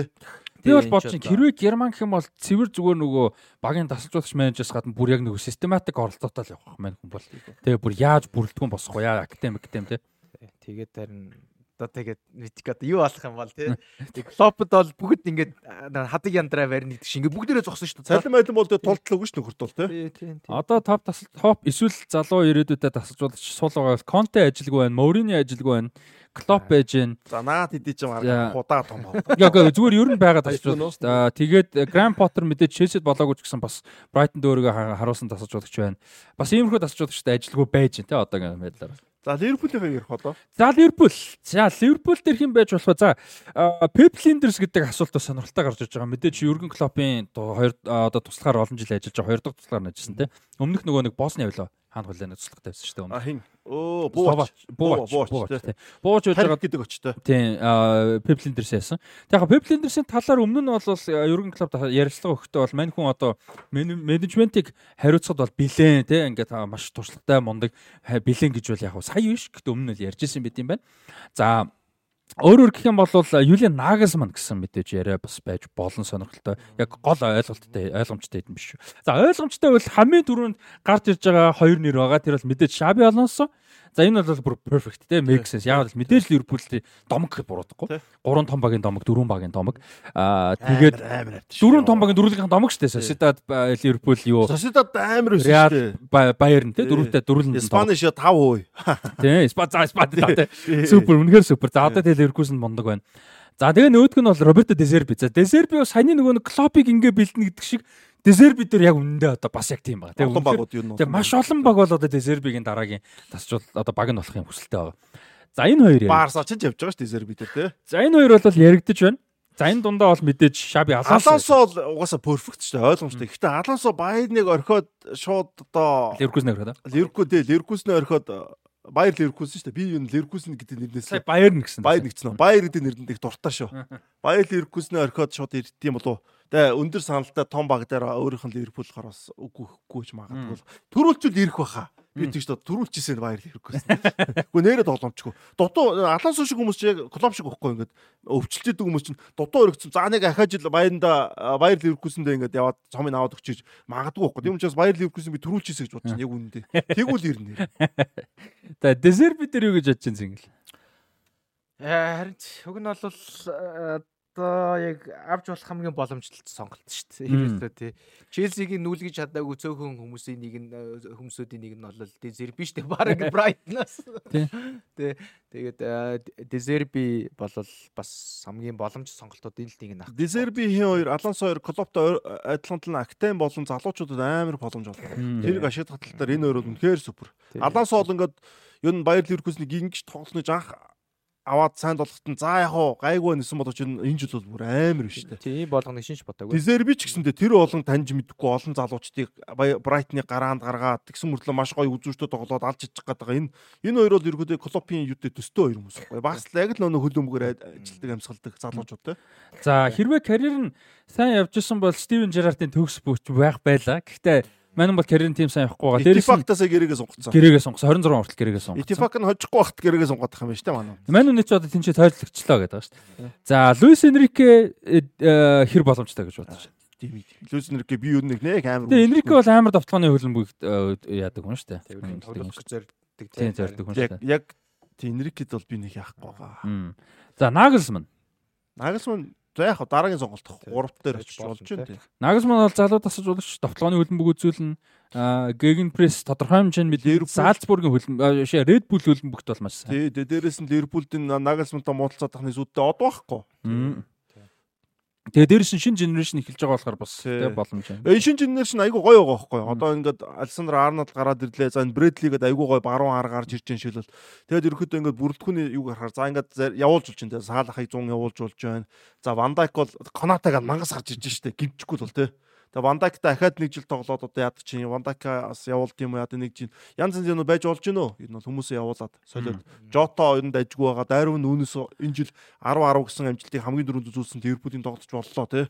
Европын топ 5 лигийн өрөөнд пенальти голыг дөрвөлын цогцолтын голыг оруулахгүйгээр 10-аас илүү гол 10-аас илүү голын дамжуулт гэсэн ганц тоглогч юм байна. Тий. Тэгэхээр бас ганц яг дөрөнд өгсөн. Ливерпулд бол юу байгаа байхгүй юу? Алисон бол дахиад хэдэн жил асуудалгүй хаалган дээр бол. Тэгэхээр Ливерпулийн нөөц бол гоё байгаа тоххой. Энэ дээр ямар салжуулж ирээд дахиад гоё 8 игээл одоо яг Саалахыг 100 бол 200 сая арабад авах хэрэгтэй байхгүй гэл тээ. Одоо тэгтээ юу яах хэрэгтэй байна те. Биний миний бодожгаар бол бараг 4 5 сар гэхэд шин дасалжуулагчаа зарлж байгаа. Тийх бах уу. Тэгжээж нөгөө 888 те айгу арын албаныхан спортын би бол хамгийн дөрөв спортын захирлыг томилох гэж бодож байна. Бүр дасалжуулагчаас өмнө. Спортын захирлыг тий тэгэн тэгэн тэгэн. Хамгийн чухал шүү дээ. Тэгтээ бараг цуг дээ. Спортын захирал суурэ тавьжиж тэгээд араас нь тасалжуулагч нь орж ирээд хамт ажиллаж байгаа. Энэ бол ямар спортын захирал тавьсан тэгэл угаасаа сонголт нь ойлгомжтой байхгүй. Алонсо Дизеби эдэргээд цөөхөнд байгаа болохоор.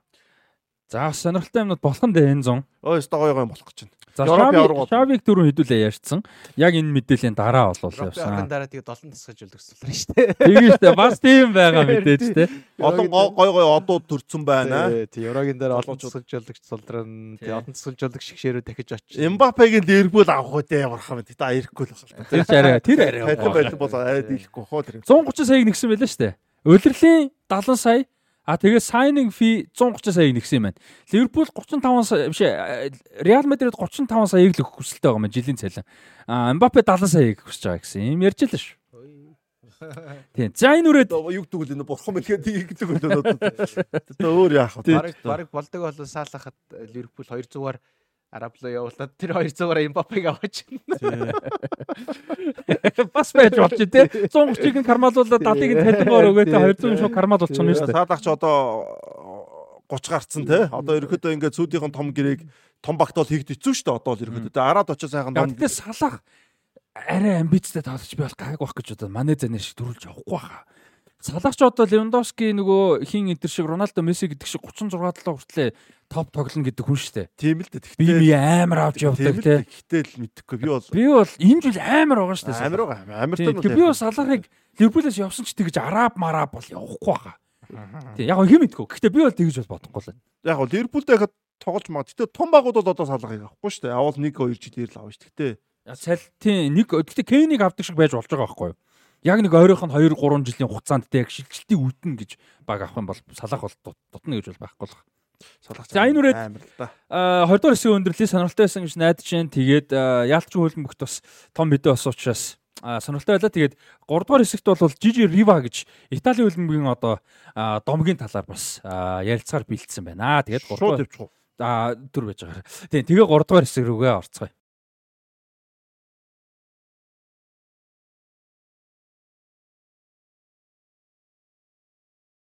Зяшог мото шоу подкаст season 2 24 дахь дугаар үргэлжилж байна. А өнөөдрийн дугаарыг нийслэл лайт болон Титэм спортоор ивент итгэж байгаа. Тэгээ та бүхэн Титэм спортортой холбогдож захиалга өгөх мэдээлэл авах хүсвэл 80 8070 67 дугаараар захиалга өгөх боломжтой холбогдох боломжтой байгаа. За тэгээд нийслэл лайт брендийн хувьд бол нийслэл лайт брэнд гэлтгүү бас FC Улаанбаатар клуб хамтарч Апо хувьцат компани хамтарч болвол 1 сарын 31-нд төрөний ярьсан гайхалтай үзмөрүүдийг бол одоо авчирч үзүүлж байгаа юм билээ шүү. Гол зохион байгуулагч нь тэр юм билээ. Тэгэхээр Апо хувьцат компани нийслэл брэнд, нийслэл лайт брэнд болон FC Улаанбаатар клубын хамт олон баярлалаа тэгээ амжилт хүсье. Үйл ажиллагаа нь гой болно гэдэгт итгэлтэй байна. Тэгээ за яг тус ажилтны амжилт хүсье тий. Баярлалаа. Тийм хөтлөн. За би болоод тэр манайхан 3 дахь өдөр Шангрилад 11-ээс 5-ын хооронд тий. 11-ээс 5. Энэ амар ховор юм шүү дээ. Ховор ховор. Үнэхээр ховор. 18 онд яг өөр гадаа зохион байгуулсан баг. Гэтэ 18 онд нөгөө дэлхийн аврагын цом бас ирсэн шүү дээ. Айгуу. Тэг яг дэрэгдээс нь ингэж хараад авчих бас нэг юм сэтгэл сурамтай байгаа хөлмөй юм. Тэгээ би гоё тэн дээр хөтлөн арга хэмжээ болно тий. Тэгээд юу байна? Өдөржингөө бас хүмүүс ирэхээр гоё тайлбарлаж өгнө бас ийм учраас яа мэдэхгүй бас өндөө байгаа шүү дээ тий. За өнөөдрийн 3 дугаар хэсэг бол Италийн хөлбөмбөгийн домог тухайн цаг үеийнхаа гэлтгүү бүх цаг үеийн хамгийн агуу довтлогчдын нэг гэж ярьдаг Жижи Ривагийн тухай ярихаар бэлдсэн ба. За Жижи Ривагийн хувьд бол дөнгөж сая 1 сарын 22-нд 79 наснда өөд болсон. За тэгээд мань үний талаар бол яг юунд төрж исэн, ямар амжилттай байсан, хүмүүс түүний талаар юу гэж ярьж исэн гэдэг бас ярих гэж бодож байна. За Манюны хувьд бол клубын карьераа бол ганцхан үйлрэл дөнгөж ихний мэрэгжлийн карьераа Линано багт бол эхлүүлсэн. А тэгээ тэрнээс хойш бол мэрэгжлийн карьераа тэр чигтэн Сардин Арлын Калерид бол тоглож өнгөрүүлсэн. Калеригийн бүх цагийн хамгийн агуу тоглогч. Домог нь. За тэгээ Италийн хөлбөмбөгийн Италийн шишээ огт бол 9 жил тоглосон, 9 жил тоглохдоо 42 тоглолтод оролцож 35 гол хийж Италийн шигшээ багийн бүх цагийн мэрэгэн бочоор одоо хүртэл байдаг юм довтлогч байна хувь нь амар байгаа шүү дээ. 42 тоглолтод 35. 80 эдэн одоо гол оруулах. Тийм, тэрийг нь удахгүй байла. Гуруула харж байгаад яриа би тэрийг бас бэлдсэн байгаа. Нэг тоглолтод одоо дунджаар хэдэн гол гэ байгаа шүү дээ. За тэгээд 1968 онд Италийн шишээ огтой хамт Европын аврагт бол төрүүлж байсан. 1970 дэлхийн арга шалралт тэмцээнд мөнгө медаль авч ирсэн. За тэр тоглолтод нөгөө шүүгийн дөрвийн 100-ны шилдэг тоглолт гэсэн баруун Германд тогсон агуу тоглолтод бол Франц Бекенбауэрийн эсрэг мань хүн бол одоо тоглож гол бас оруулж байсан тэр тоглолт. 4-3 хождог. 4-3 хождог тэр тоглолтод гол оруулж байсан. А ийм тоглогч байгаа. За Италийн Шгшөөгийн бүх цаг үе мэрэгэн бууч болж жижирэва дөнгөж сая хэлсэн. Нэг тоглолтод дунджаар 100-ны 83 голыг оруулдаг байсан гэж. За хоёрт бол домогт Жузеппе Мяца байдаг Интер Миланы домог. 53 тоглолтод 33 гоолтой байдаг бол Сильвио Пиола хамгийн одоо нэг тоглолтын гоолоор өндөр буюу 34 тоглолтод 30 голтойгоор 3-т байдаг. Энэ чинь нөгөө 38 оны дэлхийн аваргын ээ зүйтэй яг домог тий. 30 30-аад харамслаар мэдээж 40-од он дэлхийн аварга болоогүй. Гэтэ 30-од он хэрвээ 40-од он дайнгуугаар үргэлжилсэн бол мань хүн үнэхээр бодоо олох. Мэргэн бууч нь болох байсан нь бол тухайн. За тэгээ Роберто Бажжо, Алессандро Дел Пьеро гэсэн бидний мэддэг одоо хоёр домог бол 27 голтой байдаг. За тэгээд Филиппо Инзаги, Алессандро Альтобелли, Адольфо Балончиери гэсэн тоглогчд 25 голтой, Кристиан Вьери болон Франческо Грациани гэсэн тоглогчд 23 голтой байдаг. Пауло Росси байхгүй хас. Пауло Росси. Ерөөсө удаан тоглоогүй яг нэг дэлхийн аваргаар цоорсон. Яг үнэндээ. 82 он тий. Тийм. Тэгээ Балон дор авсан бүгдийг авсан тий. Яг үндэ урт хугацаанд тэгсэн. Одоо Итали сүүлийн жилүүдэд ерөөсө лаг голтой довтлогч шигшээд гарч ирэхгүй байгаад энэ статистик шууд харагдаж байгаа. Их сонь те одоо ингээ бодохоор зөвхөн үеиг бодъё л те 90-ад оноос хойш те. Роберто Бажио, Алессандро Дел Пьеро, Тотти, Инзаги, Вьери одоо хэн байдیں۔ те. Маш олон ийм домогт одоо бүр домогт хэмжээний. За домгийн ард ч сайн зүн зөндөө. Тэгсэн мөртлөө 20 30-аас дээш гол оруулсан байхгүй. Тэгээ бас сонирхолтой. Итали 90-ад оны төгсгөл 2000-ад оны их үеийн тэр Италийн одоо утлагчдын 90 цаг байгаа шүү дээ тий. Тэр бас олуулаа байсан учраас гол хуваацсан санагдаж байна. Одоо ерөөсөө яг хэлэх гэж байна тий. Тэр хэдээс ч одоо ганцхан Делперо бол байна шүү дээ тий. Веро. Яг за одоо жишээ нь манай саяны хэдээс Делперо 27, Инзаги 25, Вери 23. А Вери байж тий. Тэгээ одоо араас нь залгаж шүү Франческо Тоти байна тий. За тэгээд 2006 оны дэлхийн аваргаар Марчелло Липи 6 товтлогч авч явсан шүү дээ. Зургуулаа гол хийсэн тий. Тэгээд яг хоо тэндээс хамгийн үе молторсон Жилардини байсан. Нөгөө тав нь бол бүгдээр нэг үеийн одоо Италийн домогоос нь товтлогч нар шүү дээ тий. Тэгээ 2000 оны Европын аргаар ихэд жишээ нь Дилвеккио хэд хэдэн тоглолтод гараанд гарч тоглож исэн. Монтела гарч исэн. Винченцо Монтела. Винченцо Монтела байсан. Тэгээд тэрний өмнөх нь бол Роберто Бажио байсан. Яг одоо гол нэг довтлооны супер тоглогч гэх юм бол гэдэг. Тэгэхээр яг тэдний одоо аль нэг нь тэднээс за нэг хоёр тоглогч нь яг тийм супер төвшнөш арай жоохон доор исэн бол энэ хэд ингээ болоод 30 айлыг нь гарчих байсан баг л та. Тэр чинь ингээд нэг нэг орлоод исэн те. Нэг нь гимтчингүүд оронд нь гарааны довтлогч одоо энэ байнгас тоглодоггүй те. Одоо хамгийн ойрхон Дэлбэр байсан дөрөв те. Дэлбэро гэхэд яг үндэ том тэмцээний гараан дээр Италийн шоугийн гараан дээр нэг ч гараагүй шүү дээ. Яг гарааны довтлогчоор яваагүй шүү дээ. 2006 оны гарааны довтлогч байгаагүй. Лука Тони байсан. 2004 оны Европын ордоор гарын товтлогч нь байгаагүй. 2 онд байгаагүй. 2 онд яг тэр сүүлд нөгөө юунд тэнцэнний голыг оруулж Мексикт оруулдаг лөө.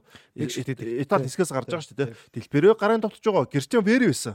2002 онооход Вери байсан тий. Тий. Тий 2098 болон 2002 оных Вери а 2000 оных болохоор Тоти Монтелло Делвеки өдөр чинь гарч Делвеки өдрөөс. За тэгээд бас нэг сонирхолтой юм нь одоо Жижи Рива бүх цагийн мэрэгэн буучин байгаа. За тэгээд саяны хэлдэг хэл маань саяны хэлсэн хэд маань тоглолтоос хувааснаас гадна бас нэг сонирхолтой юм нь урьдчилан шатуудад Итали хөл гол их бага оруулж ирэх авдаг байсан. Бас давхар Италийн хөлөө мөхтэй холбоотой шүү. Ягаад гэвэл бусад шгшөө багуудад их гоолтой тоглогч өндөр байдаг нь ер нь яг үнэндээ бол шгшөөгүүдийг том тоглогчид ихэнхдээ одоо юу гэдэг мэдээж яг Роналдо энэ 10 хэд байгаа Мбаппе энэ. Гэхдээ ихэнх нь урьдчилан шатууд дээр л хам хамаг голоо хийдэг шүү дээ. Тэгэхээр Итали бол яг хамгаалтын хөлбөмбөг үзүүлэлтийн бас нэг одоо тодорхой хэмжээний шалтгаан бас тэнд гарч байгаа. Э, том хөлбөмбөгийн том улсуудыг нэрлэх юм бол бүгдээрээ бүх цагийн мэрэгэн буучт нь дандаа 21 дэх зууны тоглогч.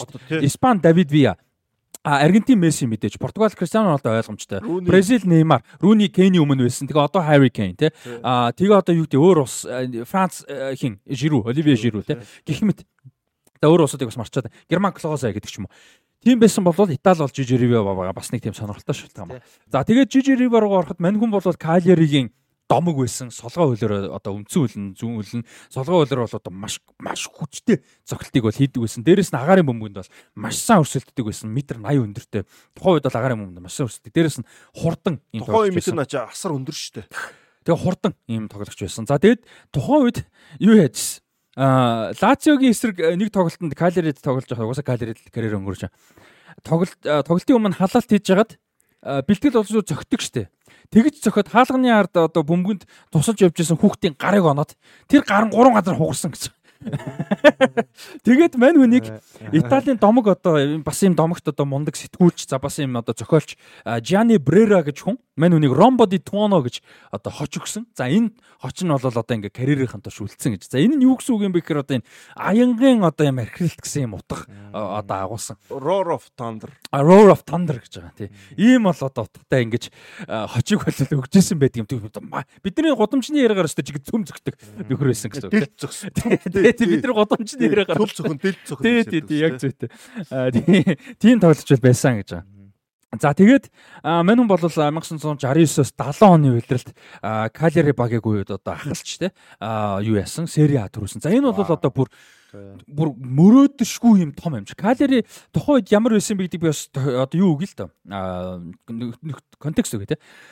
Аа Сардинчууд Сардиныг бол одоо Италид тухайн үед Италийн нэг хэсэг гэж баг үздэггүй байсан. Бас Италич. хол штэ яг талсан. За нэгдүгээр тал Корсикагийн ойрд те баруун тал руугаа нэгдүгээр. А тэгтээ тэрнээсээ гадна Коркаг урд шүү тий. урдын уучлаар тий. Корска яг алдна ардно. Корскагийн урд нэгдүгürt бас тодорхой хэмжээний зайтай Сицилийг бодвол. Дээрээс нь ерөөсөө нэг хэсэг соёлын хувьд, нийгмийн хувьд эдийн засгийн маш олон зүйлээсээ нэг хэсэг гэж үздэг байсан. Ямар санда Сардин арлыг Италийн Африк гэж өөрөөсөө доромжиж энэ бол яг хуу тийм сайн зүйл шүү дээ. Доромжиж ялгуурлаж хандж байгаа үйлдэл л дээ. Гэхдээ тэгэж болол одоо Италичууд өөрөөсөө үндсэн газрын Италичууд бол нэрлдэг ийм байсан. За тэгээд а, карабиньери гэж одоо Италийн зэвсэг төвчний нэг хэсэг одоо зэвсэг цагдаа гэдэг чинь military police те. Эднэрийг бол одоо юунд сардинд бэлтгэдэг. Ерөөсө гол одоо хүмүүсийн мэддэг зүйл нь карабиньеричүүд бол одоо тэнцээ бэлтгэдэг л гэдэг мэдээ. За нэг хитэн загасчд бас байгаа бах тий бас нэг Тийм. сардин. Тэгээ ер нь ядуу дээрээс нь те. За ийм бол байсан. За тэгээд тэгсэн чинь юу яасан гэж байгаа. А 69-с 70 оны үеэрл ингээд калери мундаг яваад эхэллээ. Тэргүүлээд эхэлж байгаа. За ингээд аврагын төлөө амар өрсөлдөө яваад ирсэн. За тэгээ аврагын төлөө өрсөлдөө яваад ирсэн чинь сардинчууд бол одоо мэдээж багаа дагалаг байх те калерийг маш их дагж байгаа. Гэхдээ одоо цаг үе шиг юу гэдэг бүгдээрээ ингээл аялан тоглолтод хамт яваал те а, бага дэмжээ тийм боломж бол мэдээж бас байгаагүй. А тэгээд тухайн үед бол зурагт телевиз гэдэг зүйл бол маш том болчихсон байсан.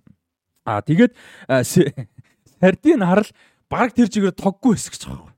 Бодо 69 он 69 70 он гэхэд ингээд тэр чигээр тог тог бол оруулаагүйсэн. Калеригийн төвөөрөл тогтоо байсан. Тий биз одоо дээ. калеридээ тогтоо тий. тий түүнээс биш ерөн сардин арал бол Сардин дэд юу нь бас их давгуу том арал шүү. Тий Мм. нэлээд том арал шүү. том ар тий. том ар. Тий. Тэгэхэд тийм байсан гэж байгаа. За тэгээд тэг- тэгсэн чинь энэ одоо аврагын төлөө өрсөлдөөн сард одоо калери бол үнэхээр мундаг яваадсан учраас засгийн газар сардин арлыг тогжуулсан гэж. Хөл өнгө тогтоод болсон байна шүү дээ. Тогтоо болгож гисэн. За тэгээ тогтоо болгосноор мэдээж зурагт үзэх боломжтой болж одоо сардинчууд калеригийнхаа багийг дэмжих боломжтой болсон гэж. За тэр жил бол калери маш том түүхэн томчуудтай өсөлдөж төрүүлсэн. Аа Интер хоёрт орсон. 4 онооны ард. Дараа нь Ювентус. Тэрний дараа Милан. Тэрний дараа Фьорентина, тэрний дараа Наполи гэсэн. Ийм багуудтай өсөлдөж одоо төрүүлж Европын цомын эрхийг тухайн үед бол авч исэн баг. За би нэг юм хэлчихэд ирсэн. Тухайн үед одоо 60 он байгаа шүү дээ. А онгоцны асуудлаас л одоо баг тамирчид нисэх мэсэх тийм асуудлаас арай өөр байсан баг тий. Ч яг хол байхгүй одоо ингээд Усан онцоор явхад тийм ч ойрхон бол биш шүү дээ. газар зүүн байрлал ингээд бодохоор хол байхгүй юм бол. Францын Корсик бол одоо ойрхон бохгүй Наполеоны анх зүйлдэг гаралч. Ерөнхийдөө ингээд усан онгоцоор ингээд яваад орчиж бол Сардин ч ерөнхийдөө Италийнхан газар унтаас айгүй бас хол бохгүй. За тэгээд сардинчууд юу гэж одоо боддог вэ гэхээр хэрвээ Италийн шишөө багийнхаа төлөө Жижирива тэгж олон тоглолтод оролцож ялангуяа тэгж их тухайн үедээ 40 тоглоно гэдэг чинь их те олон тоглолтод оролцож гимтэж бэртэх асуудал баг байсан бол дахиад ч дөрүүлэх байсан гэж бол сардинчууд өөрсдөө ярьдаг. Ягаад гэвэл яг энэ төрөний дараагийн жилүүдэд бол Жижирива маш их гимтсэн. Дандаа Италийн шишөөгтө тоглож байхдаа хүнд гимтлүүд авдаг байсан. За тэгээд сардинд ирэхээр кардин одоо калередэ тоглохороо бүтэн тоглож чаддаггүй ийм харамсалтай зүйл бол байдаг байсан. Тэгээ сардинчууд хэрвээ баг гимтсэн бол дахиад түрүүтэй байх байсан гэж. Калеред хэдэн онд авч байгаа лээ цомыг? Калеред 69-оос 70 он. 69-оос 70. На 70 ондоо юу авч байгаа шүү дээ. Дэлхийн аваргын мөнгө авч байгаа. 68-нд нь алдцтай эд үе нөөжтэй тий. Европын аваргаас нэг баландор Баландор энэ төр бол байхгүй. Байхгүй тий. Баландор байхгүй. Жанр Риверэл авд Италиас ч. Баландор бол байхгүй. Жанр Риверач аваагүй лүү? Жанр Ривера авчихсан үгүйсээ мэдгүй баг авч байгаагүй. Итали ч баландорыг баг шүү одоо ингэ гаргах нь. Супер од байхгүй нөө довтлошрт өгдөг болохоор тий. Бажо яажлаа. Бажо аваагүй. Аваагүй тий. Бажо аваагүй. Росси авсан. Валентин. А баландор юу байсан бэ? За энийг мэдээлэлч. 69 онд саяны одоо нөө төрөлтийнхаа өмнөх жил гэсэн үг шүү дээ.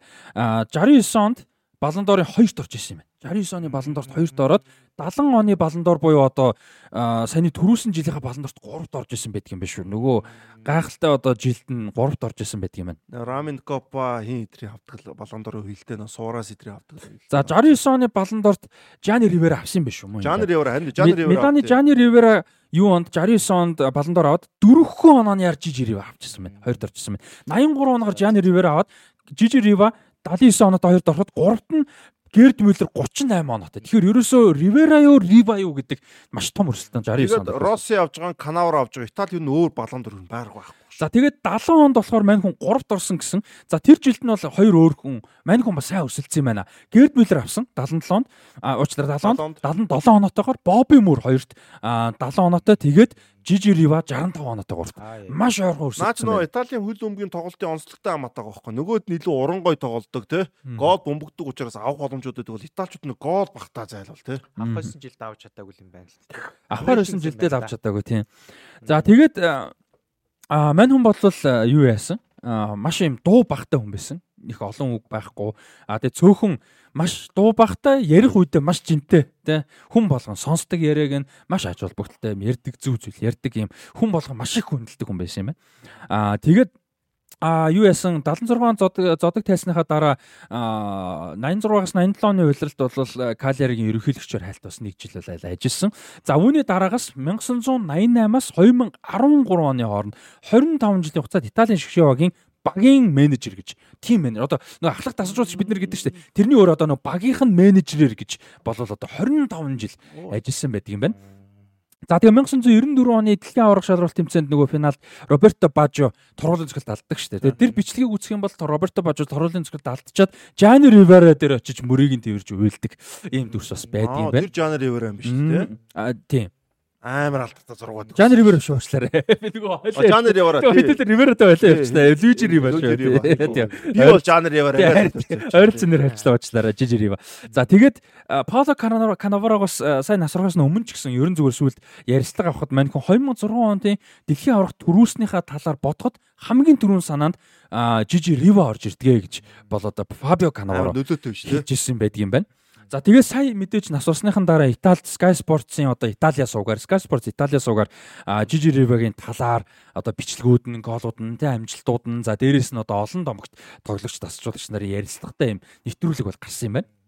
За энэ нэвтрүүлгээр бол маш мэдээж маш олон хүмүүс ингээд түүний талаар ярьжсэн. За тэр дунд нь Марчелло Липи гарч л тээ. Тэгсэн чинь Марчелло Липи хамгийн түрүүнд гараад одоо Жижи Ривагийн талаар яриач гэсэн чинь. Ун Гранде Фуматоре гэж хэлсэн гэж амар тамхи татдаг юм байсан гэж. Өөрөөс амар татдаг байсан гэж чинь. Өөрөөс нь амар ихлэр ч одоо ч тийм. Тэгээд барьчлал би тэгэж одоо жоохон тоглоом болгож тэ мэдээж хошигнж л хийсэн. За тэгээд тамхид бидний мэддэг юм тамхич нөгөө нэг сигар тэ навчин тамхи бол маш их татдаг байсан. За тэгээд марчилал липе дуртагтаа бол одоо Жижиривата хамт суугаад хөлбөмбөгийн талаар амьдралын талаар винооч одоо навчин тамхи татас суух бол амьдралын бас юм гоё жаргалуудын нэг байсан гэж бол ярьсан байгаа. Тэгээд маш цөөн хөхтэй дуу багтай хүн байсан. Уулзгараа би илүү их ярьдаг одоо марчил бич өөрөө тийм биш шүү дээ. Тэгээд би илүү их ярьдаг. Гэхдээ тамхи нь бас амар юм. Тийм би жуулаад тамхич шүү дээ. Хамгийн түрүүнд нь тэгж хэлсэн гэж. Ун гранде фуматора гэж.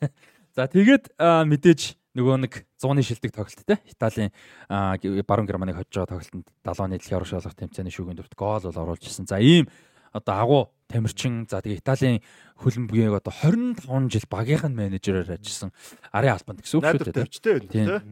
Ийм ондоо мундаг хүн байсан. Тэгээд Калери 2005 оны 1 сарын 5-нд Калери клуб Жижи Ривагийн домогт 11 өмсгөлийг бол одоо одоо ретайр хийсэн те. Хамгийн сүүлд нь тухайн жил 11 дугаартаа тоглож байсан Рик Роко Сабато гэж тоглогч бол одоо тэнгэлтгэд хинт Жижи Ривад одоо домогт 11-ийн өмсгөлийг өөрөө гардуулж өгөөд зодог тайлуулж одоо тэр өмсгөлийг үүрт байхгүй болгож зодог тайлуулж исэн байдаг юм байна. Калера тэгээ нэг л удааг биш үү? Түүхэндээ ганц удаа авсан. Ерөөсөө л тэр клубын түүхэнд сардинчүүдийн түүхэнд одоо домгоно тийм. За ингээд Сардины клубын түүхэнд бол мэдээж одоо өмсгөлийн дугаарыг мөхөлсөн. За одоо тайлна гэхээр буруу үг болчиход байна тийм мэдээж мөхлөх. Энэ бол цорын ганц үйлдэл нь байдаг. Аа тэгээд сая 1 сарын 21-нд бол за би яг нарийн ширийн ямар эмнэлгийн хэллэг мэдгүй ш. Гэхдээ зүрхний судастай холбоотой бас нөхцлөөр бол эмнэлэгт хүрэгдсэн юм байна. За калорид. За тэгээд энэ сан мишэл эмнэлэгт хүрэгдээд бол мань хүнийг ийм хагалгаанд орох санал бол имлэгээс тавьсан. Аа тэгээд мань хүн бол өөрөө төрхөн хугацаанд хойшлуулъя бас шийдвэр нарийн шийдвэр учраас харж иж болё гэсэн шийдвэр гаргасан боловч тэр өдрөө оройн нь бол гинт биеийн тогтсон мудаж юу яасан зүрхний шигдээс болж харамсалтай нь бол тэр оройд нас урсан юм байна. За тэгээд одоо мань хүнийг бол товтлогчоор тоглолтыг жигүүрээр тоглож чаддаг. Уул нь карьераа эхлүүлэхдээ зүүн жигүүрээр тоглож сүулдэ зүгээр товтлогч болсон. Тэгээ мань хүн одоо тэр үедээс ховор гоолуудыг оруулдаг байсан нь одоо ингэж хуурч тэгээ олон тоглогчдыг хуурж гоол оруулдаг байсан. Одоо бидний хайчил зохино гэдэг чинь bicycle kick маш их оруулдаг байсан. Гуй бид нар гуйдна гэдэг волей гоолыг маш их оруулдаг байсан. Бөмбөгтэй тоглолт маш сайтай, маш фит тоглогч байсан маш их хөдөлмөрч тэгээд их гүйдэг тэгээд чөлөө цогт тургуулын цогтыг маш сайн цогтөг а гэхдээ мэдээж харамсалтай нь маш их одоо гимтэл бэртлийг бол авдаг байсан. Тэгээд 44 онд орсон тоглогч одоо 76 зодог тайлан дөнгөж 32-т одоо зодог тайлсан. Ийм бол тоглогч байдаг юм байна. Тэр үед бол залуу хүн байна уу? Тийм За тэгээд юуны хувьд бол өө тийм чинь бас болоогүй тэр калерийг чи анх удаага сери ад оруулж бас болоогүй зүгээр баас болоогүй. Наа чи бол үнэхээр нэг үлгэрийн одоо карьертэй байжээ үнэхээр тий. Тодч хувьд бол баландор л авах юм байна. За яг Италид Жанер Ривэрэд алдсан юм ба шүү дээ. Жанер Ривэрэд алдсан дараа нь Мюллер хин хоёрдыг өөр орчиж та. Тэр 68 оны төрүүлдэг дээр Жанер Ривэрэд хагас хамгаалж гол найруулгын лидэг байсан л юм байна л да. Тэгээд. Аа тэгээд юунаас хойш Жижи Ривагийн үеэс хойш бол Калери клубын хувьд одоо хамгийн а том амжилт нь бол 1993-аас 94 оны UEFA-гийн цомд шүгээн дөрөвт үлдсэн байдаг юм байна. За тэр жилдээ бол Интер тожигдсон. Тэгээ Интер бол мэдээж тэр жилд хүрсэн. Энэ бол тэр 90-ад оны талч ус амар байсан юм л ш тэр буудал тий. Тэгээд бас нэг сонирхолтой нь юу байсан юм бэ? 70 он скудетто буюу одоо Италид төрүүлснээр Ромос урд зүгийн одоо скүдэтэд төрүүлсэн анхны баг болчихсон байдаг. Одоо анхны ахиж байгаа юм уу? Аа Наполи Наполи гараад ирж байгаа юм шүү 70 он. Наполи гараад ирж байгаа. 70 онд гэн юу лээ? 87 87 87 90 байхгүй. 87 Сая тэгээ дахиад авчиж байгаа юм тийм. Сицил арал байхгүй Палермо өдр. Тий. Бодлантай газар гэсэн. Юу нь бол газар зондын нэгсэн хамгийн том арлцсан Сицил үт юм. Тэгээд Сардин, Крит гэх нөө Грекийн арал орж тэгээ Корсик гэдээ орж иж байгаа шүү. Энэ бол дөрөв том арлна. За тэгээд Калери клубын хувьд бол хоёр тоглогчийн одоо дугаарыг бол мөнхөлсөн байдаг. Мэдээж анхных нь сая хэлсэн аа юу байдаг. Жижи Риво байдаг. За нөгөөх нь бол одоо Калерид маш олон жил тоглосон 2018 онд 31 наснда одоо гинт бас өөд болсон Давид Асторигийн 13 дугаарыг бол мөнхөлсөн байт юм биш үү Калери клуб. Астори мундаг тоглож байсан шүү дээ. Италийн шиг тоглож байсан тий. Тийм тэгээд буудалд одоо Фьорентина Удинезэд тоглох юм буудалтай байж байгаа одоо гинт зүрх нь одоо зүрхний шигдээсээр бол харамсалтай нас орж бас нас орсон байдаг. За ийм учраас калори өгсөн байдаг юм байна. Гинт нас орсон эд тоглож явах үед нас орсон тоглож баг хамгийн алдартай нь баг Астори орж магадгүй шүү. Астори яга Дани Харке тэгээд бас хэд хэдэн тоглож харамсалтай нь бас байгаа тийм нөгөө юуны Севиагийн тоглогч бас байгаа штэ. Хамгаалж юм бэлээ. Яна би одоо уг сайн. Пироттэй илүү. Биш ээ. Хэн байгаа нөө хин? Марк Вивиан Фове байгаа Камеруны. Вивиан Фове нөгөө нэг хятад тогложод өнгөрдөг Ньюкаслын нэг юу Котиор хагас. Оо тийш дээ. Оо Тяте, чек тяте. Амар тоглож байсан. Тийм чек тяте байсан. Пуэрта, Антонио Пуэрта. Пуэрта яг үн тий. Пиротиг солиор Пуэрта аахгүй. Тийм. бас харамсалтай тохиолдол яах вэ? Фото ч бүр яг талбай дээр шүү дээ бүр тий. Бас. Тэрийг бол бүр яг санаж байна. Марк Вебен Фог бол одоо яг юу тэр юун дээр бол 5 цаар дээр бол яг анри манри өөлөл бүрсэн. Confederations Cup тэмцээний. Тийм яг үеэр те. Францтай исэн тоглолт. За тэгээд яг хав Калеригийн түүхэнд бас хүмүүс бодож ч магадгүй Калерид ямар өөр тоглогчид бас тоглож исэн бэ гэд те. Товчхон дурдах юм бол за Никола Барелла карьераа хийхэд Калерид бас тоглож исэн байдаг. А Даниэл Фонсека гэдэг тоглогч мэдчихэж магадгүй Энцо Франческоли Уругвайн домог бас тоглож байсан. Диего Годин сүүлд бас тоглосон санагдаж байна. Фонсека ч Италийн шигшэд бас нэг тоглосон баг шүү нэг цөөхөн тоглолт. Тийм бас төгөө тоглолцсон шүү дээ. За тэгээд Патрик Мбома тоглож исэн. За Патрик Мбома Калерид тоглож байгаа үедээ 2000 онд Африкийн шилдэг тоглогч байгаа. Камеруны домог дээ. Тийм. Эд онд энэ 2000? 2000 он. 2000 он. Уус амар өсөв. Олимпи оруулсан жилээ. Тийм. Яг тэр жилдээ бол одоо Калерид тогложсэн тэр цаг үедээ бол Патрик Мбома Самуэль Итогийн одоо голомтрагч байлаа. За Радио 8 голан бас тоглож исэн хүмүүс бас сайн мэдэх бах.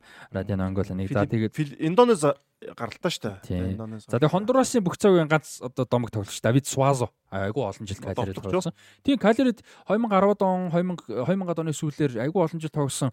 Улиралд 10 гаруй гол хийждэг байсан шүү дээ. Калериг бол сайн байсан. Тийм сериад үлдээсэн шүү олон жил үлдээсэн. За тэгээд Кристиано Занетти тоглож исэн, Жанфранко Зола тоглож исэн. Кристиано Занетти юу? Италийн төв ягсаа. Тийм. Наач гоё ягсан шүү. 2020 оны дэлхийн аваргын гарааны ягсахгүй. Занетти, Коко хоёр ч. Яа тэгээд ийм байдгаа. Тэгээд юу Калери клубын хувьд бол ийм харамсалтай мэдээлсэн маань тэгээд яа Италийн хөлбөмбөгийг одоо ингээл орж ирээ амар гоё байна тэр 2000 он 2020 оны бүрэлдэхүүнүүд нь болж Занетти, Коко, Ди Биажо тэргэл те. Дино, Дино Бажо тэргэл те. Яг үзэж эхэлжээс хүүхэд насын дурсамжууд харагдаж шүү. За тэгээд энэ хүрээд А өнөөдрийн дугаараа өндөрлөе гэж бодож чинь Жижи Ревагийн талаар бас манай үзсэн сонсч байсан хүмүүс бас бүгд бас мэдээгүй гэж бодож чинь тэгээд бас нэмж унших хүсвэл уншаараа мэдээ бас гоолууд нь бичлэг нь бас байдгийн байлаа үзээрээ супер тоглогч байсан юм байна тухай цаг үедээ эзлэж явсан. Хоёр удаа баландорын 1 2 3-т орж исэн ийм супер тоглогч байсан байна. Тэгээд нөө хөлбөмбөг сонирхдаг хүмүүсээ зориулаа бид нар бас ингээд айгу дэлгэрэнгүй ярьдаг те. Яг үндэ те. Бид нар өөртөө ч яг үндэ энэ Жижи Ривагийн бүр ингээд нарийн түүхдэг бол мэдэхгүй. Би бол Калери тоглож байсан ч мэдэхгүй. Италийн шогийн бүх цагийн мэрэгмууж Италийн одоо хамгийн алдартай хөлбөмбөгчийн нэг гэдгээс бол ерөөхдөө цаашаа бараг нэг мэдэхгүй байхгүй. За нэг 60-аад он 70-аад он тоглож байсан гэдэг. Одоо ингээд болохоор бид нар өөрсдөө ч айгуу сайн мэдж байна. Манай үзэж байгаа үзэгчдийн ч гэсэндээ хөлбөмбөгийн мэд насар гоё ингээд дэлж байгаад бас айгуу баярлдэн штэ. А тэд нөгөө нэг 69 онд төрүүлдэг удирдлагынхаа одоо эхлэл өмнөх удирдлага гэх юм да. Тэр зун нөгөө баландат хоёрт орсон байсан штэ. Тэр жил Калери чинь Копа Италийн шгшээд үлдсэн юм байна. Шгшээ тоглолтод. Далийн цомтой. Финалд үлдсэн. Тийм.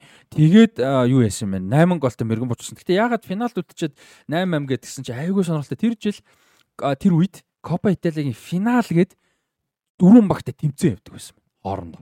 Тойргор тоглолт. Тийм, хоо тойргор хоорондоо бүгд тоглолдог. Тэгээд Тэл жил Рома 9 оноотой төрүүлж Калери 2-т 6 оноотой орж исэн. Тэг Жижи Рива бас одоо мэрэгэн бучин болж исэн байдаг юм. Тэгээд одоо Баландорт 2-т бол орж исэн байдаг юм биш үү? Бас дөрвөн тоглолтод тэгэхээр яаж тоглолт? 6 тоглолтод. 6 тоглолт. Хом үвэ? Одоо аврал лиг хом үвэ биш үү? Аа тэгэхээр Рома 3 4 хожид нэг тэнцсэн. 3 хожиж 3 тэнцсэн. А тэгээ 3 хожиж 3 тэнцэж бол 2 оноогоор тооцдог гэсэн. Тэгээ 2 оноогоор тооцдог гэсэн. Тийм 6 тэнэг. Амар төгс үзүүлэлт авсан ш 3 хожиж 3 тэнцсэн. Тэгээ дөрвөн багийн өндөр чи амар наа чи төгс үзүүлэлт тахгүй юу?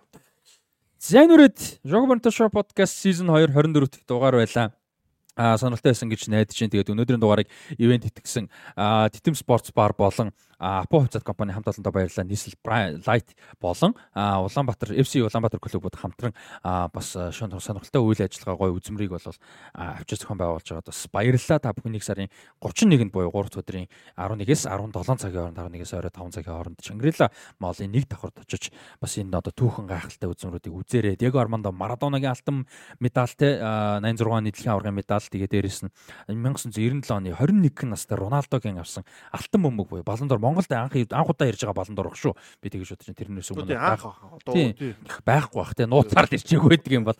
Тэгээд мэдээж Жюл Ремегийн цом дэлхийн авгын одоо түүхэнд хоёр төрлийн цомыг бид нар хоёуланг нь одоо ингээ харах өөрийн нүдээр харах боломжтой болж мэдээж. 18 онд 18 одоо би одоогийн цом бас ирж ирсэн удаатай ийм гоё үйл ажиллагаа зохион байгуулж байгаа байгууллагуудаа бас баярлалаа амжилт хүсье. Тэгээд Тэтэм спорт зургийн хамт олондоо баярлалаа 8070 67 дугаараа та бүхэн захиалга өгч болох өгөх боломжтой мэдээлэл авах боломжтой. Бир бүфэ урамшуул 2 сарын 10 тусал явагдаж байгаа шүү. Тэгээ 8 цагаас 10 цагийн хооронд 45 мянган итлээд хязгааргүй би уугаарэ гэдэг шүү. Баландор Канаваро л авчраагүй өөр хүн баг авчраагүй тий. Тий Канаваро эргэтэй л авчраагүй. Эргэтэй л авчраагүй. Канаваро тэр Канаваротой оройн хоолнд орох боломж надад байсан. Тэгээ би чадаагүй шүү ирж л би тэрийг.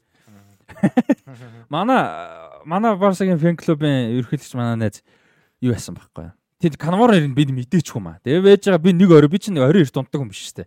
Тэгээ зүгээр орой 5 6 цаг үед нэг унтсан байхгүй амар ядарч юу ч хийжсэн. Тэр чинь хэдэн он? Оны марччихэ. Канавар хэдэн он дэрлээ? 13, 12 3. Тэгээ тэр. Тийм. Тэгээ ингээ орой унтж байгаа орой 11 2 үед зэрэхгүй. Тэр чинь нэг ингээ орой л амарч байгаа юм байхгүй бүр унтаж.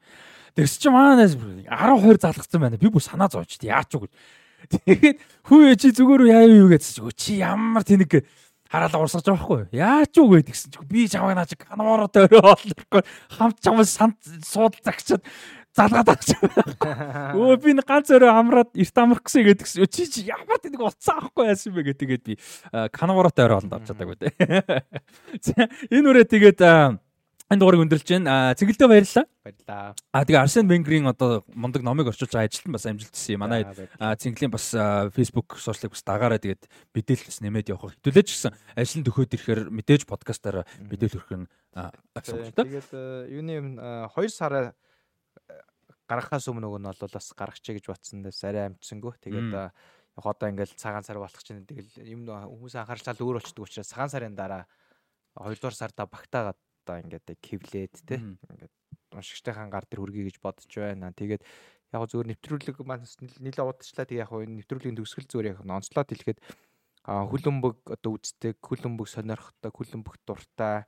Тэрнээс гадна спорт, спортод дуртай, амун одоо хүлэмбэгийн менежмент, хүлэмбэгийн тасгалжуулагчаар ажиллаж байгаа хүмүүс а тэрнээс гадна яг зүгээр компани сонирхолтой тийм бас тэрнээс гаднаас компани менежмент тийм талаарч гэсэн бодоо амар сонирхолтой уншиж сонирхдаг те. Ийм одоо хүмүүс уншихад их одоо үлдэцтэй наалтцтай маш хэрэгтэй олон зүйлсүүдийг одоо хүндэс бичсэн одоо ном байлээ. Тэгээд яг Арсен Венгер бол би өмнө жилжсэн те Күлэмгийн түүхэн сүүлийн а 20 жил. За магадгүй сүүлийн 30 жилийн хугацаанд хамгийн одоо олон инновац хийсэн хүн яг хамгийн олон цом аваагүй хүн бол хамгийн олон цом авсан хүн нь бол биш. Гэхдээ хамгийн олон инновацийг сүүлийн 30 жилд Арсен Венгер гэдэг хүн нэвтрүүлсэн. Тэгээд тэр нь одоогийн одоо орчин цагийн хөлбөмбөгийн стандарт болцсон байгаа зүйлсүүд маш олон байдаг тийм ээ. А тэгээд одоо хийн одоо олон улсын хөлбөмбөгийн холбооны хөгжил хариуцсан одоо тэр хэсгийг ахалж ахалж одоо ажиллаж байгаа.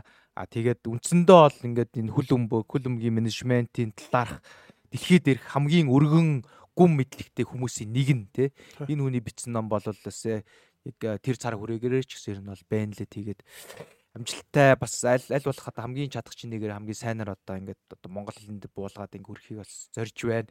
Тэгээд тэр ажил маань бол 2 сарын одоо төгсгөлөөр болол уншигчдын гарт хүрчих байх. Тэгээд та тийг гарсан үеднээс тий одоо санал шүүмж аль аль нэг шингэн одоо уншаарай гэж одоо хүсмээр байна. За тэгээ амжилт төсөй. Тэгээ манай хөлбөмбөгийн фанатууд зөвхөн Арсенал гэлтгүү хөлбөмбөгийн фанатууд бас бүгд сонирхохаа дөнгөж сайсан. Тэгээ за яхта баярлаа. За тэгээд э, хөтлөх бас үйл ажиллагааны ажилд амжилт хүсье. За тэгээд манай Game Night-д оролцоорой мэдээлэл аваарай. Тэгээд өнөөдрийн дугаар таамтаас бүгдээр нь баярлалаа. Сэтгэлээ уулзаарай, комментаараарай, subscribe дараарай хийх ёстой бүх юмудаа хийгээрэй. Тэгээд donation хийх боломжтой данс нь notification description хэсэг дээр байгаа. Тэгээд дараагийн дугаараар уулзлаа баяртай. За